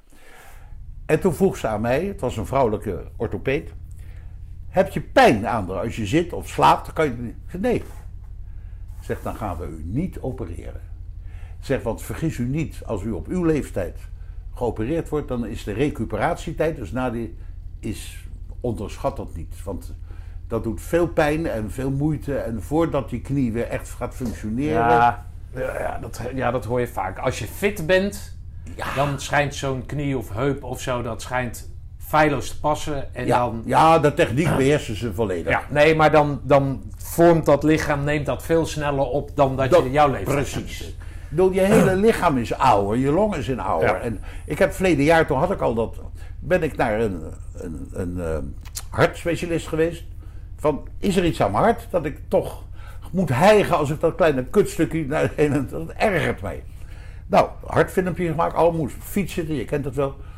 Nee meneer, hart, is- hart is goed. Toen zei de huisarts, dan gaan we naar de longspecialist. Het kan zijn dat je longen, als die niet aangetast zijn, heeft ook invloed op je uithoudingsvermogen. Foto's genomen, onderzocht door de longspecialist. Huisarts kreeg een bericht. Ja, het zijn niet meer de longen van een man van 25. Maar ik kan niks ontdekken. Geen tumor, geen, geen rare dingen. Dus nee, daar kan het ook niet aan liggen. Oké. Dus daar moet ik me maar bij neerleggen. Ja, daar moet je bij neerleggen. Want dan zei die orthopeed, meneer, wees blij dat u nog kan lopen. Wees blij dat u nog, want ik zwem twee keer per week, ik fiets elke dag. Dat u dat nog allemaal doet. Een hele hoop mensen van 92 kunnen dat Nee, doen. dat is ook zo. Count your blessings. Hè? Ja. Dus Ja, neem- je moet je er ook op een gegeven moment gelijk, moet je je ook bij neerleggen. Nou, Ja. dat geef je aan. En daar heb ik moeite mee. Ja, nee, dat zal. Maar daarom is de cello misschien wel een heel Ja, goed instrument Precies. geweest. Want in, fe- in feite, kijk, ik kan nog, zie je, dit is niet geatrofeerd. Nee. Heel hoop mensen, ik heb veel hij- pianovriendjes. DK die, die wiebelt nu met zijn vingers inderdaad. Om aan te geven dat hij Dat- nog dat- steeds de cello kan, eh, de Precies. akkoorden kan eh, pakken. veel vriendjes van mij die viool of piano spelen zeggen, nee, ik kan niet meer spelen. mijn vingers doen niet meer wat ik wil. eh. Nou, Daar heb ik nog geen last van. Je arm moet, als ik anderhalf uur speel, ja, dan voel ik wel die arm. Want dat moet tik, tik, tik, tik, tik, over die snaren heen. Eh, moet je oefenen. Nou, dat is al, dit, als ik dit, dat is allemaal spieren. Ja. En dat werkt nog. ja, ja, ja. Nou, Ben jij een goed cellist of niet? ik ben, kijk, ik zeg altijd, een conservatoriumopleiding kan je als amateur, cellist of violist of pianist of wat dan ook nooit inhalen. Ik ben nooit zo goed als iemand die eindexamen die vier, jaar, vijf jaar lang een conservatorium cello heeft gespeeld. Die, die oefenen zes uur per dag als je op een conservatorium eh, zit. En dan moet je ook nog veel talent hebben. Dat haal ik nooit in. Maar ik waag me ook niet aan, aan eh, laten we zeggen, cello solo stukken met een vork. Daar moet ik niet aan beginnen natuurlijk. Dus wat ik speel is toch wat gematigder, wat simpeler. En dat moet ik goed oefenen voor de zuiverheid. Kijk, het verschil tussen een cello en een viool enerzijds en een, bijvoorbeeld een piano.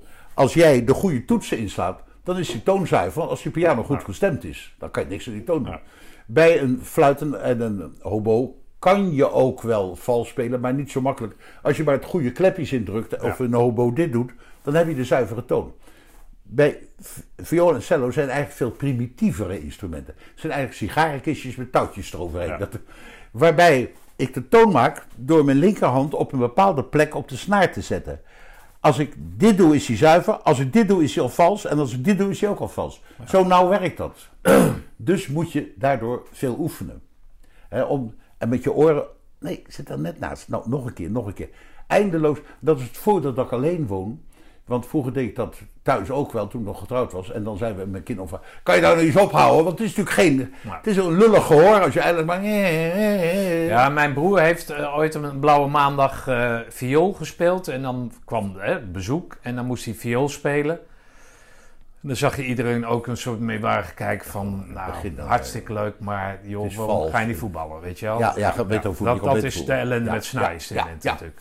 Daarom is ook het een jaar, duurt op consument een jaar langer. Viool en cello zijn ook Oh, is het moeilijker. zo, ja? Ja. Het is Ah. Moeilijker dan, dan dwarsfluit. Of... Kijk, mijn twee andere fluitisten, mijn zoon en mijn nichtje... die kunnen een week voordat we moeten constateren... als ze dan de muziek hebben, als ze dan een paar dagen oefenen, kunnen ze dat. Dat is bij mij uitgesloten. Ik heb nu al de muziek, dus de, mijn partij... heb ik van mijn, mijn zoon, want die is ingenieur... en die kan heel makkelijk die, die partituur op, op mijn computer... dus die print ik uit... En die zit ik nu al braaf elke dag te oefenen. Ja. Als je weg bent, schat. Maar jouw zoon en je nichtje, die durven nog wel met jou op het podium. Ja, maar ze,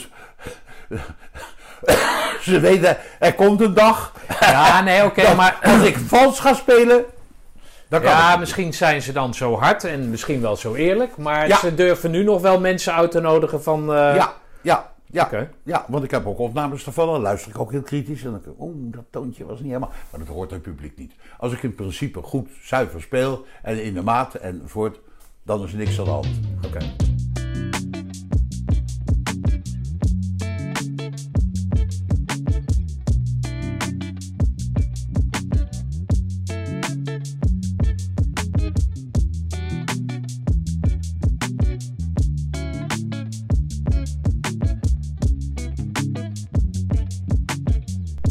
Oké, DK. Eh, even een lekker broodje gegeten. Ja, Ehm, nou, zoals ik eh, voor de pauze eh, vroeg, die muziek. ja, je hebt me even uitgelegd hoe nauw dat luistert. Dat je kinderen je nog steeds en je nichtje je nog steeds op sleeptouw nemen om voor anderen op te treden. ja. Nou, niet mijn kinderen hoor. Nee, je zoon toch? Ja, je die zoon doet en je mee. nicht? Ja, ja, ja, Ja. die zit in mijn trio. Dus, ja, zit in je ja, trio. Ehm, even terug. ja. Jij vertelt dat eh, eh, eh, jij zeg maar een bepaalde onverschilligheid op jouw tocht hebt eh, geleerd. Ontwikkeld, Of, ja, zou ontwikkeld, ja, Ja. ontwikkeld is beter. Ik vertelde dat jij mij vertelde dat jij ehm, dat mensen verbaasd zijn dat een commando Klassieke muziek. klassieke muziek eh, Ja. kan spelen, dat Ja. hij dat waardeert, weet ik van. Wat betekent muziek voor jou? Ik wil niet zeggen alles. Dat vind ik wat te overdreven. Als, je nou, als ik aan jou vraag, Stefan, even gebeurd. Nee. Wat vind jij het mooiste in je leven? Wat zeg jij dan? Mijn kinderen. Exact hetzelfde. Oké. Ik ben ontzettend blij dat ik getrouwd ben geweest. En dat ik drie kinderen heb. Die nu allemaal 63, 61 en 58 zijn. Dus al. Ja, ja, oké. Maar alle drie gelukkig gezond. Alle drie eh, eh, geen problemen. Ik bedoel, mijn oudste zoon is ingenieur en die jarenlang voor Shell gewerkt in Nigeria. Zit er nog steeds nu voor een Nigeriaanse maatschappij. Mijn zoon Gerard, die is dus jarenlang kampioen freestyle skiën geweest en heeft daaruit een bedrijf ontwikkeld. Hij heeft, hij heeft op een gegeven moment begonnen met een mobiele skischans. Waarmee hij met reclame voor Coca-Cola, waar hij veel geld mee verdiend heeft, met grote banieren Coca-Cola, heeft hij opgetreden in heel Nederland. Ook in Duitsland, ook in Engeland. Met hemzelf als springer ook. En als commentator. En met een paar ehm freestyle jongens uit Nederland. Maar ook uit Frankrijk. En ik geloof ook uit eh, Zwitserland of zo. Weet ik niet precies. Maar in elk geval. Want er zijn maar weinig mensen die dat kunnen. Ja. Hij doet het nou niet meer. Want dat doe je tot je, nou, tot je dertigste. Want het is te gevaarlijk om dat door te blijven doen. Ja. Want het is een linker sport natuurlijk. Ja. Er zijn ook mensen door daardoor in een rolstoel eh, terecht. ja, maar het is aan de andere kant, hè, ik wil dat niet eh, bagatelliseren, maar aan de andere kant is het ook een Olympische sport geworden. Het is een Olympische sport. dus het ja. is alleen maar gegroeid. ja, ja, ja. En je dochter? En mijn dochter die is econoom, heeft doctorandus economie. En die werkt als een soort logistieke medewerker bij PostNL. En heeft het daar reuze naar de zin. Groot bedrijf, maar leuke mensen en heeft veel te doen. Vooral in de, in de coronatijd, want toen ging natuurlijk meer mensen pakjes sturen. En. PostNL konden ze bijna niet aan. Dan moesten zelfs het weekend zelf kantoorpersoneel moest pakjes gaan wegbrengen. Om, eh, nou goed, nu is het wat minder geworden, maar goed. Nee, dus alle drie, en hebben alle drie leuke kinderen, ook belangrijk. Dus ik heb leuke kleinkinderen. En ik zie ze regelmatig, vooral natuurlijk van mijn dochter, omdat ik elke zondagavond eet ik daar. En de een studeert de economie in Leiden en de andere studeert psychologie. En dan hoor je weer leuke verhalen. En dan praten we ook over de Oekraïne en over allerlei maatschappelijke toestanden. Welke partij ze nou moeten stemmen. en Weet je wel. Dat is alleen maar ontzettend leuk. Ja. Ja. Dat, is, dat zou ik niet graag hebben gemist in mijn leven. Oké, maar daarna Muziek. muziek. Ja. Kijk, sport natuurlijk niet meer zoveel. Nou, wat ik je zei, dat zwemmen, dat vind ik heerlijk. Dat blijf Ja. ik ook doen. Als sportman. Want toen ik niet meer kon tennissen door die knie, dacht ik, ja, wat moet ik nou doen? Ik moet toch sport bedrijven. En toen ben ik gaan, ik zwom altijd wel, maar nooit, ik heb nooit wedstrijd gezwommen, zou ik maar zeggen. En we hebben hier in Wassenaar een heel mooi zwembad met een gewone wedstrijdbaan. En ook een recreatiebaan met een, met een, enzovoort. Maar in die wedstrijdbaan, dan zwem ik twee keer per week 33 baantjes. Borstkraal, rugkraal, uh, uh, Engelse zijslag. Nou goed, om verschillende spiergroepen in je lichaam actief te maken. Dat laten meebewegen. Ja. En een fietsen vind ik lekker. Ik fiets liever dan ik loop. Ik kan het ook veel langer volhouden. Dat begreep overigens die orthopeet. Die zei, maar dan fietsen een half uur. Ik zeg, ik heb geen enkel probleem. Ik zeg, geef toe, elektrische fiets. Maar ja, je moet wel blijven trappen. Dus je, je moet wel dingen doen. Ja. Niet... Het maakt de boel niet slechter. Hè? Je, je, je rechterknie is zwak. Ja. Uh, maar het, het, het, het, gaat niet achteruit. Ja, natuurlijk gaat het achteruit vanwege leeftijd. Ja, nee, Alles gaat achteruit, ja, Stefan. één doffe ellende. Eén doffe Eén doffe ellende. ja. Ik zal blij zijn als ik hier weg ben. Ja, bewijzen van Dat gezeik. Nee, maar goed, voor je 92 jaar onderhoud je, je je, je ding. Maar je geest, die blijf jij opfleuren met muziek. Zeg ik dat goed? Ja, mijn geest, twee dingen. Ik lees ook veel. Ik lees graag. Dus ik ben geïnteresseerd in ook intellectuele ontwikkelingen. En, en, en muziek, ja, dat is een apart deel in mijn hoofd waar ik niet buiten kan. Okay.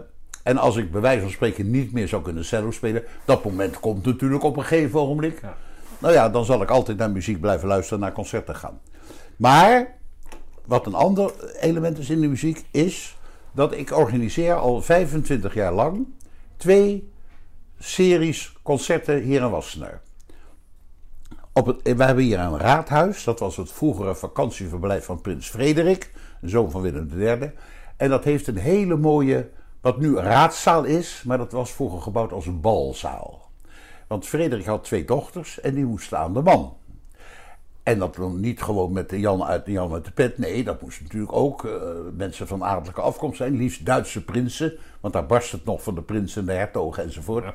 En daar heb je dus bals voor nodig om jouw dochters in aanraking te komen met die potentiële huwelijkspartners. Daarvoor heeft hij die balzaal gebouwd. En kennelijk door zo'n goede architect dat het een uitstekende akoestiek heeft. Daar hadden wij 25 jaar geleden hier een burgemeester. En die was wethouder voor cultuur in Leiden geweest. Die werd hier burgemeester, zag die zaal. En zei toen tegen een van die wethouders: Wij moeten hier concerten organiseren. Want er zijn natuurlijk veel Wassenaarse klassieke muziekliefhebbers. die toen ze nog 40, 50, 60 waren. naar concerten gingen in Den Haag en in Rotterdam en Amsterdam. Maar nu niet meer in zo'n enge parkeergarage. Naar, hè. Dus laten we kamermuziekconcerten hier in Wassenaar vlakbij een huis. Vijf minuten met een auto of met een fiets. Nou, en dat werd eerst door een gemeenteambtenaar gedaan, maar die kon het helemaal niet. En hij wist dat ik cello speelde en ook in orkesten. Wil jij dat niet doen, organiseren? Ik zei, nou, dat is prima. Gewoon onbetaald hoor, als vrijwilliger. En toen heb ik tot de, uh, tot, tot de corona, zou ik maar zeggen, uitbrak, deed ik elk jaar van oktober tot en met uh, april, één keer per maand op zondagmiddag, een uh, kamermuziekconcert in die raadzaal georganiseerd. Gespeeld door professionele strijkkwartetten, strijktrio's, piano enzovoort, afwisselend. Van hoog niveau. Dus die ook in Londen en in Berlijn spelen en in het concertgebouw in Amsterdam. Nou, en die moest ik ook uh, afspreken hoeveel ze moesten kosten en, enzovoort. Nou. En ik hield dan uh, voor die concerten een praatje van vijf minuten om de mensen even te vertellen wat ze straks gaan horen. Iets over de componisten, een beetje pikante details. Hè. Dat Liest ging op een gegeven moment met zijn vriendin naar, naar, naar, naar Mallorca. Omdat Liest, oh nee, een soort Chopin ging met zijn vriendin naar Mallorca. Omdat hij nogal zwak, ziek en misselijk was. Nou, je weet Chopin, perfecte pianist en prachtige componist. In de hoop dat hij door de zon in Mallorca weer wat beter zou worden. Nee, want het had de hele zomer geregend. en toen kwamen ze weer terug in Frankrijk. En toen vroeg een vriendin van zijn vriendin die mee geweest was. En hoe was het in Mallorca? Nou, ze, het regende voortdurend. En bovendien kon net zo goed met mijn broer kunnen gaan. Met andere woorden, Chopin was niet in staat om haar nog enigszins uh, lollig... Precies. nou ja, goed, dat soort details, dat doet het altijd leuk. En een beetje dan inhoudelijk over de muziek. Nou. Om dat, dat, en dat is nu afgelopen, omdat dat raadhuis wordt nu helemaal gerenoveerd. En de kans dat ze daar nu concerten zullen geven is, is uitgesloten. Ook al omdat het voor de gemeente wel een hele opgave was. Want telkens moesten ze, als ik een concert gaf de avond van tevoren, raadzaal ombouwen tot concertzaal. Dus natuurlijk andere stoeltjes. En dat werd ook een te groot. Er werden minder bodems door de bezuiniging enzovoort. Dus dat komt niet meer terug. Nou, daarnaast heb ik ook ongeveer vanaf diezelfde tijd... zat ik al hier in de dorpskerk... in een commissie kerkmuziek... waar dus ook kantatendiensten worden georganiseerd. Vroegen ze aan mij... wil je niet eh, op zaterdagmiddag een soort promenadeconcert? Nou, promenade wil zeggen light classic. Op zaterdagmiddag, maar een half uur. En dus niet voor geheide concertgangers, want een normaal concert, een concert duurt een uur, anderhalf uur. Maar iemand die dat niet gewend is, dat, dat is te lang. Dan, dus een half uurtje muziek. Dat, heb ik, dat doe ik dus nu ook al 25 jaar, ook met een verhaaltje van tevoren. En dat is een mengeling van goede amateurs en professionele muzici. Elk jaar probeer ik dat een beetje te veranderen. Soms komen dezelfde, als ze veel succes hebben. En soms kom ik weer na. Ik heb een heel netwerk langzaam opgebouwd in Nederland van professionele muzici en amateurs hier een beetje uit de buurt. En uh, dat vind ik heel leuk om te doen. Dat is dat onbezorgd? Nee, niet zozeer jouw functie, maar die, die, die, die, die mensen die komen optreden? Nee, in, in, de, in de raadhuis kregen ze gewoon hun normale professionele dingen. Dat, is, dat hangt er vanaf hoe beroemd ze waren. Kijk, als je eenmaal voor de televisie bent geweest, stijgt gelijk ja, jouw honorarium. Ja. Dus dat lag tussen de 300 à 400 euro per muzikus. Okay. Hier niet, in de kerk. A, het is maar een half uur. En B, ze moeten het ook een beetje leuk vinden. Vaak gebruiken professionele muzici die concerten van mij, zal ik maar zeggen, als een soort try-out voor hun concerten in de echte concertzaal. Ja. dat vinden ze leuk om hier. Bovendien, deze kerk heeft ook een hele mooie akoestiek. Dus dat, dat scheelt natuurlijk ook. Heel belangrijk. Ja, ja. op de achterste bank hoor je het nog prachtig. En dat organiseren daarvan, ik, nu begint weer op 9 eh, juli het eerste concert. Dus ik ben er al druk mee bezig.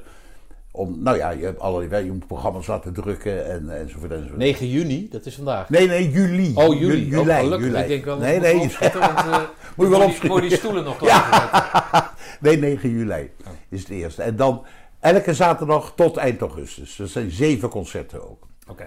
En dat is leuk om te organiseren. Ik heb dus veel contact. Kijk, professionele muzici is mijn ervaring, Stefan, zijn in het algemeen aardige mensen. Ik heb nooit echt een zaggerijnige, lullige, vervelende. Ze zijn eh, intellectueel geïnteresseerd en muzikaal. Alleen het nadeel is, ze zijn niet allemaal hoor, maar veel uiterst onbetrouwbaar.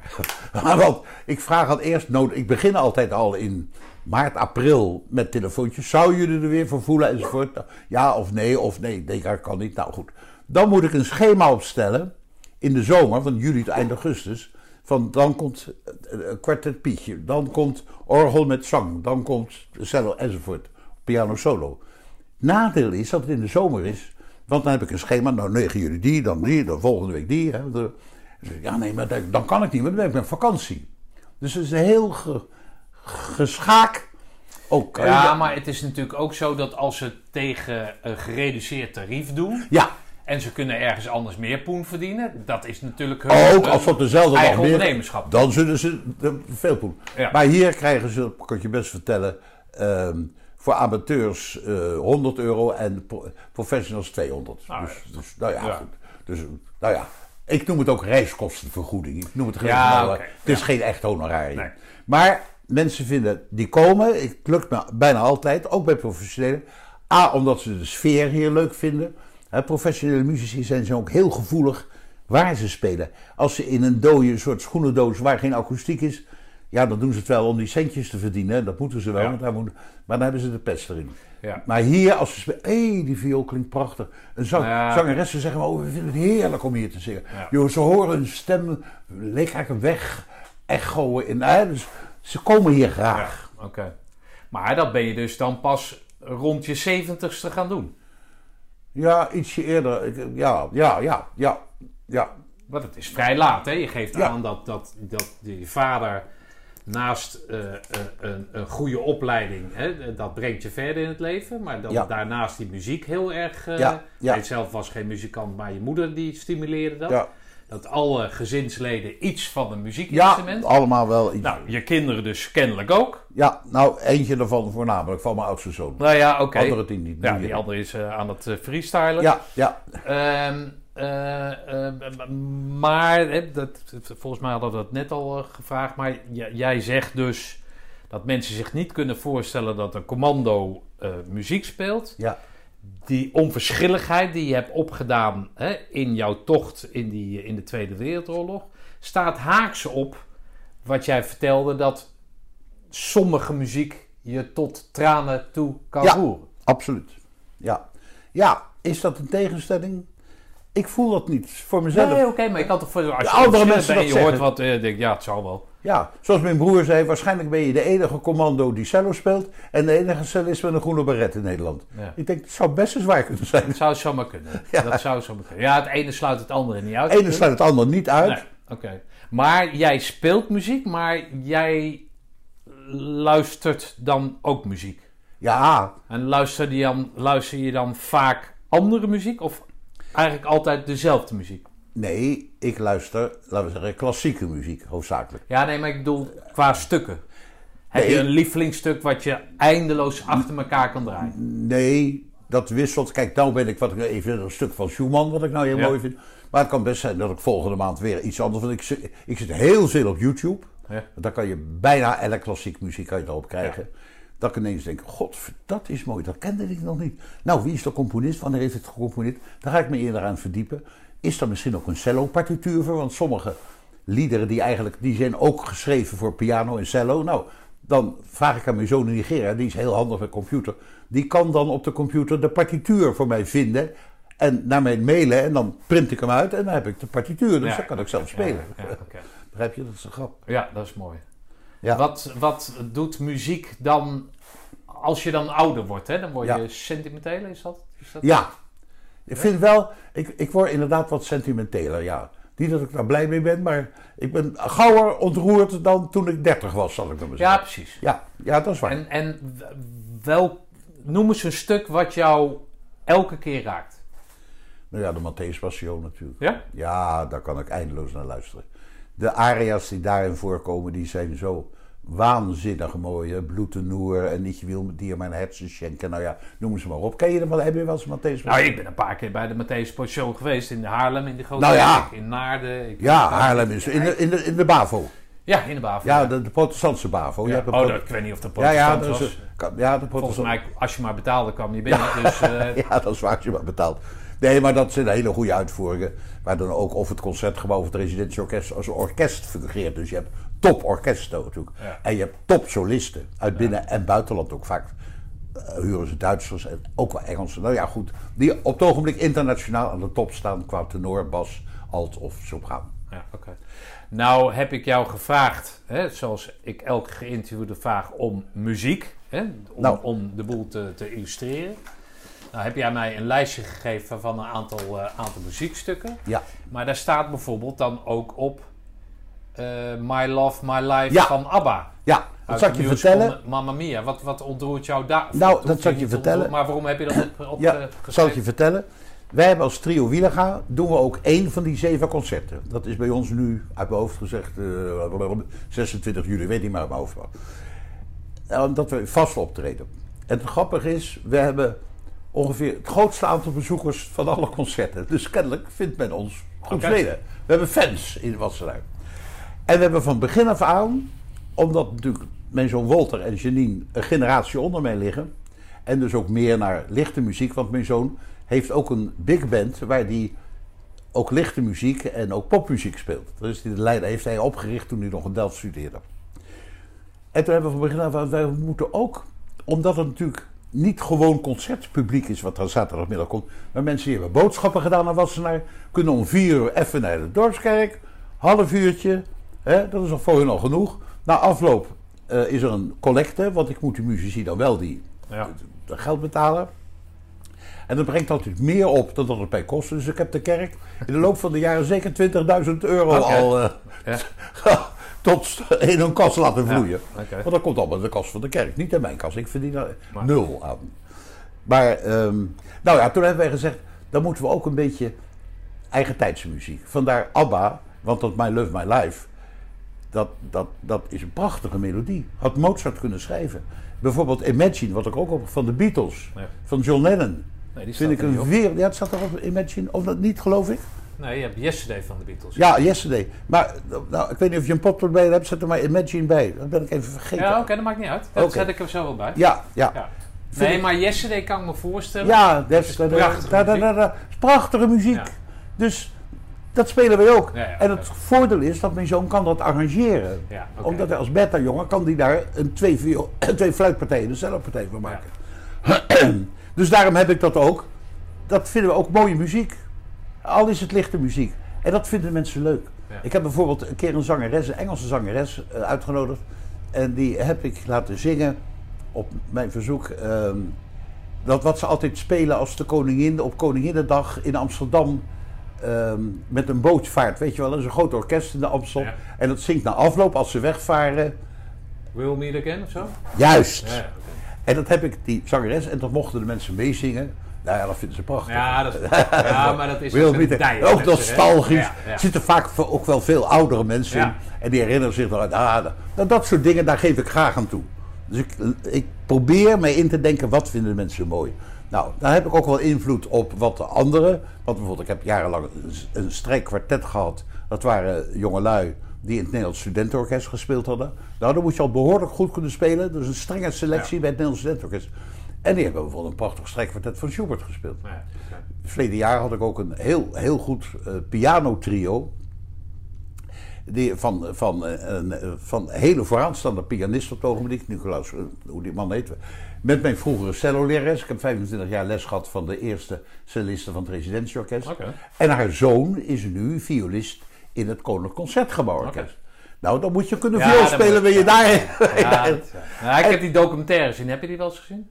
Over Ja. de aanname van... Ja, ja, ja, ja. ja dat, dat, Ja, en die spelen met, met z'n drieën. Dat was het grootste succes van het jaar. Ja. En eh, toen zat de kerk ook stampvol. Want ik, ik schrijf ook wat aankondigingen in de, in de krant. Daarom luister ik eerst eh, altijd af wat er gespeeld gaat worden via YouTube. Ja. En dan kan ik een goede aankondiging Ja, schrijven. ja, ja, ja. En dat had ik dus van, nu moeten jullie echt naar de kerk komen. Wat er nou komt op zaterdagmiddag, dat, halen, jullie- dat horen jullie nooit meer in Wassen. Stampvol de kerk. Nou ja, stampvol overdreven. Maar meer dan, laten we zeggen, 160 mensen, wat al veel is voor een kamermuziek. Want ik, heb- ik ken mensen in Voorschoten die doen hetzelfde en Oostgeest. Die halen nog geen 100. Ik haal meestal over de 100 mensen hier. Dus ik zit aan de hoge kant. Dus Oké, nou dat is, dat betreft. ja, dat is maar daarom, daarom dus ook ABBA en ook de Beatles. En als we wat anders... Want dan komt eh, mijn zoon wel eens met een idee van... Nou, melodische, moderne muziek. hey, luister eens. Als jij, ehm, hè, omdat je al wat ouder wordt, ik wil je de put niet inpraten, maar, maar als jij niet meer in staat bent om een muziekinstrument te spelen, wat, wat ga je daarin als meeste missen dan? Eh, het elke dag spelen, dat vind ik een vast. Nou ja, elke dag oh, is ook wel eens een dag als ik allerlei dingen te doen heb. Dat, maar vrijwel elke dag zit ik toch wel een uur lang achter. Maar is dat ontspanning? Is, is dat, is dat nou- juist concentratie? Het is, het is A, wat ik moet uitvoeren, moet ik sowieso al natuurlijk goed kunnen, want ik mag niet in de war raken. Ben ik wel eens geweest een concert.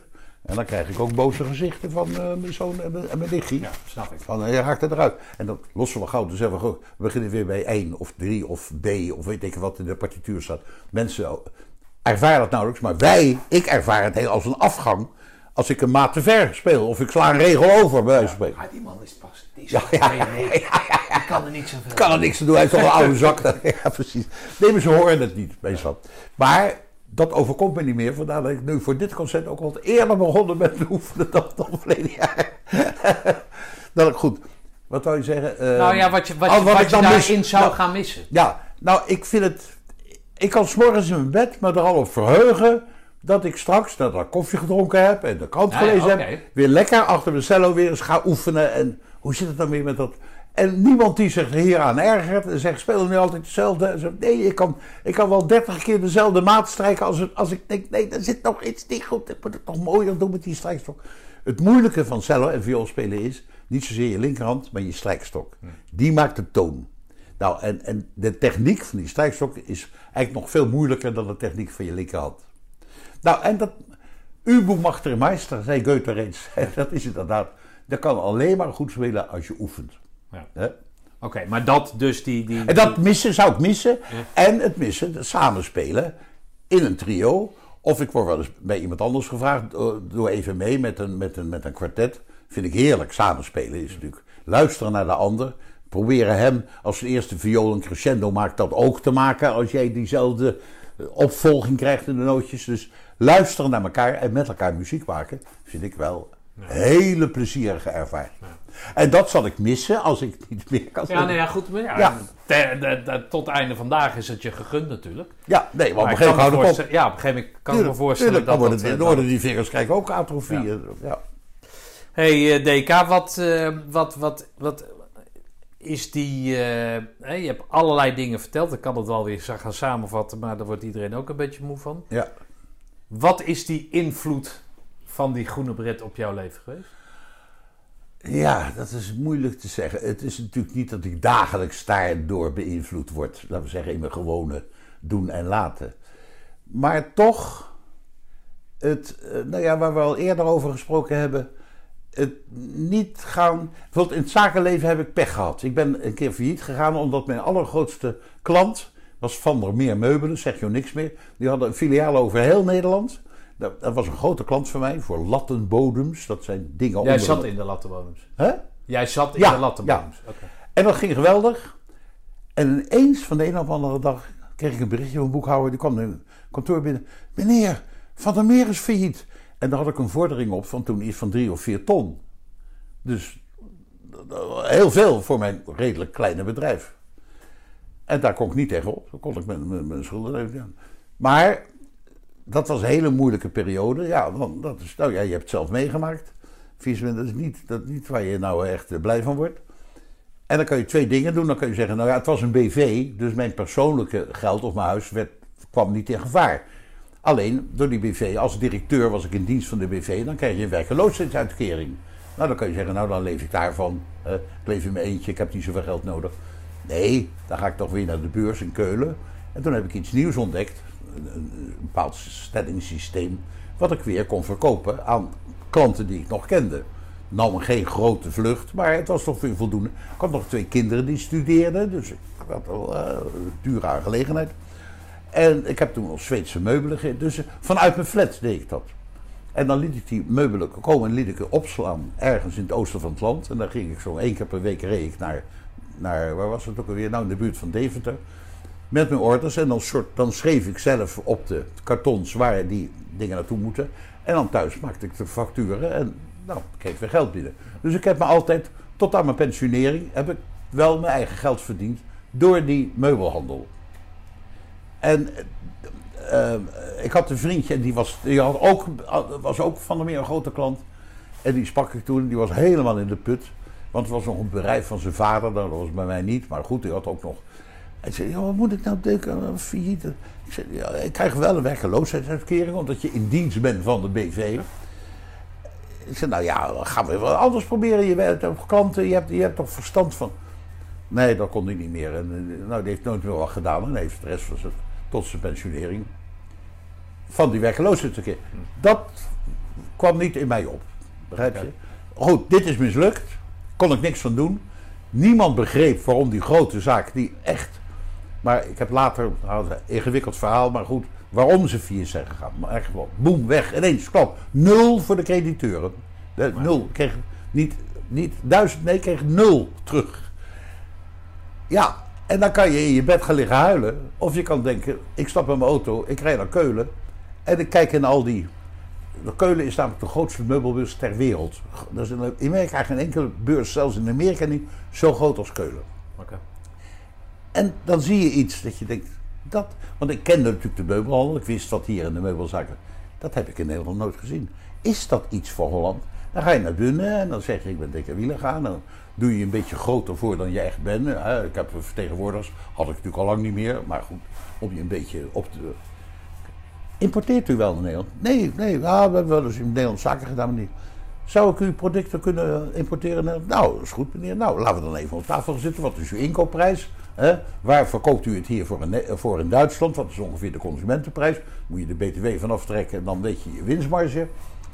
Nou, en dan ga je dat proberen.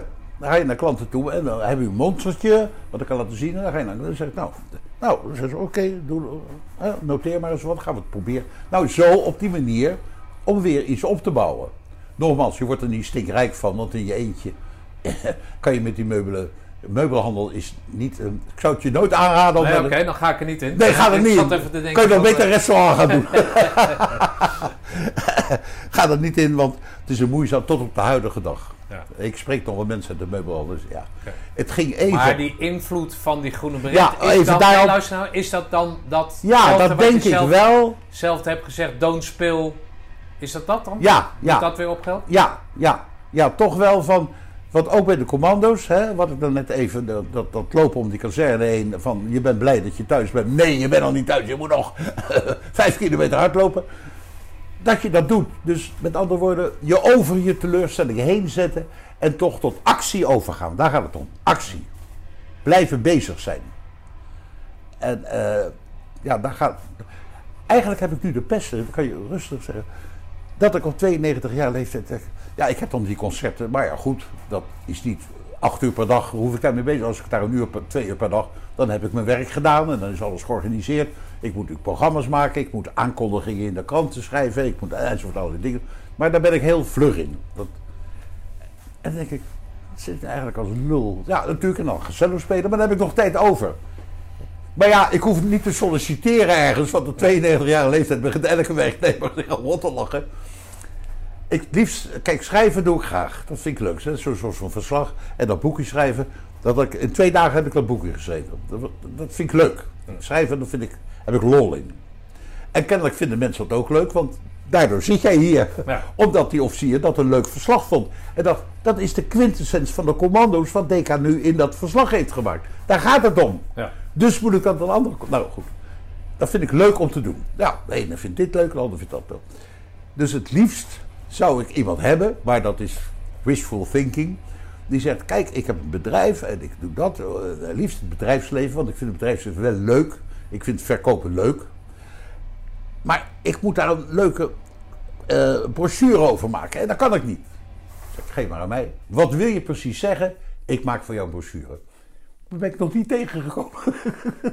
Als je iemand weet, stuur hem mij naartoe.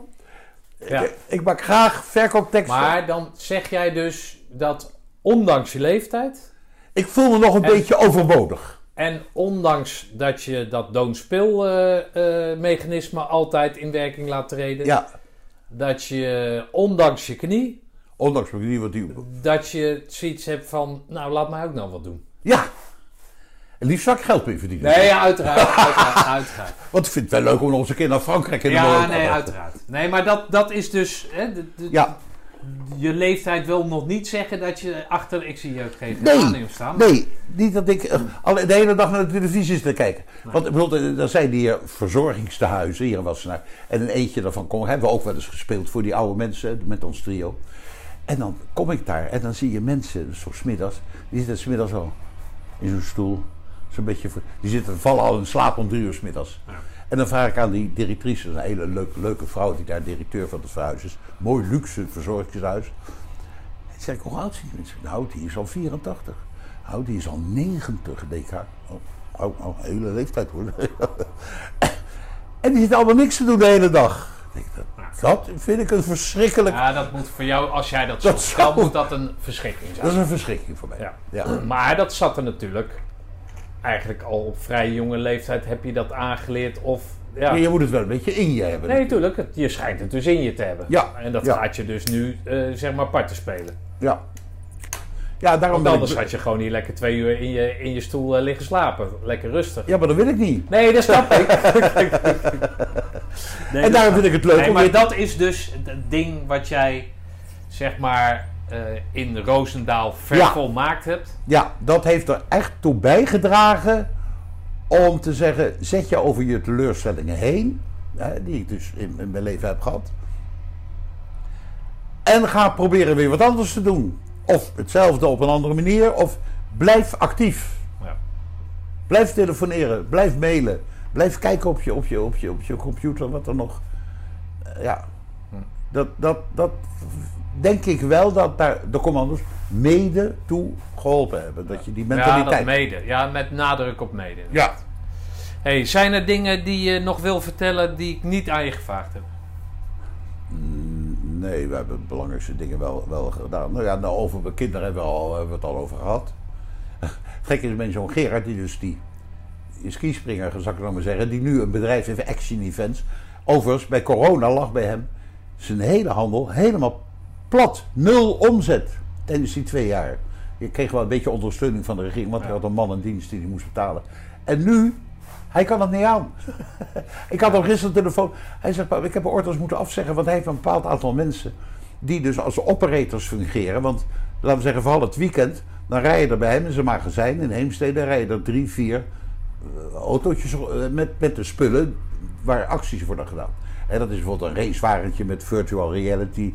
Dat is een, een soort paal waar je met een fiets tegenop kan. Hoe, harder je fiets, hoe sneller je boven bent. En dan kunnen jongens zeggen: Ik doe dat wel in 10 seconden. Nou, daar moeten ze voor betalen natuurlijk, want hij verdient er geld al af. Allemaal onder uh, toezicht van de, van de Arbo. Want het zijn natuurlijk dingen waar je uit kan donderen. Dus gevaarlijk. Nou, dat moet allemaal gezekerd. Allemaal gezekerd. Tot en met. Ja, uiteraard. Bunker jump heeft hij ook jaren gedaan, nog steeds. Van een kraan in Amsterdam. Die buiten werk niet is, heeft hij samen met, die, met de eigenaar van die kraan, die een restaurant exploiteert in dat kraanhuis, heeft hij op de top daarvan een bunkerjump installatie. En dat mensen die springen dan boven het water in het eigen naar beneden. Okay. Oh, nou, daar moeten ze voor betalen. Ja. Ja, ja, die zal geen makkelijke tijd Nee, en die had ook graag, die speelde als jochie altijd soldaat, met mijn kleren aan. Die had ook graag met de commando's gewild. Maar ja, toen hij net die leeftijd had, werd de dienstplicht afgeschaft. Ja, ja, ja. ja, ja. Maar goed. Ja. Maar, zijn er nog dingen die ik niet uh, aan dingen die ik kwijt wil?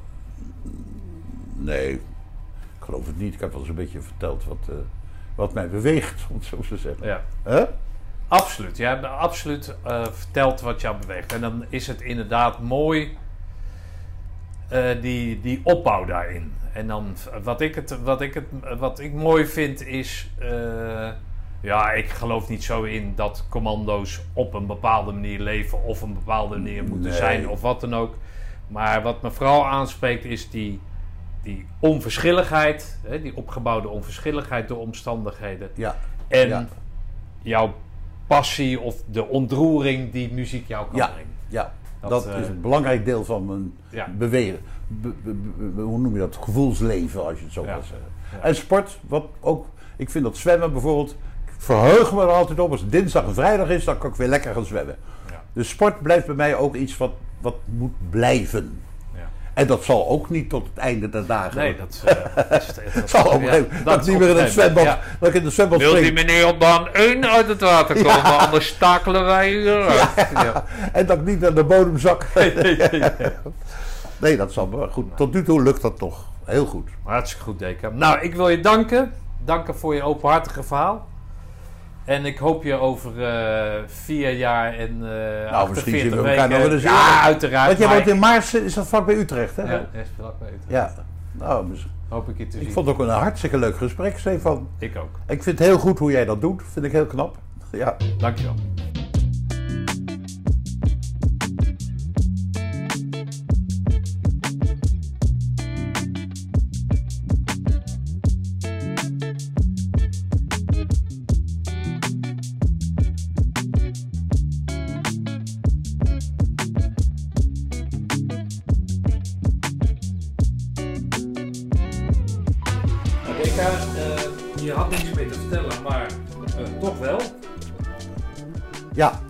Dat toen ik dus eh, voor mezelf begon om nou ja, die meubelen uit eh, Duitsland te importeren, ben ik ook begonnen op verzoek van een Wassenaarse lokale krant om voor hun als journalist op te treden en mensen te interviewen. Eh, een burgemeester bijvoorbeeld of een wethouder die iets leuks had gedaan.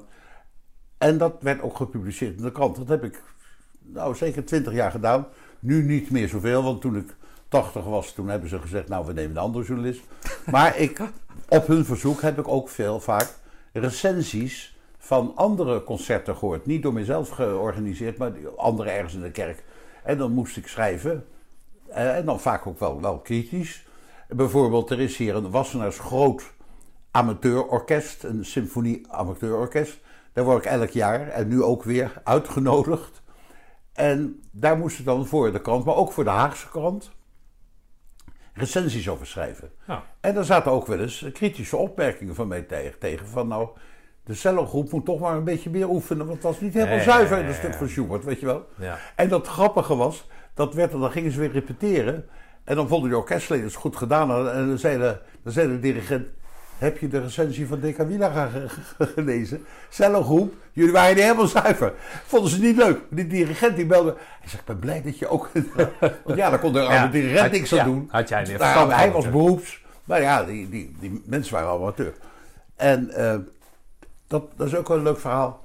Op een gegeven moment kwamen Willem-Alexander en prins Prins nog... en prinses eh, Maxima hier in Wassenaar te wonen. In de Horsten. Eh, Dus tegenover... Oh ja, de- dat woont, ja dat, die wonen hier natuurlijk. Woonden hier natuurlijk. Die woonden zij, ja. Ja. Zij woonden hier. Ja. Alexander en met hun kinderen woonden als... Hij was toen nog prins. Nou. En toen eh, had de, de toenmalige burgemeester besloten om hun te introduceren bij de Wassenaarse bevolking. En dat ging als volgt. Toen moesten ze aan het begin van de Langstraat, dat is de belangrijkste winkelstraat hier, lopen. En dan mochten de mensen aan de kant hun toejuichen. En dat eindigde in de dorpskerk. En eh, daar waren dus een soort staattafels gezet. En er waren uitgenodigd representanten van de diverse verenigingen hier in Wassenaar. Dus de kippenfokvereniging en de Rotary en de Lions en de weet ik veel. Hè. En dan mochten één of twee bestuursleden achter die tafel staan. En dan zou Willem-Alexander Maxima daar langslopen en met, de, met die mensen. Zodat ze een goed beeld kregen van Wassenaar. En toen belde de burgemeester, die een goede vriend van mij was. Een hele leuke vent. En die zei, Deka, ja, en dan willen we daar een beetje achtergrondmuziek hebben. En wij vinden, ik heb met de wethouder gesproken, dat er maar één ensemble in Wassenaar is die daarvoor een aanmerking komt dat ze trio wielen gaan. Wil je dat doen? Ik zei, nou, dat vind ik natuurlijk een hele eer, Herman. Herman van der Muizenberg heette. Vind ik een hele eer. Tuurlijk willen we dat doen. Dus ik ben mijn zoon en mijn nichtje gebeld, jongens, dat gaan we doen. Oh, leuk, leuk, leuk. Nou ja, wat gaan we dan spelen? Nou, we moesten, voordat Willem-Alexander, dan kwamen die, die mensen al binnen, achter die tafels te staan. En dan waren Willem-Alexander en nog buiten, dan kwamen ze binnen. Dus ook als die mensen er kwamen, moesten wij al spelen. Nou, we hebben een groot repertoire van meer dan 80 nummers. Dus we kunnen Mozart en dingen, een een beetje achtergrondmuziek. En toen dacht ik bij mezelf, stel nou dat Willem-Alexander in Argentinië komt. En hij wordt ontvangen door een gezelschap. En ineens speelt het orkestje of de pianist of wie dan ook Tulpen uit Amsterdam, ik noem maar wat. Of een Hollands liedje. Zou die hartstikke leuk vinden. Dus ik moet op een gegeven moment ook een Argentijns liedje spelen. Hoe kom ik aan een Argentijns liedje? Nou, ik nadenken, zeker zoeken op een computer. En ik, ik vond wel veel ehm, muziekjes, maar niet partituur. Want wij moeten nootjes hebben natuurlijk. Ja. Toen heb ik tenslotte een echtpaar in Leiden gevonden, waarvan hun specialiteit was Argentijnse muziek. Want die hadden al lang in Argentinië gewoond. En die hadden ook, die heb ik opgebeld, en die hadden ook bladmuziek. Ja. Ik zei, daar kom ik naar je toe. Nou, dat vonden ze leuk. Dus ik naar die mensen toe. En nou, allemaal, daar komt. En ik dacht, oh ja, dat lijkt me wel leuk. Nou goed. Dus ik had van twee Argentijnse liedjes had ik de partituren, dus de nootjes. En, eh, nou, dus ik, eh, en mijn zoon heeft daar gelijk weer een arrangement van gemaakt. Voor twee fluiten cello. eh, ingestudeerd. Nou. En wij zaten dus te spelen als voorbereiding dat de prinselijk paar binnen zou komen. Toen kwamen ze binnen en gingen inderdaad, Maxima ging de ene kant uit en Willem-Alexander de andere kant uit. De een met de burgemeester, de andere met de wethouder erbij. Om samen met die mensen van die verschillende verenigingen te praten. En wij zaten te spelen voor in de kerk. eh, Mozart, en weet leuke, leuke dingetjes. En ik hield die koningin in de gaten, want die vond was een bloedmooi ding natuurlijk. Hè. En die kwam langzamerhand inderdaad naar het tafeltje toe, wat het dichtst bij ons stond. Dus op een gegeven moment kwam ze, ik zei jongens, Argentijnse weg. Mozart weg, Argentijnse liedjes. En we begonnen Argentijnse liedjes te spelen. Dus als spelend keek ik zo met een half oor, oog naar Maxima. En dat was heel grappig. Ze stond dus te praten. En ineens hield ze op met praten. Hoorde dat liedje. Hield op, kwam naar ons toe. En eh, wij hielden natuurlijk op, hè, want Maxima wou kennelijk met ons praten. En ze zei, meneer, wat een leuke liedjes. Ja, die ken ik natuurlijk. Ik zei, ja, eh, hoogheid, daarvoor hebben we ze ook voor u gespeeld. Toen zei ze, maar weet u wel wat de tekst is van die liedjes? Ik wist dat, want dat had ik bij. Maar ik zei natuurlijk, nee, eh, maar dat weet ik niet. Toen zei ze, nou, dat is een liedje en dat gaat over een vrouw in Argentinië. Die heeft liefdesverdriet, is verliefd op een man, maar haar liefde wordt niet beantwoord. En zij gaat aan de kust van Argentinië, loopt ze de zee in en haar rokken zweven over de golven en zo verdwijnt ze langzamerhand in de diepte van de zee. Prachtig verhaal.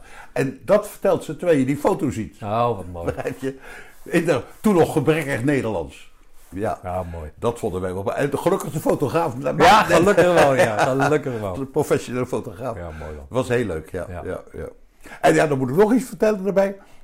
Ik zat ook in de commissie, de culturele commissie, die eh, schilderijen en beelden tentoonstelling. Daar deed ik niet veel van, dat was een andere commissielid die deed dat. Maar we hadden een beelden tentoonstelling georganiseerd in het park van datzelfde raadhuis. Dus een heel goed park omheen. En dat zou geopend worden door Alexander en Maxima, toen ook nog steeds prins en prinses. En eh, nou, de voorzitter van de commissie liep natuurlijk, hij was voorzitter, dus hij mocht naast de koningin lopen en ik was gewoon lid, dus we liepen er een beetje achteraan. En na afloop van die rondleiding gingen ze het raadhuis in om een glaasje champagne te drinken. Te drinken. En een ander vent van de commissie, wij stonden buiten te wachten. Is, ja, je kent dat niet, dat is een soort bordes voor de ingang.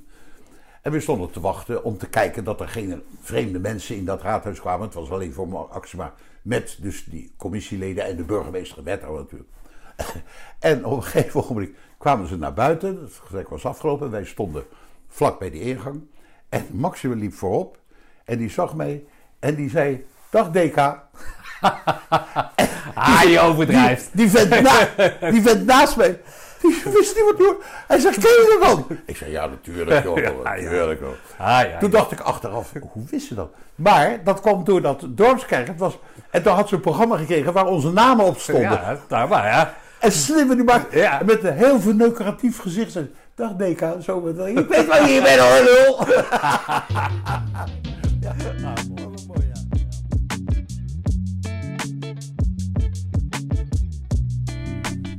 Lieve Deka, mooie vet. Dank.